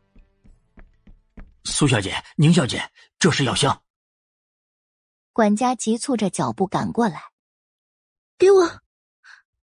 宁熙没有一秒钟的停留，接过药箱，不过马上又愁容满面。也从里面上了锁，所以他们进不去呀。管家，去拿备用钥匙。苏七直接命令。这不好吧？管家犹豫了，揉搓着手心的汗水，甚至没有心思去想为什么他知道家里有备用的钥匙。毕竟少爷就在里面，等他弄好了，自然就会开门的。他在里面也没有药。这万一处理不及时留下伤疤呢？所以我们还是先……苏七后面的话都还没说完呢，房门突然咔嚓一声打开，立业从里面走出来。他的第一个反应就是看他是否脱了裤子。叶，你还好吗？药箱拿来了，我帮你。宁熙满脸的担忧，想要进去。苏七，你来吧。立业面无表情开口打断他，宁熙和苏七顿时愣了愣。呃，这不好吧？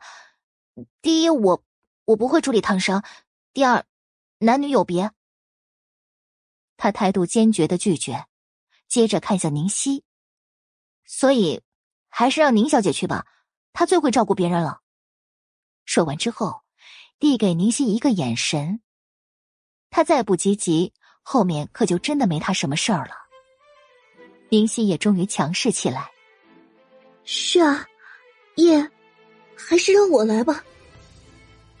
立业一双眼睛只是看着苏七。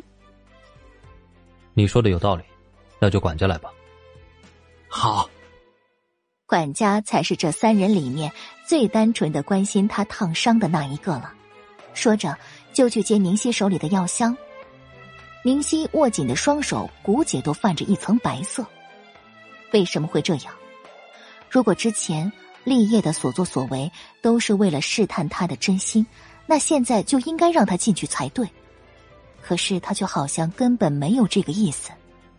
等等，苏七突然阴沉着声音开了口，然后在宁熙愤怒的目光下说出三个字：“我进去。”别走！第一百四十九集。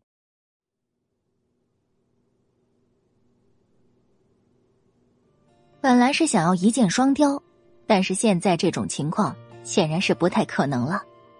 那也不能浪费好不容易创造出来的机会。苏七强行从宁熙手中拿过药箱，冲着立业呲呲牙：“进去吧。”立业果然什么都不说了，让开门后，等他从自己身边走过去之后，直接关闭房门。宁熙和管家被拒之门外，管家觉得理所当然，可是宁熙的脸色却从来都没有过的难看。垂在身侧的双手再一次紧握成拳，整个人仿佛被一股阴影笼罩。宁小姐，您还好吗？管家清清楚楚的感觉到了，从他身上散发出来的低气压，不过只是当成是他在担心立业罢了。宁熙甚至已经没有办法正常开口。明明该进去的那个人是他宁熙的，可是现在为什么会变成这样的情况呢？你把裤子脱了。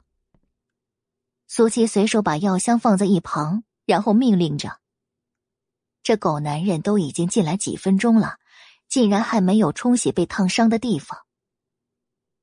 好，立业没有任何犹豫，应声之后直接解着腰间的皮带。苏七见他答应的这么爽快，反而觉得不对了。他莫不是想要耍流氓吧？等等，你自己去卫生间冲水，出来之后再上药。立业强忍着笑意，虽然被烫伤的地方真的很疼的。你不跟我进去？你不知道男女有别？苏七瞪着眼珠子，愈发肯定他就是不怀好意。好吧。那我自己去冲水。立业丝毫不跟他计较，转身进去卫生间。很快，里面就传出哗啦啦的流水声。苏七在门口徘徊，又有些懊恼，害羞个屁呀！刚才那么好的机会，等一下还有机会的。不大一会儿，立业从里面走出来，下半身裹着浴巾，显然是为了等下涂抹药膏方便。过来坐下。苏七面无表情的招呼着，然后自己打开药箱，从里面找到烫伤膏药。立业完全配合他，侧着身子坐好。这还是第一次，这女人主动为他上药，心里竟然有一丝隐隐的兴奋。给你。看着他递过来的药膏，立业的好心情瞬间打折。这是让他自己来啊。我很疼，动不了。这个没心肝的丫头，她都已经被他烫伤了，他难道不应该应付她一下吗？厉先生，你伤的是腿。苏琪很认真的提醒着他。厉爷目光闪烁。那好，你出去吧。既然他不照顾自己，那自然也就没有留下来的必要了。苏琪很明显的愣了一下，随即反应过来。嗯，其实说起来，我也有责任，我就勉为其难的帮帮你吧。立业甚至已经绷不住上扬的嘴角。嗯，那我是不是还应该谢谢你？那就不必了。明明是在故意调侃他，可是苏七却非常认真的听进去了。你里面有穿，我伤的是腿。立业知道他后面要问什么，反而有些羞涩和无奈了。他什么时候真的知道害羞了才好？那就好，把腿露出来。苏七打开药膏，拿出棉签，然后看着立业稍微掀开浴巾，把受伤的腿挪动出来。虽然刚刚冲过冷水。但还是一片触目惊心的红肿。苏七有一瞬间的愧疚，不过下一秒便抛到了脑后。他要是真的是那个狗男人，上一世可是还亲手捅过他一刀呢。立业低垂着眼帘，看着他盯着自己的伤口，小心翼翼涂抹药膏，从来没有过的幸福感觉，真的值得。两人谁都没有再说话。周围也静悄悄的，没有一点声响。苏七从来没有做过这种精细的事情，但为了不让他起疑，还是尽量注意了。有点严重，估计会起水泡的，不过应该不会留疤。涂抹到最后，苏七自顾自的说着：“留疤也没关系，只要你不觉得难看就可以。”立业声音很轻。仿佛一片飘落的树叶，荡在苏七的耳边，泛起一圈涟漪，缓缓的弥漫。苏七低着头，手里的动作已经完全停下。虽然看不到此时此刻他的表情如何，但是小巧的耳垂却微微泛着红。跟我有什么关系啊？不满的质问一句，他简直就是越来越反常了。是你烫伤的我，你不负责，谁负责？立业稍微俯下身子，拉近与苏七之间的距离。苏七察觉到他越来越近的气息，整个人就更加不好了，蹭一下站起来，后退两步。我都说了不是故意的，再说了也不是什么重伤。你要是再跟我说这种话，就别怪我对你不客气。凶狠的警告着，这狗男人就是在故意恶心他呢。立业没想到他会有这么大的反应，实在有些意外。不过。也还是第一次看到苏七这么别扭的样子。好，那我不说了。反正他也已经听到了。苏七沉了口气，把药箱合上。奶奶还在餐厅等着咱们呢，你去换件衣裳，我们一起出去吧。费了这么多话，也该办正事了。好。立业一口应下。然后在苏七的注视下起身，从他身边走过去。就是现在，苏七眼底金光一闪而过，一把从后面揪住他腰间的浴巾，用力一扯，浴巾到了他的手里。他的一双眼睛却紧紧盯着立业的后腰间，除了堪称完美的腰线之外，再无其他了。没有。苏七正在原地。却依然死死看着本该有胎记的位置。此时此刻的立业却好像是被惊到了，一动不动。但是在苏七看不到的脸颊上，一抹笑意缓缓的浮现。他千方百计，无非就是想要确定狗男人的身份罢了，当然要如他所愿。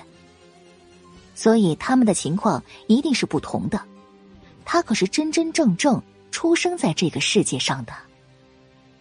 下一秒，他转身回去，看着苏七的眼眸深暗无比。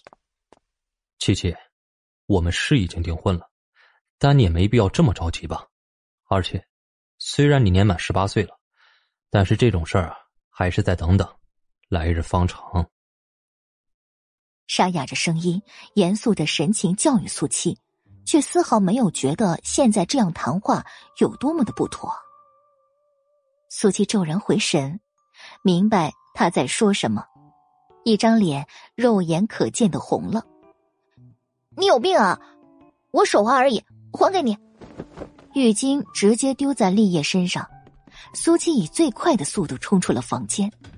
这个该死的男人，都被他看了，竟然还能淡定的跟自己聊天明明是他在主导的事情，可是为什么苏七却觉得被算计的是他呢？第一百五十集，等立业和苏七从房间里出来，宁熙已经再也没有一丝笑容了，看着苏七的目光更像是淬了毒。苏七在心里翻了个白眼儿，机会都给他了。是他自己没用，竟然还有脸怪别人呢？爷，你真的没事吗？需不需要去医院呢？宁夕在心里愤恨，可是面对立业，还是发自真心的关心。不需要。立业回答的相当肯定，然后径直朝着餐厅走了过去。奶奶，七七已经帮我处理过烫伤，我没事了。老太太听他这么说，终于松了口气。而且看他走过来的步子也没有什么异样。哎呀，好好好，没事就好啊！来，都坐下来吃饭吧。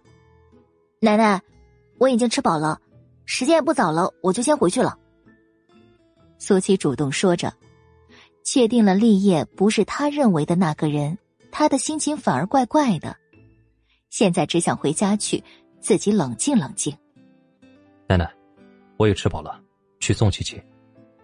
立业接着说：“老太太自然没有意见，可是宁熙却皱紧了眉头。叶，你腿上有伤，还是让司机送七七回去吧，或者我不要紧，管家去备车。立业不等他把话说完，便吩咐下去，语气坚决，不容置喙。苏七看了他一眼，本来也想说不用的，但是宁夕那副想要杀了他的眼神，让他到了嘴边的话又咽了回去。他这个人就是这样，越看不惯他的人，他就越要让他看不惯。很快，他们两个人离开了家门，宁夕整个人都绷得紧紧的，脸上布满了冰霜。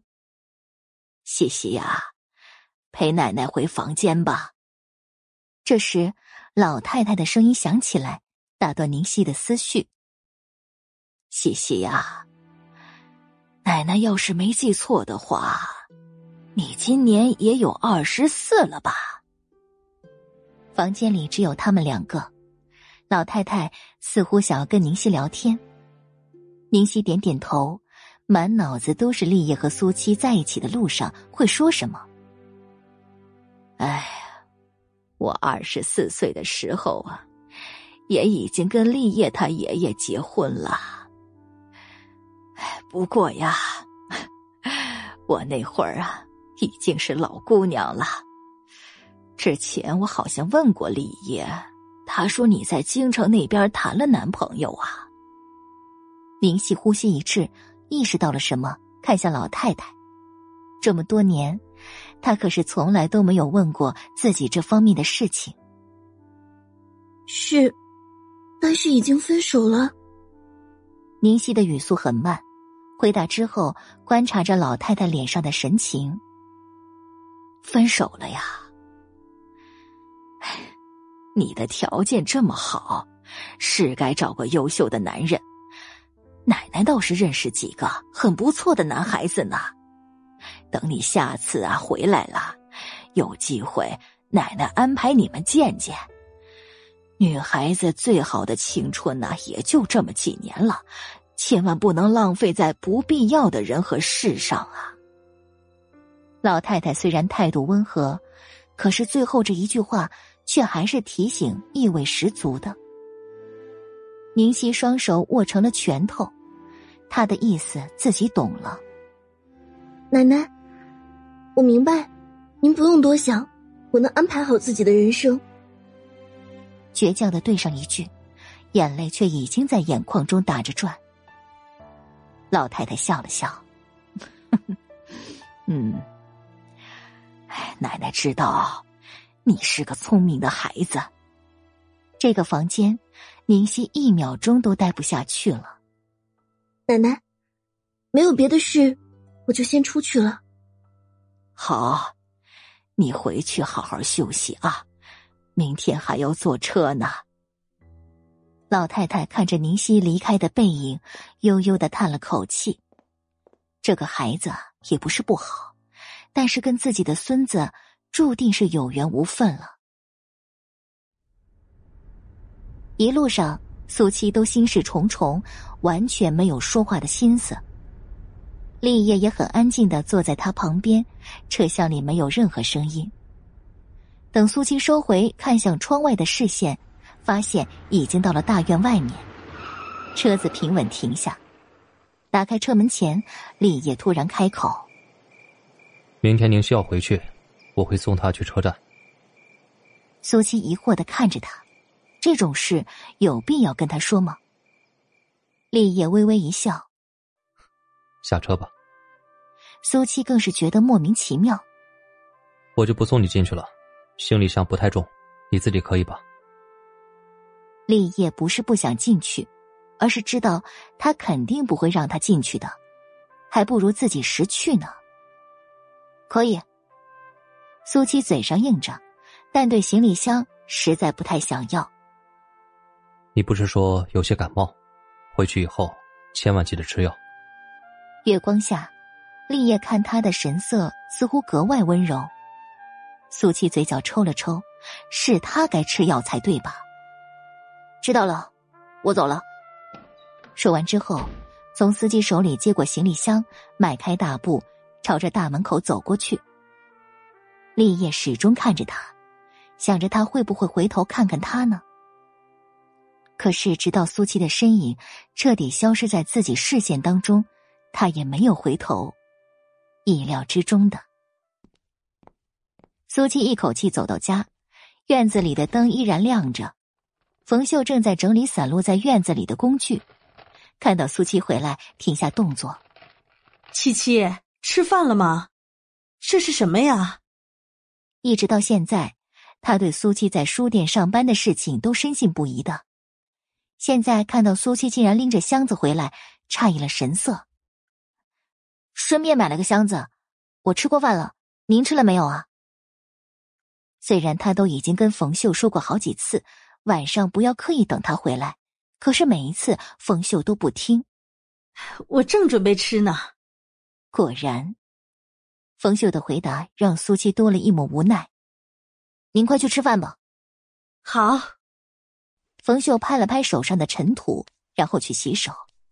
苏七跟他打过招呼，直接回到了里屋。现在他们暂住的配房里只有里外两间的，里面睡觉。外面相当于伙房、餐厅，还有客厅。苏七坐在床上，脑海中自动的浮现出今天发生的一切。现在已经完全可以排除立业是那个男人的可能性了。所以这个世界上真的有如此相似的两个人存在。既然已经确定，那他以后也就真的可以高枕无忧了。这样的感觉简直就是说不出的轻松。七七，啊！苏七终于回神，一扭头看到不知道什么时候进来的冯秀。七七，你想什么呢？这么入神？冯秀有些紧张，上上下下的打量他。没什么，过两天要出门了，我在想需要准备什么。苏七随便找了个借口。对，是要提前准备。你那个箱子里。是不是有东西啊？冯秀还是第一次看到这么高级的箱子呢，所以刚才忍不住想要打开看看，可是捣鼓了半天也没能打开，但是却感觉到里面沉甸甸的，似乎是装着什么。